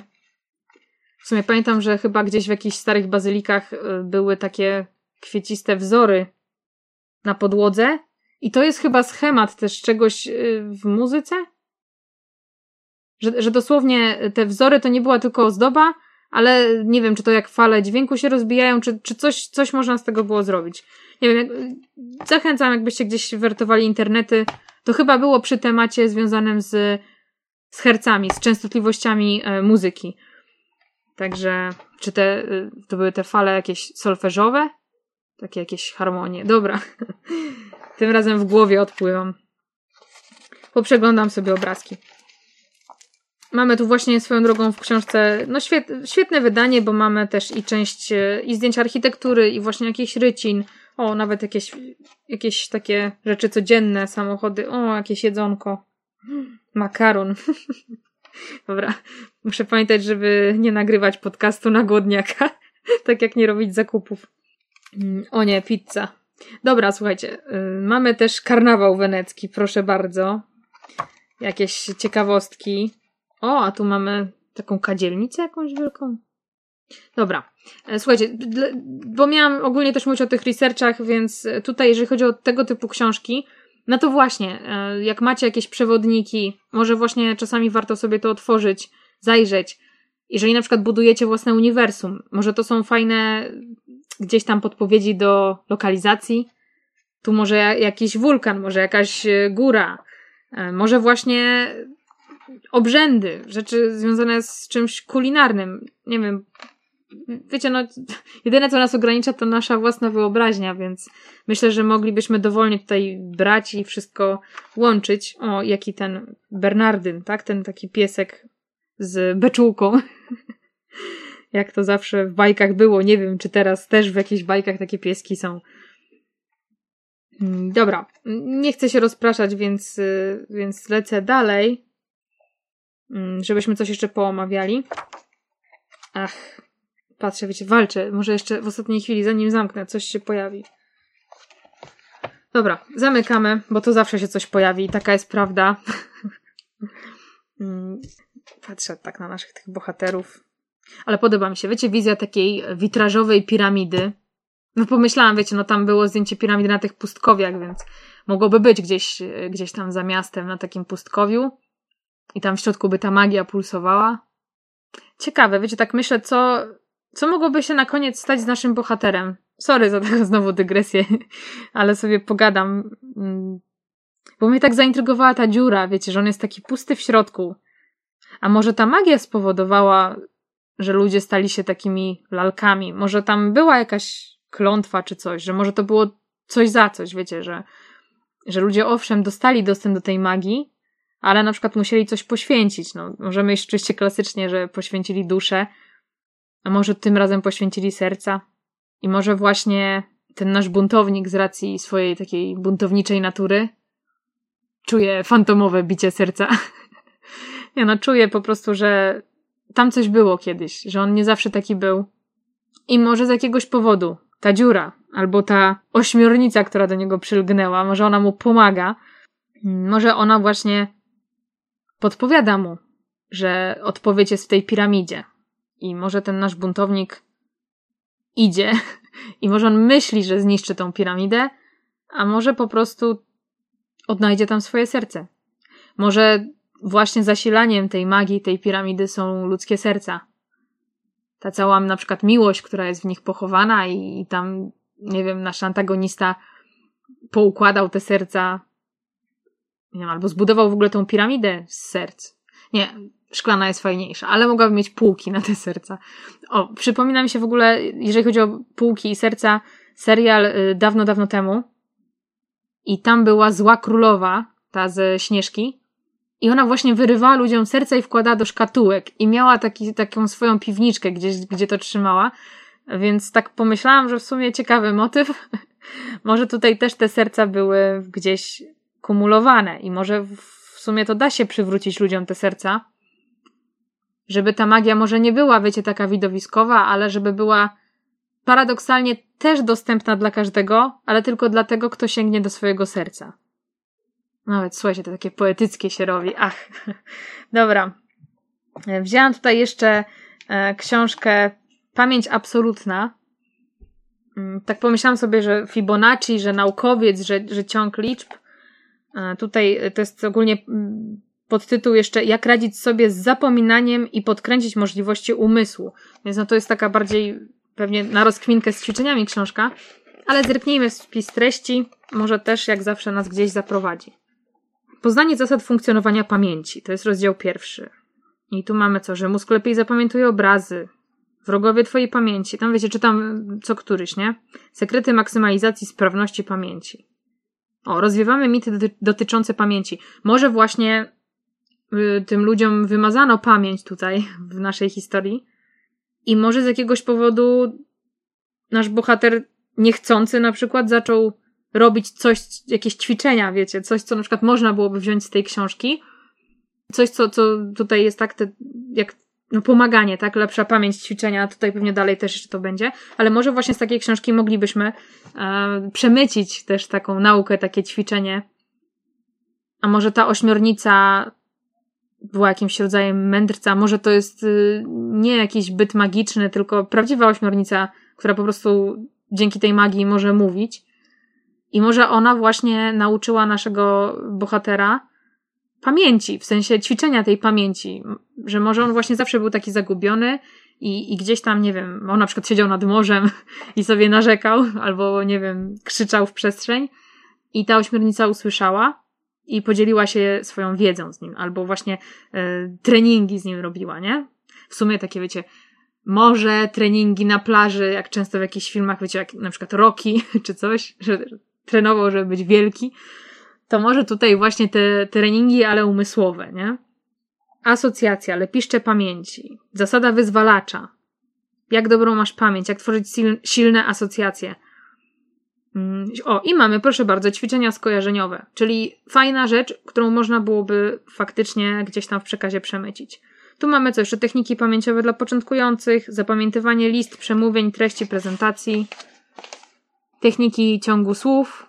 Dobra, co tu jeszcze? Porównanie technik. O proszę, też, też ciekawy temat, bo tu mamy ciąg słów versus lista ciała versus technika rzymskiego pokoju. Ciekawe, tak, ten rzymski pokój to było właśnie to. Nie, no nie będę strzelać, ale wiem, że była gdzieś e, w, w którymś Sherlocku, cholera, tylko nie pamiętam e, z którym w serialu, był ten pałac taki myślowy, że można było właśnie wizualizować sobie pokój albo cały obiekt i każde wspomnienie było na przykład rzeczą albo meblem, e, czy, czy jakimś, nie wiem, zakamarkiem w tym pałacu dzięki czemu właśnie łatwiej było przywoływać te wszystkie wspomnienia na przykład, nie? Może to jest właśnie to, bo tak nie wiem, rzymski pokój. Nie pamiętam, może to w serialu, wydaje mi się, że było nazwane pałacem akurat. No, ale nieistotne. Dobra, słuchajcie, bo tutaj mamy też zapamiętywanie pojęć abstrakcyjnych, y, więc tu już mamy typowo takie mięsko-mięsko, nie? Baza danych, stu obrazów. Uhuhu. To jakaś ściągawka. Dlaczego zapominamy imiona? Też ciekawy temat. Dobra, medytacja, związek zagadek, malowanie wyobraźni. No słuchajcie, zobaczcie ile z tego moglibyśmy zrobić rozdziałów, e, jaki, że tak powiem, content e, tutaj by był na te sceny ćwiczeń. Właśnie może na początku, na początku nauka tej medytacji, no bo jednak no, bohater jest wybrakowany, jest e, rozchwiany, więc może ta właśnie ośmiornica na początku próbowała w ogóle go nauczyć jakiegoś wyciszenia, nie? Jakiegoś takiego mm, uspokojenia emocji, tak, tego smutku, tej wewnętrznej tęsknoty na przykład e, i jednocześnie agresji, bo, bo jako buntownik to, to się może właśnie irytował z tego powodu i może właśnie na przykład medytacja byłaby tu początkiem. Tu mamy rozwiązywanie zagadek. No powiem szczerze, że, że ten paradoksalnie rozdział ósmy byłby całkiem fajnym wstępem, tak jak pomyślę sobie na przykład w kontekście pisania, nie? E, zawierz swojemu mózgowi. No słuchajcie, no to jak w ogóle taka zasada, można byłoby też wypisać taki kodeks, jakby, nie wiem, kodeks rycerski, to tutaj może właśnie jakiś taki kodeks pamięci, nie? Mm, dobra, radzenie sobie z codziennymi problemami z pamięcią, to już takie daty spotkań, rocznice. A, no i tu jeszcze, że, że zrobić, jakie popisy, żeby zrobić e, wrażenie na innych, nie? To też jest fajne, tu można byłoby też e, ukryć, może, znaczy przedstawić może na przykład próżność, może nasz bohater był próżny albo lubił sobie e, mimo wszystko gdzieś tam zrobić wrażenie w towarzystwie. No to czemu nie? Tutaj myślę są też fajne podpowiedzi. Dobra, zamykam. Polecam, słuchajcie, czasami naprawdę książki totalnie, widzicie, wyrwane od czapy, a paradoksalnie z tych wszystkich, jak do tej pory, to, to ta nam tutaj zrobiła najwięcej podpowiedzi. I ostatnia książka, którą wzięłam, e, to książka magia na co dzień. tak sobie właśnie pomyślałam, że, że chcę iść w tym kierunku. E, co prawda tutaj będą o, pozytywna energia dla ciebie i twojego domu, więc tu będą raczej takie pewnie rytuały, wiecie, bardziej domowe, ale zobaczymy sobie w spisie treści. Może właśnie od tego zaczął nasz antagonista, nie? Może właśnie taka. To zainspirowało go do tego, żeby zgłębiać naturę, naukę, magię, żeby to wszystko no, stało się dostępne dla wszystkich. Mm, I co my tu mamy? Jakaś energia i subtelna rzeczywistość. Jakaś subtelna strefa. Aha, bo tu jest, y, to są już takie, wiecie, bardziej metafizyczne rzeczy też. Dobra, i tutaj, no to dobra, to pierwszy rozdział taki widzę ogólnie wprowadzający. Zaakceptujcie tajemnice, więcej na temat postrzegania subtelnej sfery. Potem mamy wstępne przygotowania, sprzątanie bałaganu, olejki eteryczne, esencje, myśli, grzechotki, doskonale oczyszczające przestrzeń. A to była grzechotka w poprzednim sezonie i mieliśmy, właśnie bo też o grzechotkach czytałam w jakiejś książce o symbolach, e, w historii e, Chucka Malkersa. I tam był pokój dziecięcy chyba, czy gdzieś, gdzieś mi z, z jakichś kart artefaktów chyba wypadła grzechotka. A dobra, wybaczcie, flashbacki z przeszłości. E, ale w sumie chyba też tam czytałam, że to było jakieś oczyszczanie z demonów czy z czegoś tam tymi grzechotkami. No tu mamy o talizmanach, ceremonie na przykład w ogóle, no, czy tego poświęcenia talizmanu i tak dalej. Jakieś uwagi. W ogóle widzicie, same, same talizmany to jest też myślę ciekawy temat. Myślę, do kogo by to pasowało nam. Może ten, tak teraz jeszcze patrzę, bo tak pomyślałam o talizmanach, o czymś tak po, pobrzękuje, to może nasz antagonista, błazen, nie no, tutaj mamy archetyp błazna, ale może on właśnie y, by się ubierał tak ekstrawagancko i dużo miałby takich jakichś zawieszek różnych, magicznych. A co my tu jeszcze mamy? Mamy nawet jakichś duchowych przewodników, aniołowie stróże, zwierzęta, święci, bóstwa. Wiecie, w sumie jeżeli mamy tutaj wyciek, że tak powiem, magii, no to równie dobrze te bóstwa, to wszystko też może być na tym świecie, nie? Taki w sumie jeden wielki magiczny chaos.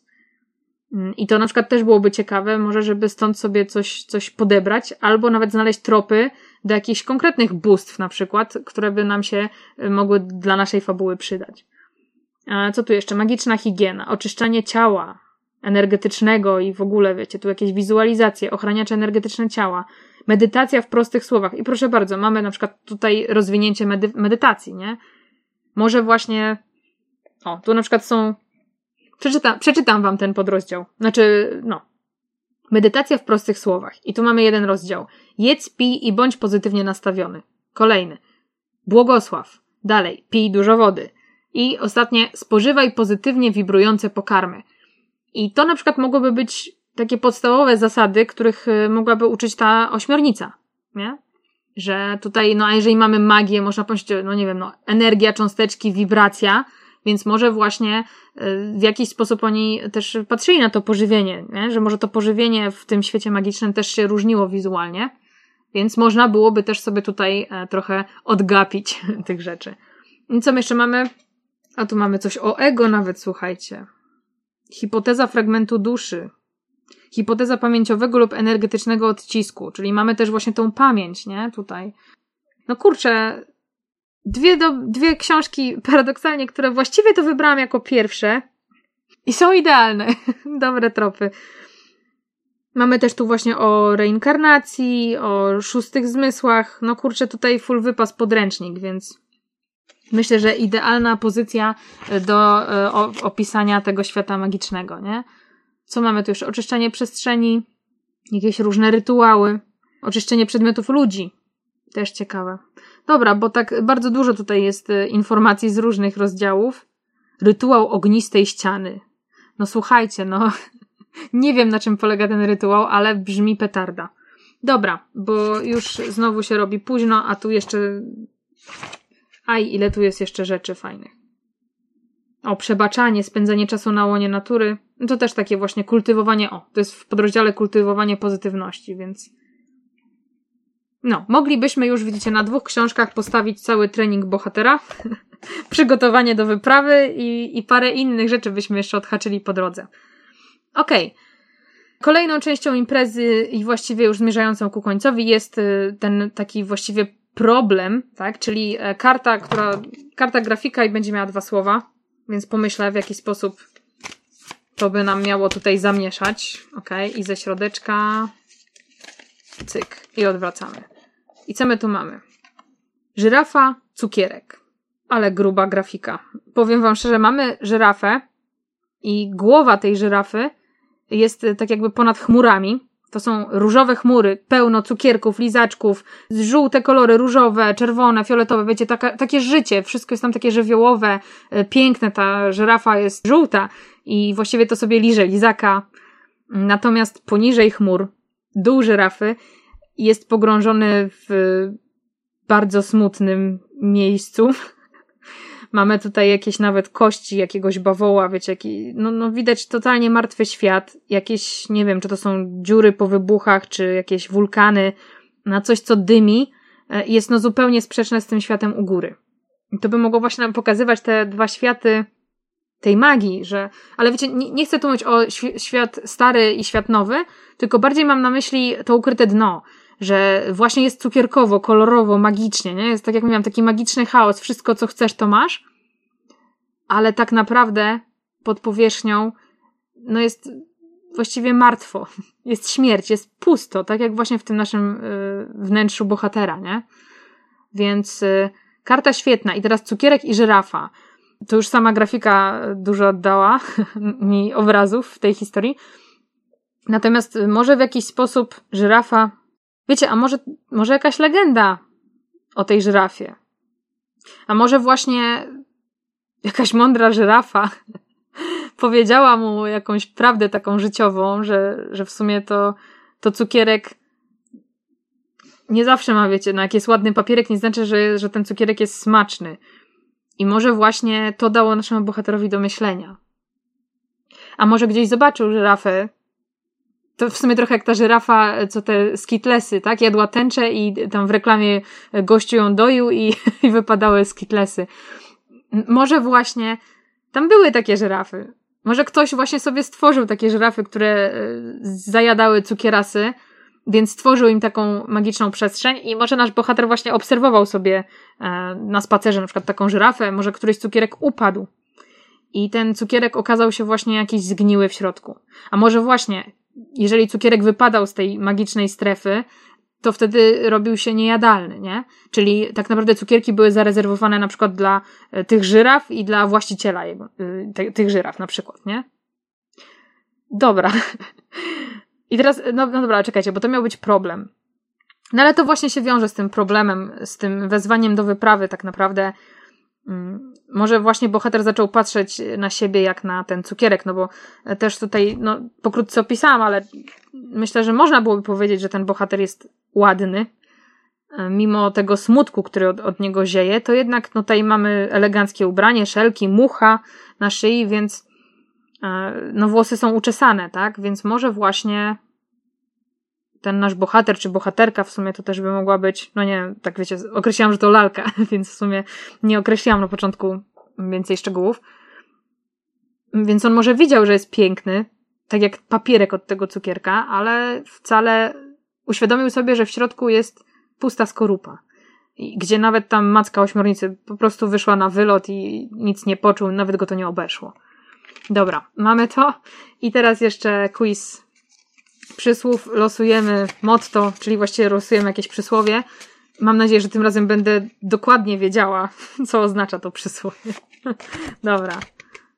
Komu w drogę temu czas? No dobra, słuchajcie. Komu w drogę temu czas? Prawie godzinę gadam, kończę.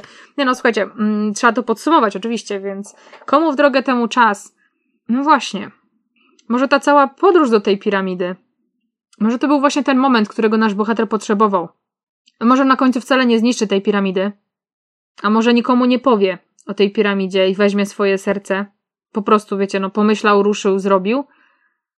Albo może, skoro już wie, gdzie jest jego serce i czego mu brakuje, to może zanim postanowił się wstrzymać i nie zabrać tego serca, tylko spróbować się na przykład może nauczyć żyć, funkcjonować bez tego serca, skoro właściwie znalazł odpowiedź na tą swoją tęsknotę, to może wcale nie oznaczać, że musi ją wypełnić, nie? Że może właśnie tak, wiecie, wyruszył, bo, bo nastał jego czas, podjął decyzję, ruszył w drogę, zmobilizował się, przeszedł te wszystkie treningi, ale finalnie wcale nie wrócił z artefaktem, nie? Wcale nie wrócił z, z tym trofeum takim, o jakim myślał, że wróci, nie? Że może właśnie gdzieś w trakcie podróży bohatera ukształcił się, może właśnie odrodził się w pewnym sensie na nowo, nie? No dobra, mamy to. Więc tak jak obiecałam, udało mi się zrobić krócej. Mam nadzieję, że mimo wszystko było wartościowo, że podobała Wam się ta historia, mimo że dzisiaj faktycznie taka troszeczkę melancholijna. No ale zapewne to wina mojego nastroju, ale czasami melancholia też jest y, potrzebna. No ja na przykład lubię swoją melancholię, bo, bo mogę sobie teraz y, bardzo dużo rzeczy fajnie poukładać, przemyśleć. Mm, także no, może to i dobrze, że trafiło na, na ten dzień nagrywania podcastu, że, że w sumie cieszę się, że mogłam się wam, z wami też podzielić tym, że nie zawsze tryskam, tak wiecie, nie zawsze jestem wulkanem energii tej pozytywnej, a czasami też potrzebuję taki właśnie jakiś wewnętrzny reset, oczyszczenie. Mm, także ja kończę, idę się oczyszczać dalej. Pewnie jeszcze parę dni mi to zajmie. Mam nadzieję, że u Was wszystko w porządku i że, że Wy tryskacie tym razem energią. Potryskajcie dla mnie.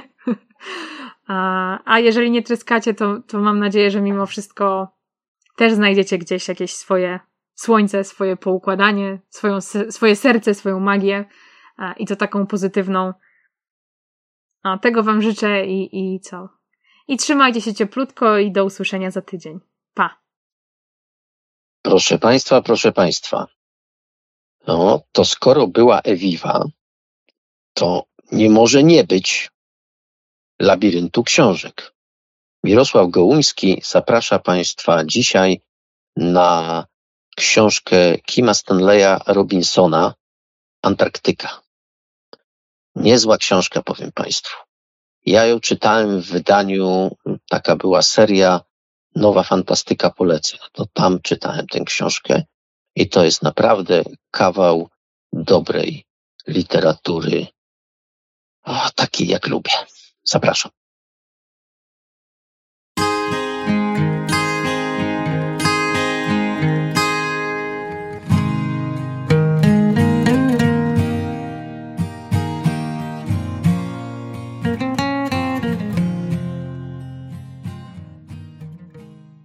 Dobry wieczór albo dzień dobry, w końcu nie wiadomo, kiedy Państwo będą mieli czas, żeby zajrzeć do mojego labiryntu. Proszę Państwa, dzisiaj, zgodnie z zapowiedzią z zeszłego tygodnia, również będzie ekologiczno-klimatycznie, ale tym razem nie historycznie, a futurystycznie. Będę mówił o jednej tylko tym razem powieści Kima Stanleya Robinsona, jednego z naj... w tej chwili uważanego za jednego z najważniejszych pisarzy science fiction – w Stanach Zjednoczonych. Co ciekawe, od kilku lat nie jest w ogóle tłumaczone w Polsce, mimo że wychodzą jego kolejne powieści. Przyznaję, że od niedawna je czytam, zaraz powiem jak doszło do tego, że w ogóle zacząłem go czytać, bo ja też również długo o nim nie wiedziałem. Ale wcześniej kilka tomów jego prozy zostało już opublikowanych w Polsce.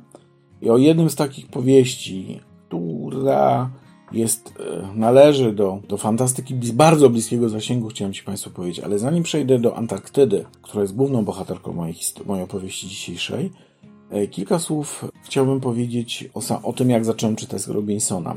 Właściwie musicie Państwo za to za dzisiejszy mm, podcast musicie Państwo również podziękować mojej doktorantce, pani Katarzynie, która pisze z fantastyki i zupełnie właściwie w czasie swoich badań natrafiłem na jej na powieść Kima Stanleya Robinsona 2312, wydanej w 2012 roku.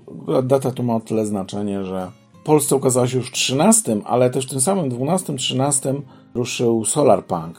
Pierwsze, pierwsze takie opowiadania i e, manifesty tego kierunku się pokazały. Ona o nich właśnie pisze, ale właśnie 2312 czy 2312, jakbyśmy powiedzieli, to właśnie taka dość utopijna wizja przyszłości. Co zrobimy, jak już sobie poradzimy z naszymi problemami klimatycznymi, jak to się rozwinie i taka wielka szansa dla nas. Ale dzisiaj dlatego, potem zresztą nieco korygował, bo w tym samym alternatywnym świecie napisał powieść New York 2140, która już nie wyszła na język polski. W tej chwili jest The Ministry for Future, która również raczej opowiada, jak jest źle dziś, a nie jak będzie dobrze kiedyś. Ja jednak chciałbym dzisiaj skupić się na powieści Antarktyda, wydanej, przetłumaczonej przez Łukasza Kupskiego wydanej w Polsce w 1998 w takiej cudownej serii Pruszyńskiego Nowa Fantastyka. Ci, którzy z Państwa czytują fantastykę od dłuższego czasu, e, wiedzą o czym mówię. Tym, którzy nie czytali jej, bo są zbyt młodzi na przykład, to ja naprawdę bardzo gorąco tą serię polecam. Można ją kupić często za niewielkie pieniądze na Allegro, bo sobie stoi po kilka złotych. A ona daje mniej więcej tak, no, nie, no, może nie aż tak e, super przegląd jak uczta wyobraźni obecna, ale bez wątpienia pojawiły się w niej wszystkie najważniejsze powieści, myślę, wydane w latach 90., przynajmniej większość. Przede wszystkim powieści anglojęzyczne, bo, bo głównie ta seria powieści anglojęzyczne obejmowała. Oprócz, y, oczywiście oprócz y, Antarktydy jest tam trylogia Marsa. Zielony, czerwony i niebieski, chociaż akurat ona jest dość droga, więc nie wiem, czy, czy będziecie Państwo mieli ochotę ją, y, ją nabywać. Natomiast Antarktyda to powieść, która właściwie może się dziać dzisiaj.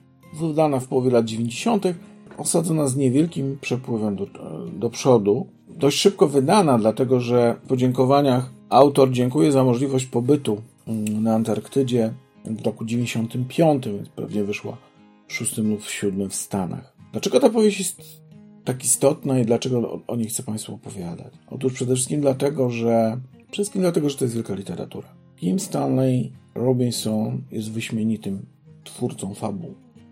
Pisze wyśmienicie. Opowiada nam o południowym krańcu Ziemi, o Antarktydzie, opowiadając o zdobywaniu Antarktydy, o pracach które, badawczych, które się tam odbywają, o próbach znalezienia tam ropy, gazu, metanu, etc. A jednocześnie czytamy z tą powieść zapartym tchem, bo tam też jest wyśmienita akcja. Świetnie napisana, prowadzona z kilku perspektyw. To zresztą jest taka stała cecha, jak zauważyłem z tego, co do tej pory przeczytałem Robinsona, że Robinson opowiada swoje powieści, swoich powieściach z perspektywy kilkorga bohaterów, którymi się możemy utożsamiać lub nie. Ale to, co jest kluczowe dla, mm, dla Robinsona, to jego świadomość klimatyczna. Tak, Robinson 25 lat temu już prawie mówi o zmianach klimatycznych i to nie jest, bo coś się zmienia. On opowiada, jak zmienia się Antarktyda, jak znikają całe połacie lodu, lądolodu. Opowiada, co się stanie, o czym sam dowiedziałem się szczerze mówiąc zatem może pół roku temu, co się stanie, gdy na skutek podnoszenia się temperatury zostanie uwolniony metan do atmosfery i co można zrobić, żeby temu zapobiec. Opowiada również, i to jest może bardziej nawet ciekawy wątek, oczywiście nie opowiada tworzy fikcyjną organizację ekoterrorystów pokazuje, że ich działalność nie jest dobra, że ich działalność w gruncie rzeczy może doprowadzać do tragedii, bo trzeba czegoś znacznie więcej. Pewnie dlatego główną postacią powieści czyni Wade'a. Wade jest wysłannikiem senatora, który ma się zorientować o co chodzi na tej Antarktydzie. Senator zresztą jest również obrońcą klimatu. W Stanach nie jest takie częste. No ale dzięki temu, że Wade tam przyjeżdża, żeby zdobyć wiedzę, my również tą wiedzę zdobywamy. Ja wiem, że to może w lutym, gdy u nas też jeszcze czasami pada śnieg, a w każdym razie jest chłodno, nie jest to najfajniejsza lektura e, jako towarzysząca zmianom pogodowym, ale może uświadomimy sobie, że w tym lutym to jednak jest trochę za ciepło. A jeżeli to u nas jest za ciepło, to w tej powieści czytamy, jakie będą tego konsekwencje. Robinson 25 lat temu pilnuje parytetów. Jedną z głównych bohaterek czyni Val, Valerie, która jest przewodniczką, sprawną, silną kobietą i ona również jest jedną z wiodących postaci w tej opowieści. Mamy jeszcze kilku innych bohaterów, którzy razem tworzą zawikłaną, no i trzymającą naprawdę w napięciu fabułę. Mamy więc, proszę Państwa, powieść, która nie tylko jest opowieścią dobrze napisaną w sensie scenariusza, w sensie fabuły, która naprawdę jest powikłana, kilkupoziomowa, przy okazji której zwiedzamy Antarktydę i to dosłownie, tak, bo towarzyszymy grupie Valerii, która idzie szlakiem Shackletona. Dla mnie to też świetny podręcznik do, do uczenia się Antarktydzie, historii Antarktydy, jak już o historii mówimy. Druga grupa to geolodzy, którzy próbują ustalić, a wtedy to była najświeższa wiedza te 25 lat temu, czy Antarktyda zawsze pod lodem. To zawsze, tutaj robię palcami cudzysłów, to oczywiście nie mierzymy tego w dziesiątkach czy setkach, a nawet tysiącach lat, tylko w milionach. Mamy też normalne życie osady e, ludzi, którzy tam mieszkają, pracują, żyją. Mamy poszukiwaczy ropy, czy dokładniej gazu, którzy snują takie trochę utopijne faktycznie dywagacje o tym, że można by, e, że można by zakładam, że technicznie byłoby to pewnie możliwe, puścić rurociąg e, na metan do Afryki, bo to w sumie najbliżej, i rozwiązać problemy energetyczne całego kontynentu. Bo tam tyle tego metanu jest. A więc, jak Państwo widzicie, to jest opowieść, która ma kilka poziomów. Tak, mamy poziom opowieści, tak jak mówię, sensacyjnej. Momentami, co więcej, e, nie ma tam wiele takich deus ex machina, to znaczy faktycznie widać doświadczenie e, Robinsona, autora w sumie, jak policzyłem, ponad prawie 30 powieści na język polski przetłumaczono zaledwie 8, który pisze zarówno historie alternatywne, jak i właśnie historię SF który mm, nie, tam nie ma przypadków. Znaczy, może i wypadek, któremu, zostaje, któremu ulega grupa Walerii, jest jakoś tam przypadkowy, ale on może się zdarzyć. Czy cały czas pozostajemy w granicach prawdopodobieństwa. Gdy opisuje, jak sypie się, jak znika nagle, znikają GPS-y nad Antarktydą i komunikacja radiowa, to my mu wierzymy, bo nie opisuje to dokładnie, jak to się dzieje. Tak, więc ta fabuła jest podbudowana naukowo i właśnie swobodą beletrystyczną, ale to jest również opowieść o zmianach klimatycznych. Opowieść o rywalizacji różnych państw, o dobra naturalne. Mamy więc do czynienia z powieścią niezwykłą, wydawałoby się prostą. Fantastyki tam za wiele nie ma. Poza tym, że oczywiście dzieje się to w nieodległej przyszłości. Nie pada rok, w którym akcja się toczy, ale możemy sobie wyobrazić spokojnie, że Robinson mówił właśnie o tej perspektywie 20-30 lat. W innych powieściach, tak jak powiedziałem, ta perspektywa przesuwa się o lat 150 czy 200. Myślę, że zwłaszcza warto byłoby przetłumaczyć e, New York 2140 ponieważ, czy 2140, ponieważ to jest opowieść o tym, jak Nowy Jork znalazł się pod wodą. Bardzo dokładnie i bardzo czytelnie jest to tam opisane. Bo to, z czego myślę, że Robinson słynie i to, co czyni go, to, co jego najnowszą powieść uczyniło ulubioną lekturą Baracka Obamy za 2020 rok, właśnie ten The Minister for, for Future, to jest właśnie ta z jednej strony dbałość o realia techniczne, on naprawdę, podobnie jak Cixin Liu, o którym mówiłem kilka tygodni temu, ekstrapoluje z wiedzy, którą dzisiaj mamy, ale z drugiej strony jest to też ostrzeżenie. Cixin Liu nie ostrzegał nas, bo to jest zupełnie inny typ historii. Natomiast Robinson w kolejnych powieściach bardzo konsekwentnie mówi nam: obudźcie się, ludzie. Obudźcie się, bo może być bardzo źle, ale również daje nadzieję. W przeciwieństwie na przykład do ekoterrorysty Bacigalupiego, który wyłącznie straszy. Też polecam, ale, ale to jakby może być to bohater jakiejś innej opowieści, innego zagłębienia się w inny korytarz mojego labiryntu. Robinson ostrzega i daje wyjście. Daje coś, co rzadko daje literatura. Niełatwą nadzieję i pociechę, bo to nie jest łatwe ale pokazuje jak jest. I to jest dość druzgocące. Ale zaraz potem mówi, hmm, ale może być lepiej. Wszystko zależy od nas jako ludzi, od polityków, od naszych decyzji, zwłaszcza politycznych. Antarktyda to dobre wprowadzenie do takiego myślenia. Dlatego wydało mi się, że te dwie książki, te dwa tygodnie, tak, poprzednie i to spotkanie w moim labiryncie, paradoksalnie te książki spotykały się, spotykają się obok siebie w tym samym korytarzu.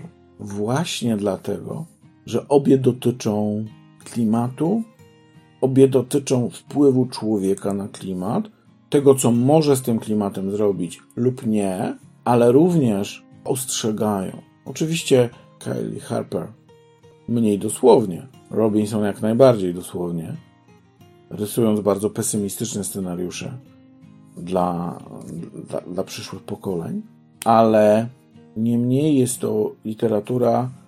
Może się pospieszyłem, tak sobie czasami myślę, że może on byłby wart tego, żeby przeczytać jeszcze parę tomów i wtedy opowiedzieć Państwu o nim szerzej, a nie w krótkim, e, zaledwie kilkunastominutowym ujęciu, ale skupiłem się tutaj na tej jednej powieści przede wszystkim. Ale niemniej sądzę, że nie mam czasu. Sięgajcie panią, Państwo po tę powieść, bez problemu dostaniecie ją na Allegro. Bez problemu ją dostaniecie pewnie w różnych bibliotekach, bo ona jest po prostu ważna. Ważna i jedna z tych, które stają się coraz ważniejsze. Dziękuję bardzo i do zobaczenia za tydzień.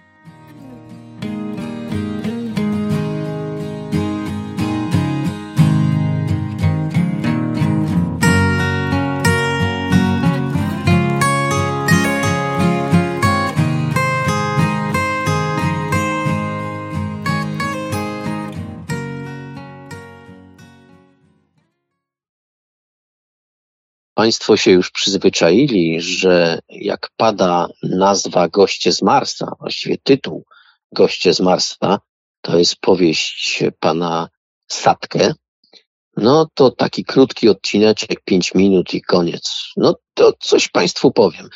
Pan Satkę hmm, napisał pierwszych pięć rozdziałów i one były rzeczywiście takie mikro. Trwały po pięć minut, czasami nawet trochę mniej i już. I odcinek się kończył. No to dzisiaj będzie długość, która no, przynajmniej część z Państwa może usatysfakcjonować, bo rozdział szósty Gości z Marsa jest troszeczkę, a nawet bardzo troszeczkę dłuższy. Zapraszam.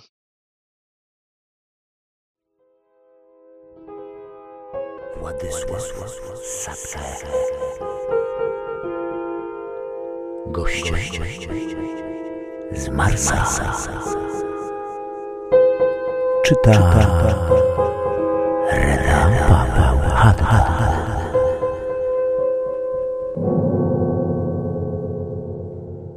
Coś diabły knują, jeśli nie dają znaku życia.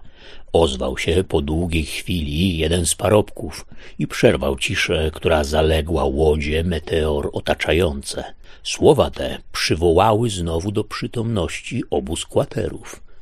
Zostańcie tu na straży, zawołał Malczycki, a ja popędzę do miasta i dam znać władzy o tym wypadku. Natychmiast przybiła łódź do brzegu.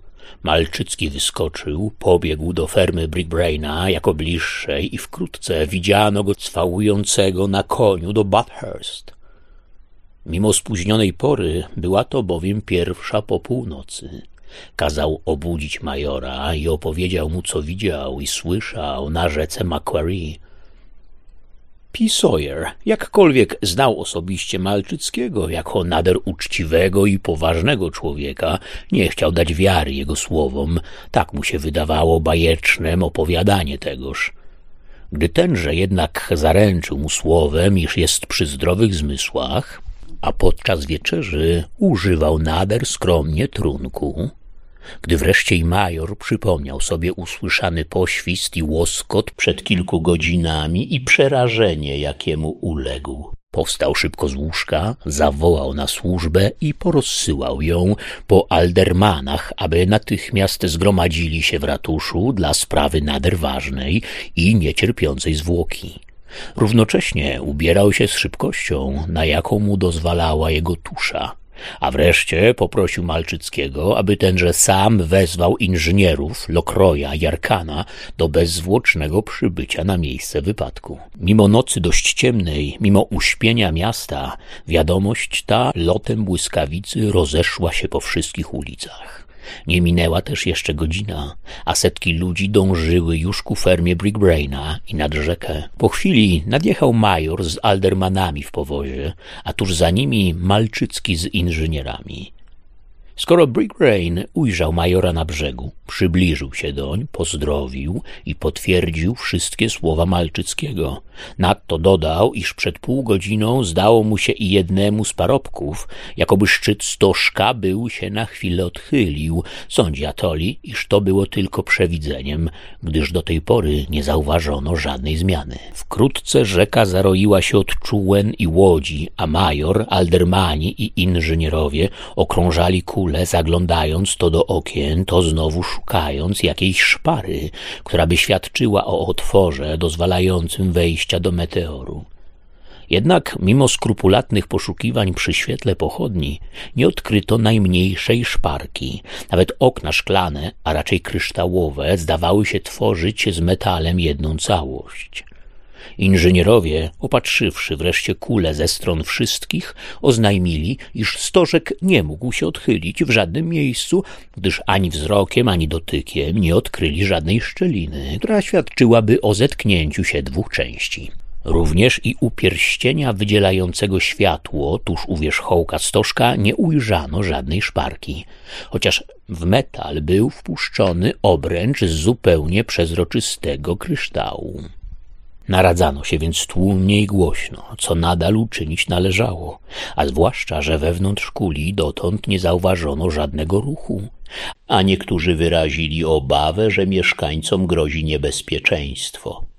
Naradzano się więc tłumnie i głośno, co nadal uczynić należało, zwłaszcza, że wewnątrz kuli dotąd nie zauważono żadnego ruchu, a niektórzy wyrazili obawę, czy mieszkańcom kuli nie wydarzyło się jakieś nieszczęście, kiedy nie dają żadnego znaku życia. Niektórzy ze śmielszych i inżynierowie, zaglądając w okna, widzieli na dnie kuli leżące dwie zupełnie czerwone postaci. Ale mimo dość silnego pukania w okna i w ścianę kuli, nie spostrzegli u nich żadnego ruchu. Wreszcie na rozkaz majora kilkaset rąk próbowało ruszyć kulę z miejsca, ale ta ani drgnęła. Kilku zanurzyło się w wodę pod kulę, a następnie oświadczyli, że ta tkwić musi głęboko w piasku, bo słup metalowy połączony z dnem kuli zastrzą zapewne na kilka metrów w ziemię. Jeden z inżynierów zamierzał już nawet młotem rozbić jedno z okien, aby w czas przyjść w pomoc nieszczęśliwym mieszkańcom kuli, gdy wtem powstał okrzyk wśród zgromadzonych, bo obecnie widziało wielu, iż wierzchołek stożka widocznie się podniósł i odchylił nieco. Inżynierowie znowu się przybliżyli, ale jak poprzód, tak i teraz nie zauważyli najmniejszej zmiany na powierzchni stożka. Wyrażali też swe zdziwienie i zachwyt niekłamany nad wyrobem tak doskonałym, kiedy nagle wierzchołek stożka, jak nakrywał szklanki, począł się na bok przechylać i okazał im otwór prowadzący do wnętrza. Zaglądnęli więc i oczom ich zaciekawionym przedstawił się widok następujący. Na dnie, a właściwie na dwóch płaskich sofach, spoczywały dwie małe postacie, bez ruchu prawie, bo tylko powieki i usta z trudnością się poruszały. Całe wnętrze kuli było wyłożone siwą, aksamitną materią, a z boków ujrzano liczne kulki kryształowe, wdzielające z siebie nader przyjemne czerwone światło. Kilka skrzynek i skrzyneczek i nieznanych przyrządów pokrywało dno kuli. Ponieważ Atoli zachodziła obawa, słuszna zresztą, o życie mieszkańców meteoru, inżynierowie więc zaczęli pytać, czego by żądali. Stawiano pytania w języku angielskim, francuskim i niemieckim, jednak nie otrzymano żadnej odpowiedzi. Wówczas Arkan, młodszy i śmielszy, usiadłszy poprzód na krawędzi otworu, spuścił się do wnętrza kuli. Ponieważ już poprzód zauważył, że głośne mówienie sprawia ból mieszkańcom meteoru, więc począł znowu szeptem ich wypytywać, czego by żądali. Wnet Atoli poznał, że go nie rozumiano. Wreszcie na chybił trafił, znając kilka słów chińskich, wyrzekł zdanie w tym języku. Na co obie osoby coś wyszeptały, dając do zrozumienia, że im ten język znany. Arkan jednak tym językiem nie włada, więc rozpoczęła się gra mimiczna, z której wreszcie wywnioskował, że mieszkańcy kuli zażądali, aby ich opuścił i wentyl zamknął. Zanim inżynier zdołał ich życzenie zrozumieć, upłynęło sporo czasu, gdyż mimice stała na przeszkodzie okoliczność, że dziwni ci ludzie z trudnością poruszali tylko głową, ustami i powiekami i zaledwie mogli na kilka centymetrów unieść rękę. Aby jednak zadość uczynić ich woli, Arkan miał już zamiar z kuli wyskoczyć, gdy przypomniał sobie, że przecież ich zostawić nie może w tym położeniu. Ofiarował się więc wynieść ich z kuli, ale kategorycznie zaprzeczyli temu, dając mu wreszcie do poznania, że ich trzeba zabrać wraz z ich mieszkaniem. Na przedstawienie, że mieszkanie ich ugrzęzło głęboko w piasku i żadna siła nie wyciągnie go tak rychło, znowu oczyma i lekkim ruchem rąk zażądali, aby ich inżynier opuścił. Oni sami uwolnią swą kulę z piasku. Jakkolwiek nie mógł pojąć, jakimi by sposobem to się stać mogło, jednak wyszedł z meteoru i spuścił pokrywę, która dziwnym wypadkiem dała się obecnie lekko spuścić, a nawet pozostawiła cieniuchną szczelinkę widoczną w miejscu, gdzie się stykała z głównym korpusem meteoru.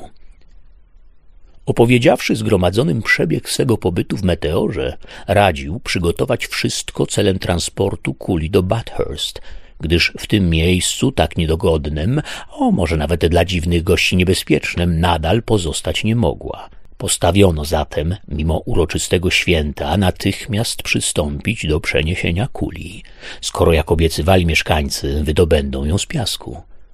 Na rozkaz przetomajora kilkudziesięciu ludzi rozbiegło się po fermach po odpowiednią ilość desek, inni dostarczyli walców, od Malczyckiego sprowadzono koło na walcu i grubą, długą linę, za pomocą której miano ciągnąć meteor po walcach i deskach aż do miasta.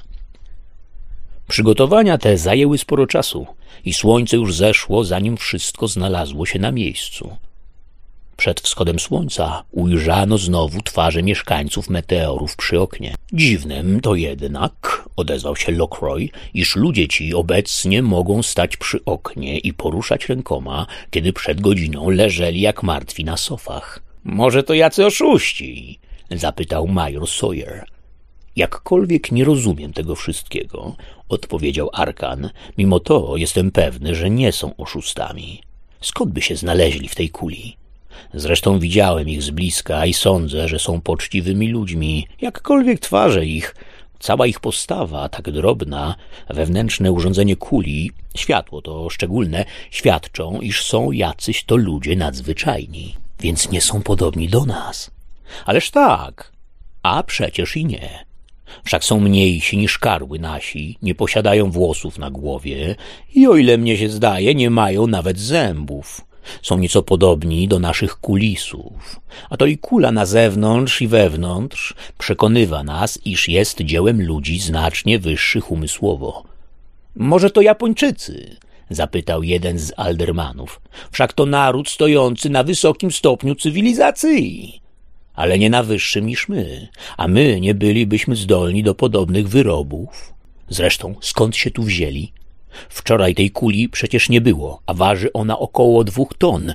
Zjawiła się nagle. Kto wie, czy nierównocześnie z poświstem i blaskiem, które zauważyliśmy wieczorem, przerwał Lokroy. To nie ulega najmniejszej wątpliwości, rzekł Brickbrain. Wszak moja służba ujrzała tę kulę w tym miejscu, wybiegłszy z domu po zjawieniu się meteoru. Może to bomba gun klubu z Baltimore, zażartował ktoś z tłumu. A może z nieba spadła, zawołał inny. Śmiech ogólny towarzyszył tym słowom, a Argan poważnie spojrzał na otaczających i rzekł: Śmiejcie się do woli. Jednak można było szaleć, zagłębiając się w przypuszczenia. Słowa te, tak proste, tak logiczne, które powinien był każdy sobie od dawna powiedzieć, wywarły znowu przygnębiające wrażenie na obecnych.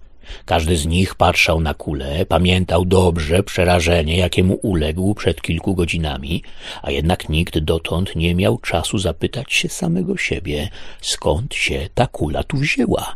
Co to są za ludzie ją zamieszkujący? Dopiero słowa Arkana rozbudziły ich myśl z uśpienia do czynności, ale natychmiast pogrążyła ich w zadumę znowu, bo stanęli przed jakąś dziwną, nierozwiązalną zagadką, identyczną prawie z cudem lub z dziełem szatana. I pozostaliby tak zadumani, przerażeni, przygnębieni, kto wie jak długo, choć słońce stało już wysoko na niebie, gdyby nagły okrzyk Diabli, pozamykali okna! nie był ich przywołał do rzeczywistości. Istotnie światło czerwone zgasło, a szyb kryształowych już nie było widać ani pierścienia u wierzchołka. W miejscu kryształu zasunął się metal i tak szczelnie przylegał do ram okien, iż tworzył obecnie jedną całość z kulą. Ilu tylko mogło, przybliżyło się na łodziach do kuli, aby podziwiać arcydzieło kunsztu, bo darmo szukano w miejscach, gdzie były okna, szczeliny, która by świadczyła, iż tu stykają się dwie oddzielne sztuki metalowe. Lecz zaledwie się zbliżyli do kuli, a łódź jedna nadto silnie o nią się oparła, gdy znowu powstał krzyk Kula się już kołysze!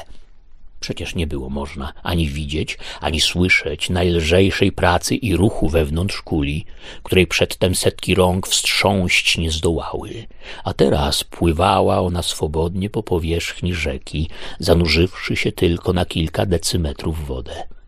Zdziwienie tym nowym wypadkiem wzrosło jeszcze, gdy ujrzano po usunięciu kuli w piasku żelany z tego samego co kula metalu.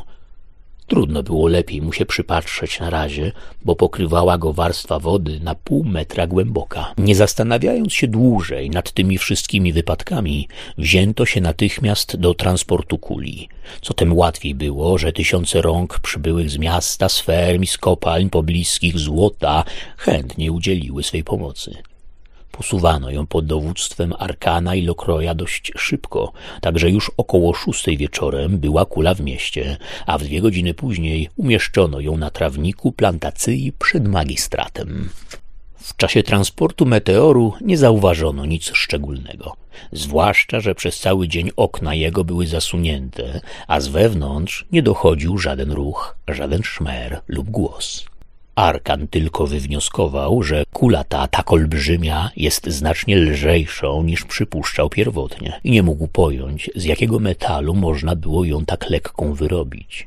Nadto spostrzeżono, że w czasie transportu o zachodzie słońca odsłonięto najpierw okno skierowane ku wschodowi i północy, a następnie dwa inne, Widziano też, jak mieszkańcy kuli z trudnością się poruszali, przystępując do okien, jak natomiast z zajęciem spoglądali na miasto i okolice i na tysiące tłumów zalegających ulice, place, okna i dachy domów.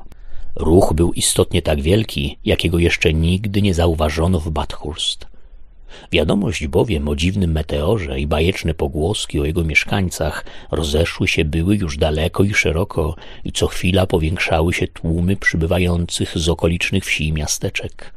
Ponieważ telegrafowano już o tym wypadku do Sydney i Melbourne, spodziewano się więc, że nazajutrz tysiące jeszcze przybędą z kolonii w New South Wales i Wiktorii.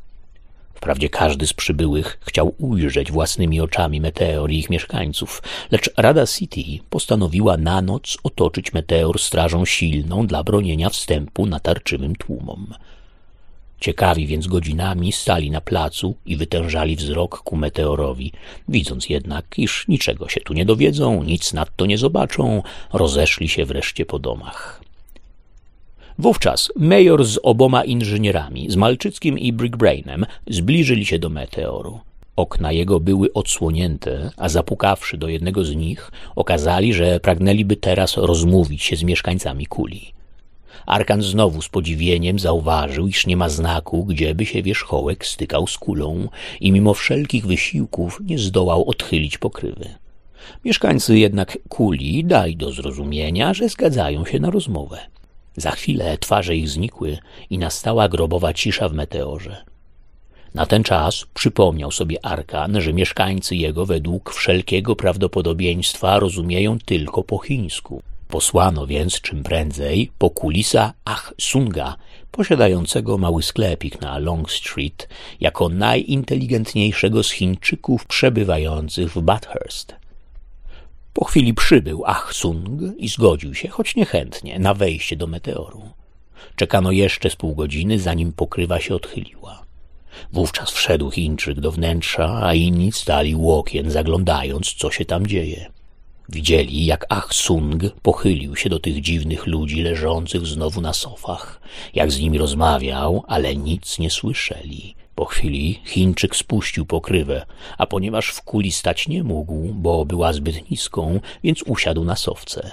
Następnie odsunął zasuwkę jedną, a potem uczynił to samo w drugim miejscu. Widocznie na żądanie tych, co kule zamieszkiwali, gdyż ci, co spoczywali, zaledwie nieznacznie poruszając ustami i rękami. Po upływie kilku minut jednak spostrzeżono, że mieszkańcy kuli poczęli się coraz bardziej ruszać, a Achsung widocznie słabł, bo bladł i szybko poruszał piersiami, jakby mu brakło powietrza. Rozmowa toczyła się przytem nieprzerwanie, ale widać było na twarzy Achsunga oprócz osłabienia także przerażenie i osłupienie, jakby mu grożono najokropniejszymi męczarniami. Lokroy, chcąc dodać odwagi biednemu Chińczykowi, pospieszył, by odchylić pokrywę, ale ta stanowiła znowu jedną całość z kulą. Achsung widocznie się silił, by powstać i wyjść z meteoru, ale nadto był osłabiony, chociaż obaj inni z nim w kuli przebywający poruszali się swobodniej niż naprzód. Lokro i Sawyer poczęli więc pukać do okien i żądali, by wypuszczono Chińczyka, na co odebrali potwierdzające skinienie głowy.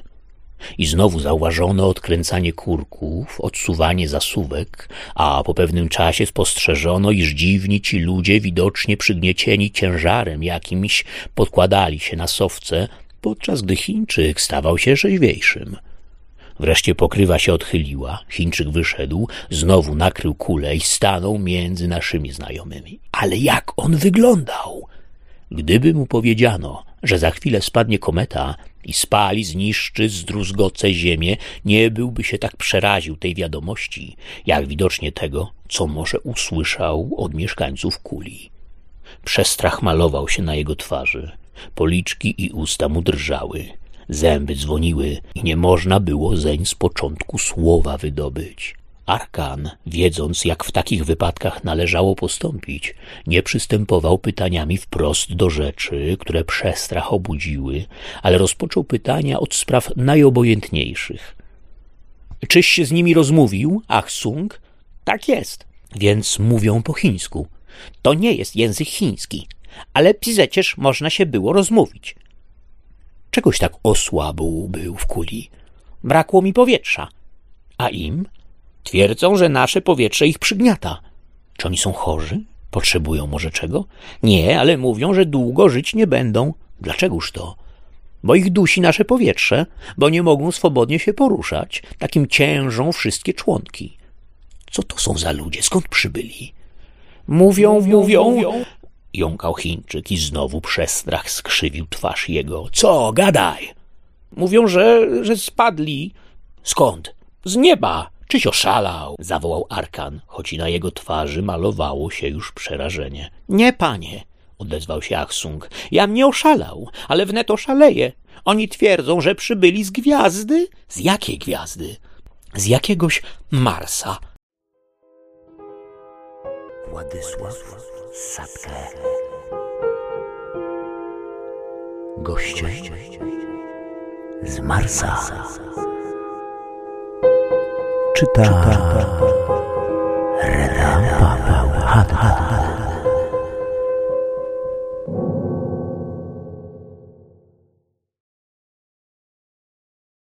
No cóż, niniejszy, trwający właśnie, ale kończący się odcinek uważam właśnie za skończony. Bibliotekarium dopłynęło do brzegu.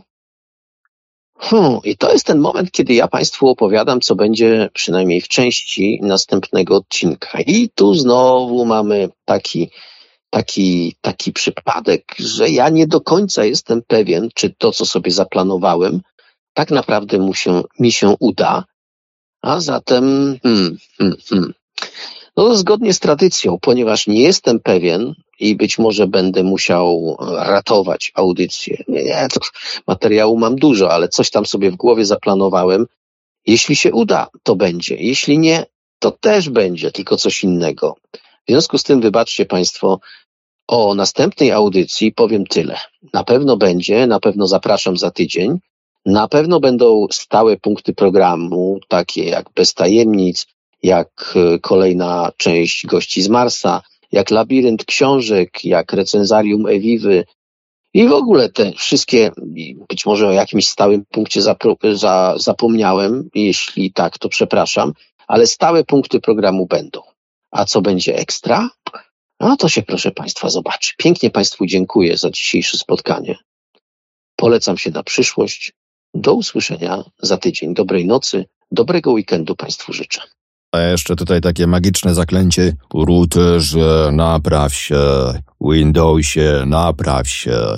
Internecie, działaj! Prawda? Przydatne, nie? Byłoby nieźle. Zobaczę, jakie będą efekty. A jakie będą efekty, zobaczymy za tydzień. E, To było Bibliotekarium 2.0 Akademia Wszelkiej Fikcji, wyjątkowo dzisiaj w większości popro- poprowadzone przez e, drogą telefoniczną. No mamy nadzieję, że te problemy techniczne z internetem są tylko chwilowe i że już za tydzień usłyszymy się normalnie. Troszeczkę było kombinowania z podłączeniem tutaj tej kablologii, którą używam do, do łączenia gości zwykle. No dzisiaj tak wyszło, że połączyliśmy e, się z Markiem tym sposobem. Mówił przed chwilą do Państwa Marek Żelkowski, gospodarz AWF, Akademii Wszelkiej Fikcji.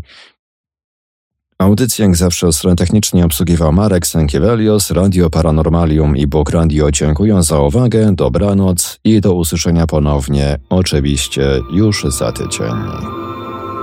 Archiwalne odcinki Bibliotekarium 2.0 znajdziesz w archiwach podcastów Radia Paranormalium i Bóg Radia.